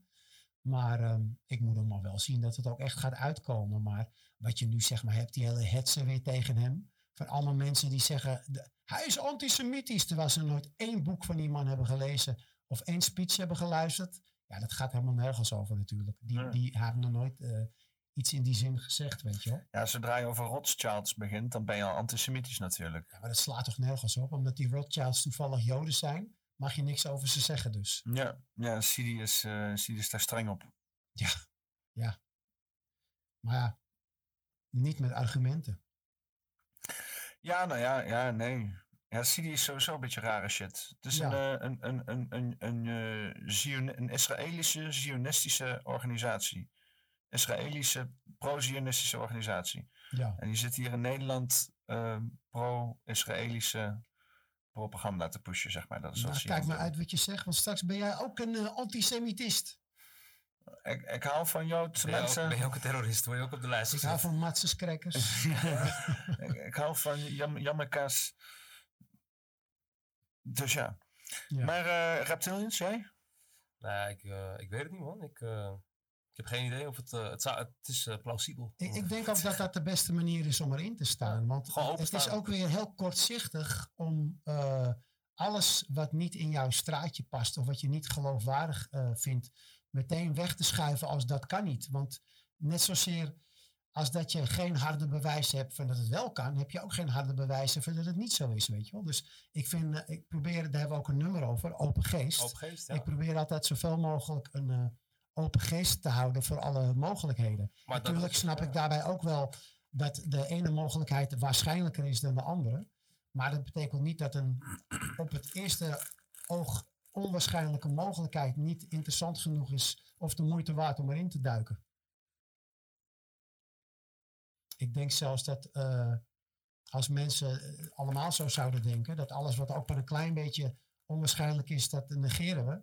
Ja, dan hadden we dus nooit eh, heel veel bepaalde ontdekkingen gedaan en zo. Ja, is in, eh, in Nederland eh, is dat hele doe maar normaal mentaliteit een beetje... Ja, dan doe je al gek genoeg. eh, is dat, eh, sinds wanneer is, is dat Nederlands? Is dat, is dat wel Nederlands? Want vroeger deden we toch behoorlijk gek hier in Nederland, volgens mij. Het is wel van oudsher een beetje een Hollandse traditie. Kijk, Nederland is natuurlijk Ja, van ook al oudsher? generaties lang een, een handelsvolkje. Zeevaartlui die met Jan allemaal handel eh, dreven. En om met al die verschillende volkeren en culturen om te gaan, moet je ook wel een beetje gewoon eh, met alle winden meewaaien en eh, openstaan en makkelijk in de omgang zijn. Noem alleen Amsterdam Dance Event, om maar een heel stom iets te noemen. Wat ik daar nu ook promote, wat helemaal nergens voor nodig is. Maar goed, daar komt de halve wereld op af. Omdat er hier nog steeds gek gedaan wordt en ze hier gewoon hun feestje kunnen vieren met de drugs die ze willen en ze kunnen doen en wha- whatever the fuck, zeg maar. Weet je? Dus wat dat, wat dat betreft ook is er, is er wel een, eh, hoe zeg je dat? Er is een soort, de grens hier is anders dan dat ze bij hun eigen eh, hebben, als het ware. In hun eigen land. Of, dus er is wel nog steeds, Nederland is nog steeds wel het gekke land ergens wel. Ondanks dat er heel veel regels zijn wat dat betreft. Want wat ik zeg ook, het, het drugstoerisme wat naar Nederland toe komt en eh, een weekend helemaal naar de Getver gaat eh, in Amsterdam. Neem die gekke, gekke Engelsen die, eh, weet ik veel, drie pakjes paro's kopen, dronken weggaan, terugkomen, half dronken naar die pakjes op en weer pakjes komen kopen bij wijze van. Ja, dat, dat slaat ook helemaal, weet je. Dus Nederland is nog wel steeds, denk ik, een soort van, van een land waar dat nog steeds wel echt kan en ook altijd was wat dat betreft, maar nog steeds eh, onder het matje geschoven is, lijkt het wel. Wat is gek doen natuurlijk, hè? True, dat ook. Want eh drugsgebruik eh, ehm, is, eh, ehm, denk ik, heel gunstig. Maar de feestjes de, misschien ook. ja. De feestjes, de grote Weet je- feestjes. Weet, En, weet je, het is een paddo's en zo en dat soort dingen. Dat is, dat is allemaal heel goed voor je, weet je wel? Voor je open blik houden en zo. Maar dat is, het zijn natuurproducten ook natuurlijk. ja, Volgens mij is dat ook zo oud als de mens hoor, drugs gebruiken. Volgens mij hebben mensen altijd al planten gebruikt en eh, DMT gebruikt eh, en, en, en, en Daarom wordt het ook verboden, toch? Dat is de reden waarom het verboden wordt. Omdat het geestverruimend is en het mensen dingen in gaat laten zien die ze anders niet zien. Het is wel opvallend dat eh, geestverruimende middelen veel strenger eh, verboden vaak worden dan geestvernauwende middelen. Ja. Ik bedoel, alcohol is een van de bekendste geestvernauwende middelen. Kijk, hoe meer je drinkt, hoe dommer je wordt. En dat is gewoon legaal, weet je wel. En er gebeuren ook de meeste ongelukken mee. Maar eh, dingen waarvan je gaat nadenken, ja, dat moet natuurlijk op de verboden middelenlijst. maar, maar hier in Nederland is het toch wel eh, eh, legaal, paddo's en zo. Paddo's? Nee, niet meer. Vroeger was het wel zo, maar hebben ze ook... Weet je nog dat in eh, Amsterdam die Franse chick van het Nemo eh, af was gesprongen? Na- nadat ze een portie paddo's Ja. had En waarschijnlijk ook al heel veel andere shit. Ja, Zit- ook die- zit die trouwens ook gast in het die- schilderij van mij. van Oh ja? Amsterdam Amusement Park. Die Oh. paddo die van het Nemo eh, op staat. Maar anyway. Je had ook die gast met kaasschaaf, toch? Van, eh, van het hotel bij Amstel. Die met een kaasschaaf eerst de halve arm had opengehaald. Is dat zo? toen Is het hij waar gebeurd of is dat een lulverhaal? Nee, dat is ook eentje, man. Die eh, van het Oh, hotelletje bij Amstel. Dat is wel heel Hollands. en met een kaasschaaf, ja, dat dan ben je wel Het is echt die Dutch experience, gewoon. eh Casa, Casa Hotel, weet ik veel. Zo. Casa Het Kaasschaafhotel. Kaas, nee, dat, was, dat was de grap nou juist ook. Dat dat toch in, in, in matcht ook gewoon. Ik weet wel dat er iemand gewoon eh, in zo'n hotel was doorgedraaid. En, eh, nee, maar je mag nu bijvoorbeeld nog wel eh, bij smart shops mag je, eh, hoe heet het? hoe heet het nou? Die, die, die, die, Truffels. Truffels, Ja, wij truffels mag verkopen je kopen. Ja. Wij verkopen truffels, Ja. geen paddo's. Omdat het dan boven de grond eh, groeit, mag het niet. Maar onder de grond mag het wel. Maar de Wie verzint dat eigenlijk in godsnaam, jongen, Ja, dat is toch hetzelfde met die, met die hele... Dat moet je ook wel eens uitleggen aan die toeristen. Van ja, eh, eh, de export en het groeien ervan, dat mag niet. Maar En de het, mag wel, het mag wel verkocht worden in de shop en je mag het wel roken daar. Maar buiten de shop mag het ook eigenlijk weer niet groot worden. Hè? Wat? Je mag het wel opeten, maar niet uitpoepen. Ja, Hoe, zit het nou met... Hou het vooral in. Want je mag ook vaak ook niet tabak ook nog een keer niet roken. Dat dan, ook toch? nog. En dan ja, ook ja, nog... eh. Dat wordt ook, ook ge- gedoogd door de koffieshops weer. Je mag wel inhaleren, maar niet uitblazen. Ja, je moet gewoon zorgen dat ze niet zien wat je draait. Want ze mogen hem toch niet Je mag de openmaken. sigaretten nooit op tafel hebben liggen in de shop en zo. Als je ook al draaien met sigaretbewijs van. Ja, ik doe het gewoon altijd op mijn schoot even zo, weet je wel. Ik draai puur, dus ik heb nergens last van. En ik zit eigenlijk vrijwel niet in de shop, want ik heb heerlijke eigen deeltjes van eh, mij en vrienden van me heen. Dus dat scheelt. Maar ook nooit voor de gezelligheid even in de shop? Heel, heel soms, maar dan kom ik gewoon mijn eigen wietje meestal en dan bestel ik gewoon een drankje, want zo ben ik dan wel weer. Ik kom niet met eigen consumptie binnen. Ik, ik, ik, wil- ik was laatst eh, eh, in- die Bulldog waar je dan nog wel bier kon drinken. En ik was laatst op Rembrandt en er was ook zo'n shop waar je bier kon drinken, maar dat kan dan ook weer niet, weet je wel. Wordt dan ook weer... eh, Ja, dat noemden ze vroeger de natte koffieshops. Je had Ja. zeg maar de droge koffieshops, die Ja. verkopen alleen wiet. En de natte verkochten er ook drank bij. Dat meen je niet. En daar, ja, dat is dan van het wethoudersjargon ja. en zo. De- maar die natte koffieshops, die zijn ze wel steeds meer eh, zijn, eh, gaan verbieden. Ja, volgens mij is alleen nog die Bulldog eh, in Er de zijn, steeg. ja, er zijn er nog een handjevol over, maar... Natte coffeeshops. Ja, zo heet dat in de Oh, zo ga ik dat voor, voor, voor, dan ga ik dat ook vragen de komende tijd. Als ik dan eh, ergens zei, hey, zijn er nog ergens natte coffeeshops hier? Of? Ja. Ja, maar dat soort dingen toch. Ik bedoel, wa- Ik weet nog een keer dat ik voor een televisieprogramma eh, wat wiet moest kopen. En eh, of ik dat wou voorschieten, dus moest ik ook een bonnetje hebben. nou, ik, ik ben heel veel coffeeshops langs geweest in Amsterdam voordat ik Niemand. gewoon een bonnetje kreeg. Ja. Dat was wel een moeilijke vraag hoor. Een bonnetje? Voor wiet? ja. Dat is export die binnenkomt, Ja. eh, of import die eh, binnenkomt. Maar waar moest je een bonnetje voor hebben? Voor wiet. Maar, Gewoon maar, zo. maar- maar voor wat? Voor de belasting of Voor zo? het Of- programma, zodat ze het geld voor terug kunnen krijgen zeker. Ja, heel, dat was heel lang geleden moest ik aan een, weet ik aan een van het programma mee. En dan moest ik dan een joint draaien en roken met Johnny Jordaan of zo, weet ik veel. Heel vaag allemaal. Er was een acteur verkleed als Johnny Jordaan en die, dan moest, die moest dan een joint hebben, weet ik veel wat. Oké. Maar genoeg, het was in ieder geval vrij lastig om daar een bonnetje voor te krijgen. Eh, eh, Oké, bonnetje voor de wiet. Ja, nee, ja, dat, dat, dat, dat doet niemand inderdaad, ja. Eh, en wat is nou eigenlijk sowieso een bonnetje? Want die kan je gewoon schrijven, toch? Je kan gewoon een bonnetje schrijven, toch? Of moet er iets op staan? Ja, maar die moet natuurlijk wel gelinkt zijn aan je, aan je kassa. Je, Een inventaris of zo. Die moet je eh. terug kunnen vinden in de Ja, boekhouding. dat is dus gewoon bonnetje 1. Kijk, jij, jij, re- jij refereert naar alles wat geschreven staat is, eh, is waarheid. Het eh, staat zo. geschreven. Het staat Nee, ja, maar- geschreven. nee, nee, ja, maar- ik heb hier een Zoals portemonnee. het staat een boekje van Hans Steeuwen. Het ja. staat geschreven. Nee, maar het, het hoeft niet per se een Excel-sheet te zijn, toch? Het kan toch gewoon, als je nooit bonnetje uitschrijft, doe je gewoon een, een papiertje, doe je schrijven bonnetje nummer 1, dit is waar je voor betaald hebt, en de naam van de koffieshop, weet je, er, een telefoonnummer eronder zo. En dan doe je in een schrift, doe je schrijven bonnetje nummer 1 van dit product. Zo, voilà, dan heb je Het zou de eerste, kunnen, hè? eerste en enige bonnetje die in maakt het dan legit dat het uit een apparaatje vandaan komt, digitaal? Dat is, de- is dat Nee, het, het heeft ja. alleen, het moet alleen bepaalde cijfers op staan. Vroeger was dat ook nog, eh, dat je echt een bonnetje schreef nog met de hand. Ja, ja, Ja. ja. vroeger was er helemaal niet, niks Dat digitaal en shit. Echt. Ik, vraag me af hoe dat dan vroeger in de kruidenier ging, weet je wel? Gewoon echt begin, jaar, begin vorige eeuw. Heeft u wat droogs voor mij? Droogs. Ja, ik schrijf al even een bonnetje. Oh ja, droogs. Maar nee, ja, nee, maar de, de kruidenier. Nee, maar kon je, dan, kon je dan ook drugs krijgen bij de kruidenier? Eh, ja, nou ja, kruiden en drugs liggen natuurlijk vrij dicht bij elkaar. Maar eh, Want wat de fuck verkochten ze bij de kruidenier? Want het was ik natuurlijk geen denk van oudsher wel kruiden. Ja, want ik heb het idee dat de kruidenier een soort van de voorloper was van de supermarkt. Is het ze- ook? Is het ook? Zo heette het ook vroeger, toch? Ja, ja. De kruidenier. Maar het is wel heel ouderwets om de supermarkt nu nog kruidenier te noemen. Dat doen, dat doen misschien echt mensen van boven de 90. Ja, echt. Ja, Ja. echt zo. Mijn oma zei dat vroeger inderdaad Ja. ook. Ja. Ja, precies, ja. Of de melkboer of zo. Terwijl het al lang een bakkerij was geworden, maar het was nog steeds de melkboer. Gewoon. En zij noemden het de melkboer. Ja, de melkboer. Ik ga naar de melkboer, kom terug met een brood. Begint het te dementeren. ja, maar eh, eh, eh, ik- zat daar laatst met iemand over te praten. Want die zei dus dat er dus ook in Leersum, dat was met Bas, eh, dat er dus inderdaad iemand rondreed. En die haal- haalde de, de aardappelschillen op. Die kwam aardappels brengen en die haalde de aardappelschillen op. Voor de kinderboerderij. De Schilleman. Ja, ja, ik weet niet wat er dan met de schillen Ja. gedaan werd. Maar, maar ik denk van ja, je had vroeger uit, volgens mij je helemaal voor elkaar. Alles werd gebracht en zo. Ja, je circulaire economie, weet je. De melkboer kwam de flessen weer ophalen. En dan ging hij weer gewoon huts vanuit de eiers zo de fles in. De, de aardappelboer kwam de, de schillen weer ophalen. En die gingen naar Ja. de varkensboer. Ja.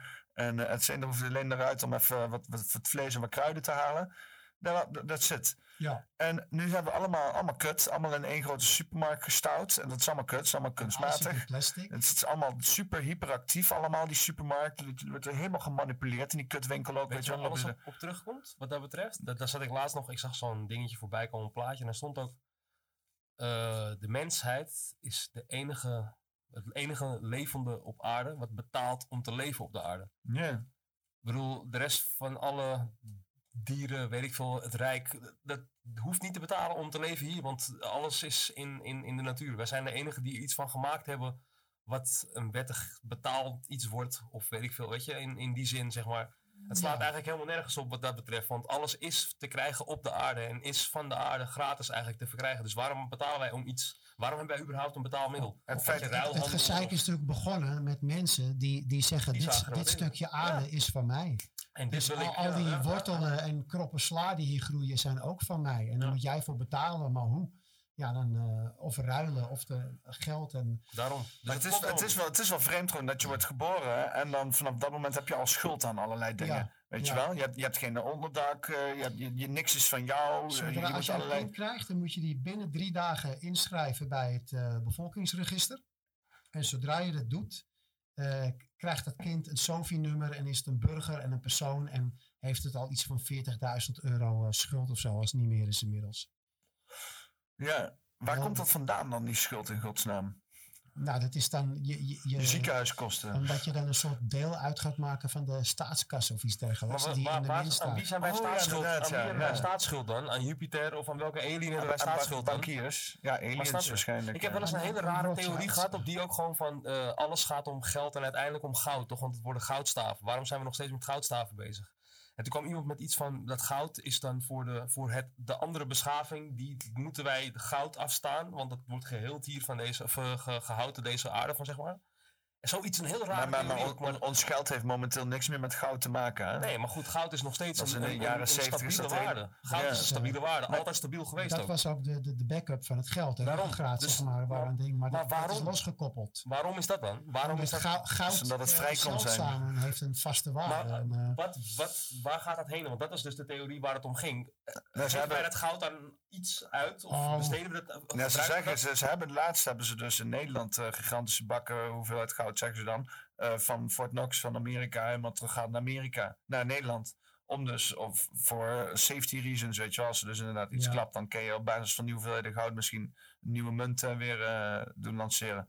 Maar ja, het was toen, eh, de, de, de, de Nederland, de gulden, die was nog inderdaad aan, aan goud gekoppeld volgens mij. Amerika, die was al helemaal losgekoppeld van goud sinds de jaren 70. Maar Die had, eh, een waarde gegeven, zeg maar. Dat bedoel ik ook te zeggen. Wij hebben iets een waarde gegeven wat eigenlijk helemaal niet van waarde voor ons is. Want het enige belangrijke wat wij nodig hebben is voedsel, eh, drinken, bewijs. Snap je wat ik bedoel? Dus ja, waarom goud waardevol is voor ons, dat vraag ik me ook wel af. Het is, het is helemaal geen waarde. Omdat belangrijkste voor de... goud is een zeldzaam metaal. ja, dat wa- wat ook voor verschillende doeleinden te gebruiken is, maar ook een soort vaste waarde. En je kan helemaal teruggaan tot de oudste Sumerische kleitabletten. En zelfs daarin wordt goud al een hele grote waarde toegeschreven. Want volgens die tabletten kwamen dus de Anunnaki hier om het Dat goud te halen. het goud te halen. Dat is Ja. precies wat ik bedoel, dat verhaal. Dus, dus, maar waarom? Want voor onszelf is het niet van belang. Als er nu een of andere, weet ik veel, een, Ja. een, een natuurramp komt, dan het enige wat wij nodig hebben is eh, onderdak, eten en drinken. En dan kunnen we overleven bij wijze van. Dus wat hebben we aan goud? Ik kan met goudstaven zo in de lucht gaan staan, maar er gaat niks meer me gebeuren dan. Snap je wat ik bedoel? Dus Nee. wat hebben wij dan zoveel, en dan kom ik terug bij dat verhaal, dat goud. Wat is zo belangrijk aan het goud? Ja, alleen geavanceerde beschavingen hebben Ik iets aan zal, ik goud. zal een keer het ware aardverhaal voor jullie Ja, ik, ken hem, nou, ik ken hem, daarom, eh, daarom zeg ik Ze dat. hadden het nodig om eh, te versnipperd eigenlijk in een atmosfeer eh, te doen. Om de zon, eh, zonnestralen te weren. Eigenlijk gewoon wat je nu bijna volgens de verhalen met alle chemtrails hebt. Met al die metaaldeeltjes in de lucht. Ja, dat doen ze met zilverdioxide. Hè? Dus, Ja, maar volgens het, die oude kleitabletten deden ze dat daar dan met, met goud. Oké. Dus dan kom je heel ver terug gelijk weer bij het verhaal dat wij allemaal eigenlijk slaven van deze planeet zijn en goud moeten Hoe zeg je dat? Voor, Delven. eh, voor, eh, brengen voor een andere beschaving die ons blijkbaar heeft ge, ge- gekoloniseerd in dit geval. Een soort van. En gemaakt zelfs. Ja, gemaakt, ja. ja. Ze hebben gewoon de, de apen een beetje geüpgrade. Zo, zodat ze slim genoeg eh, waren om te werken voor hun. En dom genoeg om het ook te doen. En nu wil je ze weer genderneutraal maken zodat niemand meer gaat zeuren tegen elkaar, zodat je alleen het slavenleven blijft volgen wat er is. Ja, nou, maar apen zijn al best wel genderneutraal. Ze zijn allemaal even behaard. Ze doen het allemaal met elkaar. Eén grote bonobo, uh, hoppakee. He- he- hebben jullie die documentaire, heb ik het al gevraagd, A- Ancient Apocalypse geze- gezien? Van, eh, Dus op de, op de gewone tv nu toch? Eh, ja, van Netflix is die nou. Oh, maar op Netflix? volgens- misschien, ja, ik weet niet waar die allemaal kan Zal ik zien. een keer checken. Maar het is van die Graham eh, Hancock. Mhm. En die, eh, die, die zegt dus van eh, dat het 10.000 jaar geleden. Eh, sorry, ik was even de naam aan het vertalen. Ja, eh, Grijze ham hanglul. Ah, hang, ja. Gra- Graham, ja, ja. Ham, hanglul. Grijze ham. Een, een hanglul jongere. Ehm, Sorry, eh, ik heb je helemaal van je apropos gebracht. eh, Graham Hancock. Ja, grijze ham hanglul. Eh, eh, en die, eh, die, die zegt dus inderdaad dat het 10.000 jaar geleden een beschaving, moderne beschaving was. Ja. Dat die piramides en zo, dat waren allemaal elektriciteitscentrales. en- Energiepunten, ja. Maar die hebben en- ook over de hele aarde op specifieke punten, wat, wat ook Mm. wel geloofwaardig is. En ook de energieën die eronder vandaan komen, bij wijze van, in de aarde zelf. Eigenlijk blijkt uit ontelbare aanwijzingen dat die oude volkeren eh, ons op alle fronten zo mijlenver vooruit waren. Dat zeg maar de, de huidige beschaving die wij nu hebben, is gewoon eigenlijk gewoon een soort peuteren nog Maar in, hun in de werden, kinderschoenen. hun werden niet afgeleid van alles wat er nog meer te zien is in het leven. Wij worden elke dag Ja, afgeleid kregen, van of alle ze kregen hulp. Dat kan ook nog hulp van buitenaf eventueel. Ja, misschien is die hulp er nu nog steeds wel, maar dan Maar er was toen Ondergronds. niks. Er was toen niks. Er was geen afleiding. Jij had hetzelfde eh, groene outfitje aan als dat iedereen anders aan had. En jij had dezelfde hut en dezelfde manier van eten, drinken, maken, voortbrengen dan ieder ander had. En nu heeft iedereen heel veel... Je hebt dat en het ziet er zo uit, heeft die kleuren, zo mooi. En bewijs van, hè, op, op dat front zeg maar. Er was, er was eigenlijk helemaal niks waar ze zich mee bezig konden houden dan alleen hetgeen wat dus misschien in dat geval dus belangrijk was. Dus ze hadden alleen focus voor dat en niet afgeleid van andere situaties meer. Ik denk misschien dat het ook een... eh, Ja, weet ik niet. Men- mensen waren vroeger natuurlijk ook gewoon bezig met leven en overleven. Tuurlijk. Die hadden ook hun spelletjes en hun hobby's en een, eh, Uiteraard. een natje en een droogje waar ze aan moesten zien te komen. Ja, ik, ik- ik, ik- denk wel dat inderdaad als je gewoon eh, echt die connectie hebt met de aarde en zo, weet je, en met de, de, de planeten en dat soort dingen, wat vroeger al die, al die, die mensen deden voornamelijk, toch? Eh, ook als je naar druides kijkt en stammen en eh, al die bosmensen ook hier in Europa, maar ook als je nu ziet in, eh, of in Zuid-Amerika en zo. Het was allemaal rondom de getijen, leven met de omgeving en dat soort zaken. En fantastische gebouwen maken. Dus als je kijkt naar Machu Picchu en zo, dat slaat Mhm. helemaal nergens op. Ja. Eh, eh, het is ook wel frappant, al die gelijkenissen over de hele wereld. In, in eh, hoe ze goden afbeelden, hoe ze gebouwen maken, die piramides en bepaalde middeltjes en stoffen die ze Ja, gebruiken. het, het lijkt voor ons nu heel magisch allemaal, maar misschien was het echt niet beeldend en was het technologie, zeg maar. Het, het zou mij ook niet verbazen als die oude volkeren gewoon hulp kregen van buitenaardse wezens. Dat sluit ik zeker niet uit. En dat ze die wisten op te roepen of zo op een of andere manier. Ja, of opgedrongen kregen. Misschien kwamen ze gewoon hier en eh, dachten ze van nou, die mensen zijn zo simpel, die kunnen we makkelijk overheersen. En sterker nog, we kunnen ze gebruiken voor onze doeleinden. En wat gebeurt er in de politiek? Dus ja, we maken Dus een misschien beetje, staan die poppets er al. ze maken een beetje vriendjes eh, met je en ze doen net of ze het beste met je voor hebben. En die als hebben ook geen zelfschaamte. Dus om maar te noemen waar jullie het net over hadden, een Hugo. Geen zelfschaamte. Dus bij wijze van, wij, stel zijn dat... ook, wij zijn ook geen haar beter. Kijk, kijk naar ons mensen. Hoe, hoe wij koeien gebruiken en kippen en varkens. Misschien een alien die honderd keer zo slim is als wij. Die kan ons toch ook eigenlijk gewoon zien als een soort kip. Ja, of die ziet ons ook als vee. eh, Ja, ja. ja. ja. We're just in the food Wij chain, kunnen like everybody else. gebruikt worden zonder dat we het zelfs doorhebben. En, en we je? kunnen leven van alles wat groeit, wat blijft groeien ook. Wat Ja, maar dat niet doodgaat na dat het opeten. varken in een hok ook van eh, ik heb het toch goed hier, ik heb eten, ik kan poepen, ik kan pissen.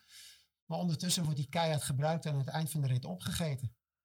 Ja, je, je hebt ook zo'n theorie dat er zeg maar, zo'n dealtje is met aliens onder overheden. En waarbij er dus Mhm. eh, eh, soms wat mensen wel eens gekaapt worden Ja. door, eh, door aliens, omdat Ja. ze die eten.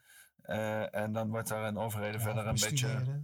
Ja, nee, vooral ook, ook voor, voor, voor eten en zo. En dan de, de overheden hier, die, die doen dat upcoveren, zeg maar. Ja. ja, dat mo- moeten ze maar gewoon doen, want ja, anders worden zij zelf ook opgegeten. Een beetje... Ja, eh, je hoort ook vaak dat ze eh, mensen meenemen om te bestuderen. Of eh, met name dan hun geslachtsorganen, voortplantingsorganen. Dat ze daarin heel erg geïnteresseerd zijn. Omdat die aliens al zo gemuteerd zijn dat ze zichzelf niet meer kunnen voortplanten. Ja, wat? Of de, dat die Greys eigenlijk gewoon een soort synthetische figuren zijn die gewoon gecreëerd zijn en niet echt organisch eh, voortgeplant zijn. Ja, zeg maar- dat je, je hebt allerlei theorieën. Ja, maar dat is wel daarover. een beetje de wereld die we nu ingedrukt worden. Hè? Een soort van synthetische wereld. Sommige mensen geloven ook dat aliens eh, eigenlijk mensen zijn vanuit de toekomst. Die al zo eh, gedegenereerd zijn dat ze weer terugkomen naar het verleden.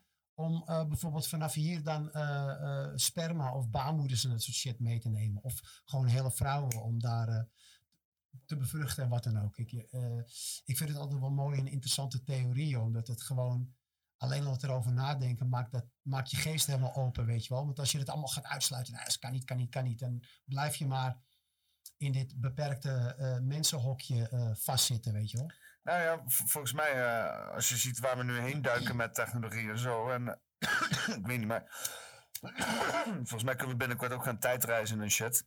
Ja, dan moet je toch wel een beetje, een beetje open-minded zijn. En eh, wat er allemaal Ja. niet, wel niet kan.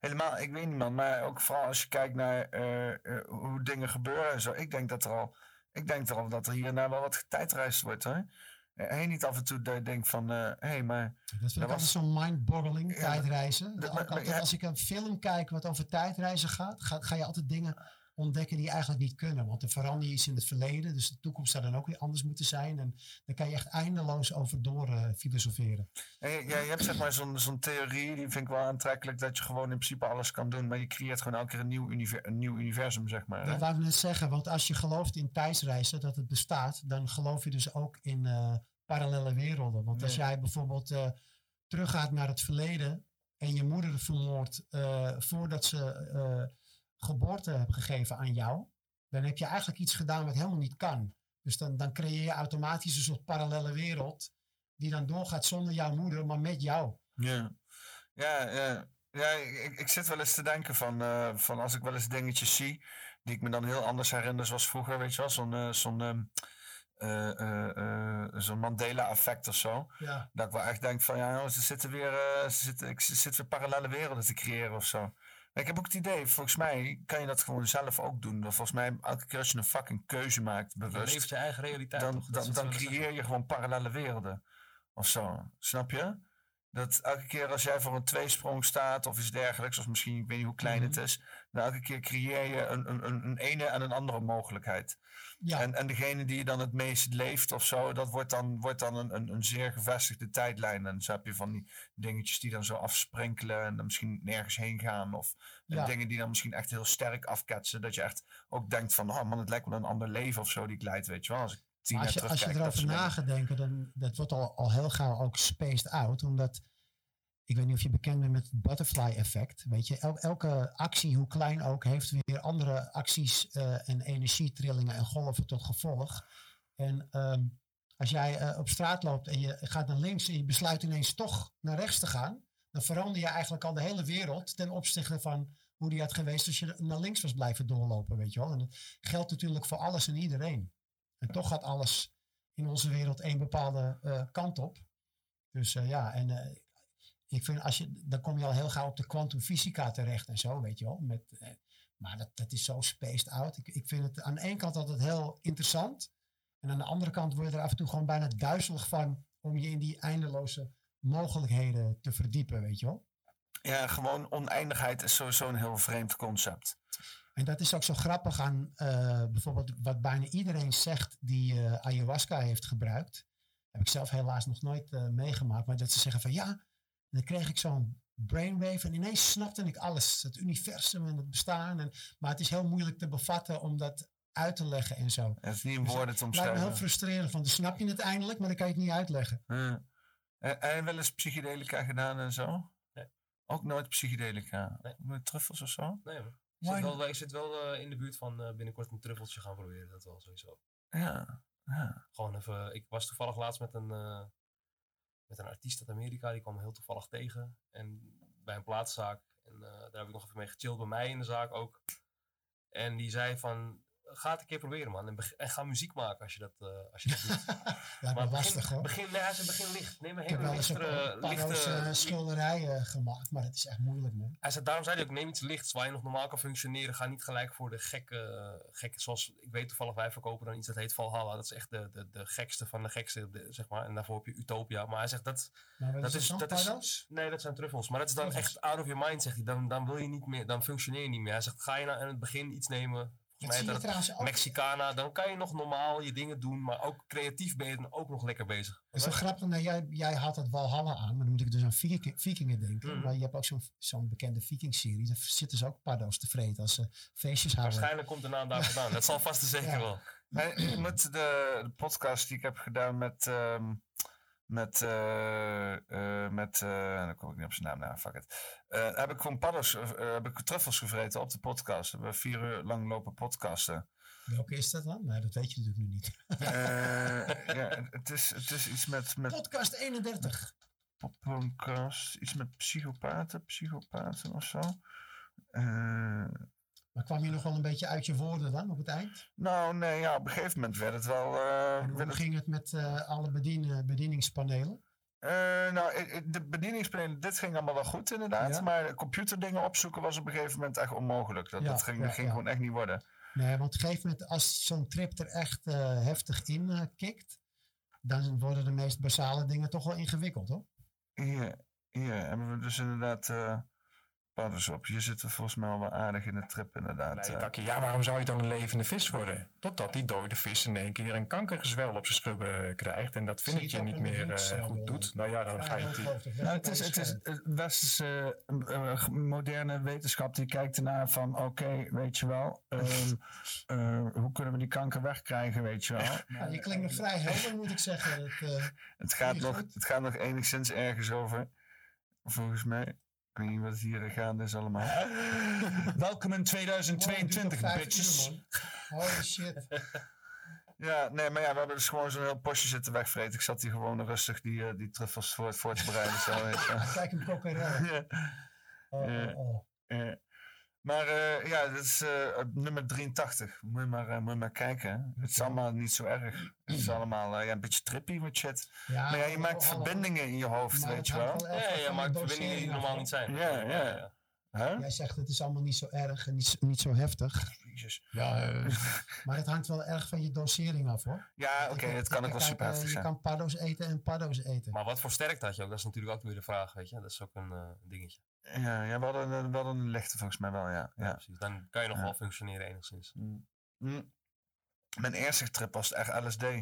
Was echt, eh, de hele huis die stortte zowat in elkaar. Dat ging me nergens over. Ik ben op een gegeven moment op de grond gaan liggen en dan even naar de deurpost gaan staren. Want dat was alle, alle interactie die kon hebben, zeg maar, met realiteit op dat moment. Ja, maar ik Dat is vind wel- dat je met LSD wel makkelijker aan de realiteit vast kan houden dan met paddo's. Omdat met LSD... Ja, het is wat minder een mindfuck misschien of zo. Nou ja, mijn ervaring is dat hoe hard je er ook op tript, je weet altijd nog wel wie je bent. Ja. En je weet ook hoe raar je je ook voelt. Je weet waarom je je raar voelt. Namelijk, je hebt LSD genomen. Maar met paddo's kan je af en toe in een dusdanige mindfuck komen. Dat je gewoon niet eens meer weet wie je bent. Laat staan wat je gedaan hebt en waarom je jezelf voelt. Dat je gewoon echt denkt van, wat de fuck gebeurt er met me? Weet Ja. wel? Dat, dat je echt in een compleet andere mindstate komt dan dat je van jezelf gewend bent. En dat maakt het ook wel heel interessant. Maar het is wel, eh, ja, je moet wel eh, opletten met wat voor dosering je neemt. Kan wel, kan wel verkeerd gaan inderdaad. En, Maar- pl- en plus, het is... eh, verkeerd gaan is een, een bad trip is ook gewoon bad is, is, is objectief zeg maar. Precies, het is, het is Kan iemand die- als je jezelf iets aan gaat doen of zo. Je, je kan bijvoorbeeld wel een, een, een, een satanisch gethematiseerde trip hebben of zo, weet je, dat je overal maar vlammen ziet en duiven ziet. Maar of, het- of het dan bad is of niet, dat is aan jou om dat te beoordelen. Je kan het ook gewoon. Maar dat, dat hele visuele en audiologische, dat heb je vooral met LSD, dat je dingen anders hoort en ziet. Maar met paddo's kan je ook zeg maar een emotionele trip heel erg. En met LSD heb ik dat niet. Dan, eh, ik moet er alleen maar een beetje om lachen en ik vind het allemaal wel grappig en Ja. leuk. Maar met paddo's kan je echt gewoon je ook compleet anders voelen. Ja. Ja, met, met, met, met, met paddo's heb je, of met truffels ook wel, eh, dat de ruimtes heel erg eh, van invloed zijn. eh. Ja. Dat, sowieso als je dan op de wc zit, dat het echt altijd een, is een heel spektakel is dat. Heel, het is altijd wit, wittig licht en zo. En linken die lampen en zo aan. En eh, je kijkt in zo'n in zo'n zo'n zo'n zo'n keramieke gat zo waar dingen in verdwijnen. Het is bijna een soort van spirituele ervaring gewoon, vind ik altijd, als ik trippend op de wc tegelijkertijd sta. ben je ook heel scherp. Want wat ik altijd merk, is dat ik, ik, ik vind het altijd net of al mijn zintuigen compleet gaan openstaan. En ik alles veel intenser hoor, voel, zie, ruik, proef dan normaal. Maar als ik dan ehm, weer zeg maar normaal word, als het uitwerkt, dan al die ervaringen die ik heb opgedaan, die blijf ik allemaal onthouden. En die blijken ook gewoon er ook echt te zijn en te kloppen. Ja. Ik zal een voorbeeldje noemen. Je wordt letterlijk meer bewust van zaken Ja. gewoon. Ja, maar dat is wat jij zei. Je hersens worden weer gekoppeld naar de structuur waar ze eigenlijk vormgeven. Ik was bijvoorbeeld een keer een, een, een album aan het luisteren van Monster Magnet, een, eh, een rockband, tijdens een trip. En ik had het album al honderd keer geluisterd, want het stond gewoon in mijn rek.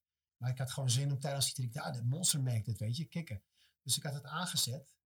En ineens schrok ik een beetje en ik, wow, what the fuck? Het was net of ik, eh, mijn speakers stonden in de kamer op de grond en ik hoorde,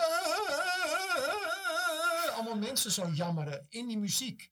Weet je wel, alsof er allemaal jammerende mensen gevangen zaten. En ik denk, wow, dat is freaky, weet je wel. Alsof ze in mijn kamer zo... En het het echt heel space gewoon, weet je wel. Maar toen ben ik later, toen ik eh, nuchter was, de volgende dag, ben ik dat nummer dus, want ik wist nog precies welk gedeelte, ben ik gaan terugluisteren. En verdomd, heel zachtjes in die mix, hoorde je gewoon zo'n zo geluidje. Maar dat is me nog nooit opgevallen. Maar tijdens die trip hoorde ik het echt keihard. alsof er gewoon echt mensen gewoon een paar meter van me af zaten te jammeren in mijn kamer. Best wel space is dat. Maar dat vind ik dus mooi. En ik, eh, eh, ik had een eh, cd in mijn rek staan van Alice in Chains. Paarse, paars hoesje met een gele rand. Dat gaf gewoon licht.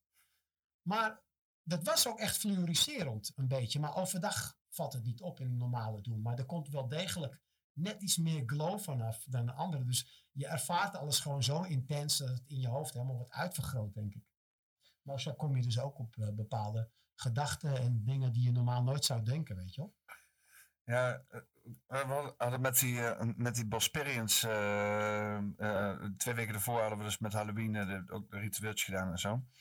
En eh, ook eh, flink paddenstoelen en zo genomen. En eh Laurens kwam nog langs en die had ook een of ander paddenstoelmengsel. En, eh, eh, die hij zelf maakte. En Maarten die had paddenstoelen die hij zelf kweekte. En Stef paddenstoelen die hij zelf kweekte. Dus, dus Allemaal eh, door elkaar. ja, ja we hebben ze, ik heb ze allemaal door elkaar genomen. En bier erbij en jonko's erbij. Dat is geen goede combi, pardo's en alcohol. Het, het was, het was eh, ik heb ook niet overmatig, ik heb zeg maar niet overmatig van één ding alles een beetje genomen, zeg maar. Ja. Maar wel even, ook wel even een beetje doorgeduwd op die paddo's en zo. Ja. Ehm, ehm, Dat, dat zal ik echt niemand aanraden, alcohol en paddo's. ja. Ja, dat raden we ook altijd af in de winkel. Ja. En ook gewoon liefst een lege maag houden Ja, gewoon. ja, ja. Ja. Ja, ik heb een fantastische avond gehad, ouwe. Ik weet niet hoe het met jullie zit, maar... Wat wel een hele goede combinatie is. five jij, jou. jij? Speciaal voor Remco, waar jij, is. Paddo's en pure chocola, dat is een goede combi. Oh. Omdat eh, cacao is een natuurlijke MOA-remmer. en als je dat MOA een beetje onderdrukt, komt die paddo-psilocybine des te harder eh, aan. Dus Ja, het, het, het, het, harder het, het, het onderdrukt, het onderdrukt natuurlijk wel het een en het ander en zo. eh. Ja, ja. Maar ik, ik weet dat, eh, dat het alles, eh, het maakt het alles zo magisch. eh, we hadden dus inderdaad dat ritueel en het grote vuur. En we zaten met bos en, eh, en eh, ja, een shamaan. En, eh, Sfeertje gewoon. Het was echt... eh, Shamaan! ja, het, was, eh, het is, het, het is het, eh, eh, ook, ook eh, een microdosed, zeg maar, weet je wel. Gewoon, ehm, het hoeft allemaal Ja, niet voor de full trip te gaan. Soms is het ook gewoon op de achtergrond lekker, chill. man. En soms ho- hoeft het ook niet eens effect te hebben, want het is ook gewoon gezond, zeg maar. Hè, als jij zo'n is het wel paddenstoel... goed voor je geest, ja, om de boel een beetje te resetten. Ja, maar als je zo'n paddenstoeltje nu en dan eh, eet, dan maakt dat dus eh, nieuwe neurologische verbindingen. Dat is Ja. goed voor de hersens en eh, weet ik veel wat Je en hoofd is net een soort computer, weet je wel. Af en toe moet je gewoon de boel een beetje opschonen en dan ook even uitzetten. En daarna weer even opnieuw aanzetten, zodat alles weer op zijn plek valt. Ja, ik deed met studeren deed ik heel veel truffels en eh, zo. eh, Eén keer in de maand het liefst. Leuke studie. Ja. ik, ik deed het eh, om de studie door te komen, zeg maar. Ja. En vooral om allemaal van al, die, al, die, al die shit die je op je gesmeerd krijgt van me af te vegen, zeg maar. En eh, ja, dat werkte wel goed.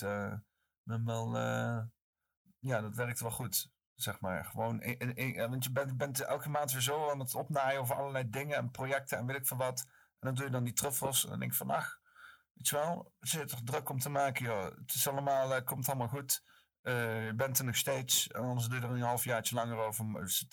Je, je voelt druk van, weet ik veel wat. Ik weet niet waar je je druk van voelt, maar ik voel dan druk die er, die er helemaal niet is of zo, weet je wel. En dan op zo'n moment dan is het dan allemaal helemaal helder voor me. Dan denk ik van ja, ja, inderdaad, ja. Ik eh, moet me gewoon niet druk maken. En dat werkt. En dan komt alles goed. Ja. En dan heb je dat gewoon zonder je druk te maken. Dat is fijn. Komt allemaal vanzelf wel aanwaaien. Vaak komt het toch wel goed, zeg maar, uiteindelijk. Alleen het verschil is dat je dan vaak heel erg druk maakt erover en zo. Vaak kan je gewoon niet druk maken hè, en dan komt het gewoon vanzelf een keer goed. Situaties Ja. zijn Je moet ook niet niks doen, maar... Hè? Situaties zijn oncontroleerbaar, dus ja. Ja, sommige dingen heb je helemaal niet in de hand. Go with the flow. Voordat je het weet zit, zit je over Johnny Camaro te praten. ik wist niet dat het van Johnny Camaro was. Ik ken dat het is nummer zo wel. grappig dat door het gesprek dat, dat ik ineens dat ik zo'n zo'n brain fart krijg dat zoiets mafs me weer te binnen schiet. Dan. Ja.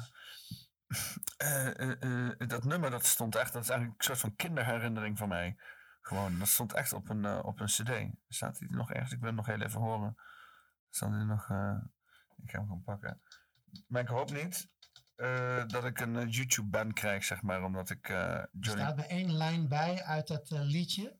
Zo van dat hij, zo, zo- hij moet helemaal roepen of zo op de bushalte. En dan zegt hij iets van, hij, hij geeft nu al kopjes. Je kunt hem al bijna zien. Zorgen. En we weten allemaal, van zorgen krijg je rimpels in je hoofd. Je hele gezicht gaat verfrommelen. Ja, ik vind het wel, eh, ik vind het wel geniaal. Niet dat het van... Is het, is het Bart de Graaf? Ja. Ja, ja, ja. Is dit fucking Is Bart de dit Graaf? Jonge Bart nog. Is, De is dit de, de toekomstige Zeg BNN-eigenaar? maar nee, dan krijg je de twee. Of eh, was dat het niet van Bart, die reclame vroeg? Zeg maar nee, dan krijg je de twee. Nee, geen niet idee. Dat is niet mijn Dat is voor generatie. jullie tijd. hè. Is zo. Young Boys. Oude zak. Ja, ja, ja.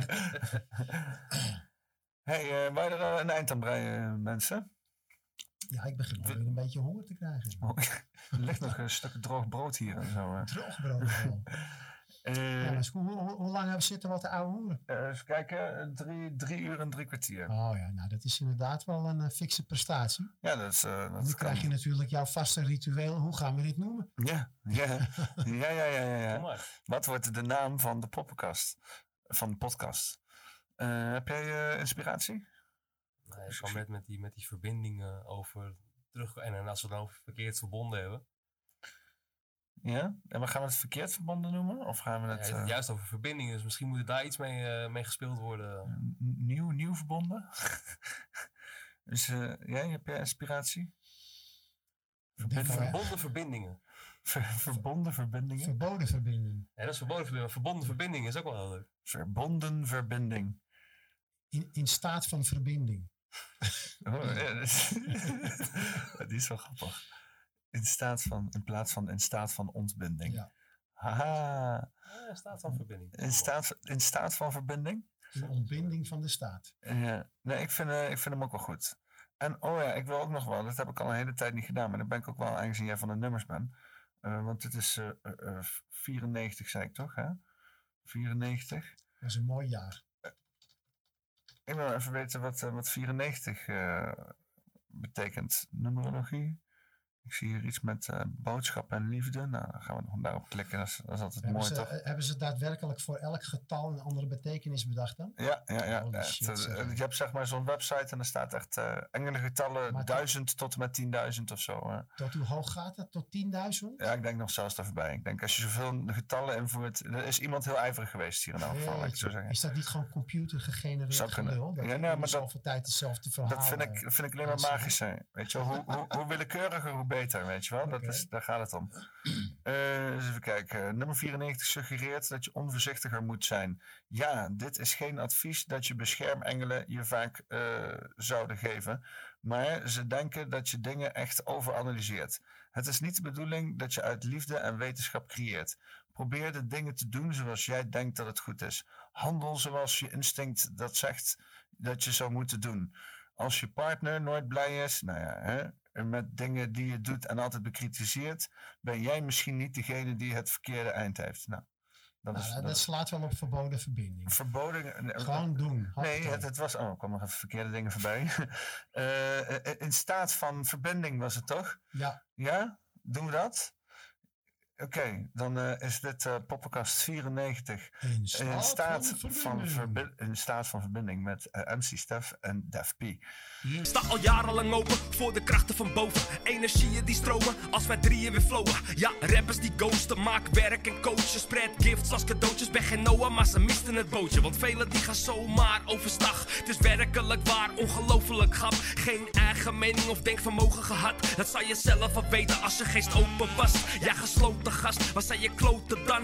Kom je voor jezelf op, het is mooi geweest man. Ja, genoeg is genoeg met het overgeefgedrag. Dus overleef met kracht en heeft het volk weer de macht. Want wijsheid vereist tijd, dus blijf jij geheid. Nijp en eis jij je vrijheid of blijf jij een blijheid tot jij op een lijk lijkt. Of prijs jij gelijkheid, de minderheid gelijk krijgt. Bewijs weer een feit blijkt. Genoeg is genoeg, het is mooi geweest. Let op wat er gebeurt, maar hou een open geest. En pas vooral op met het nieuws dat je open leest. Hou een open geest, hou een open geest.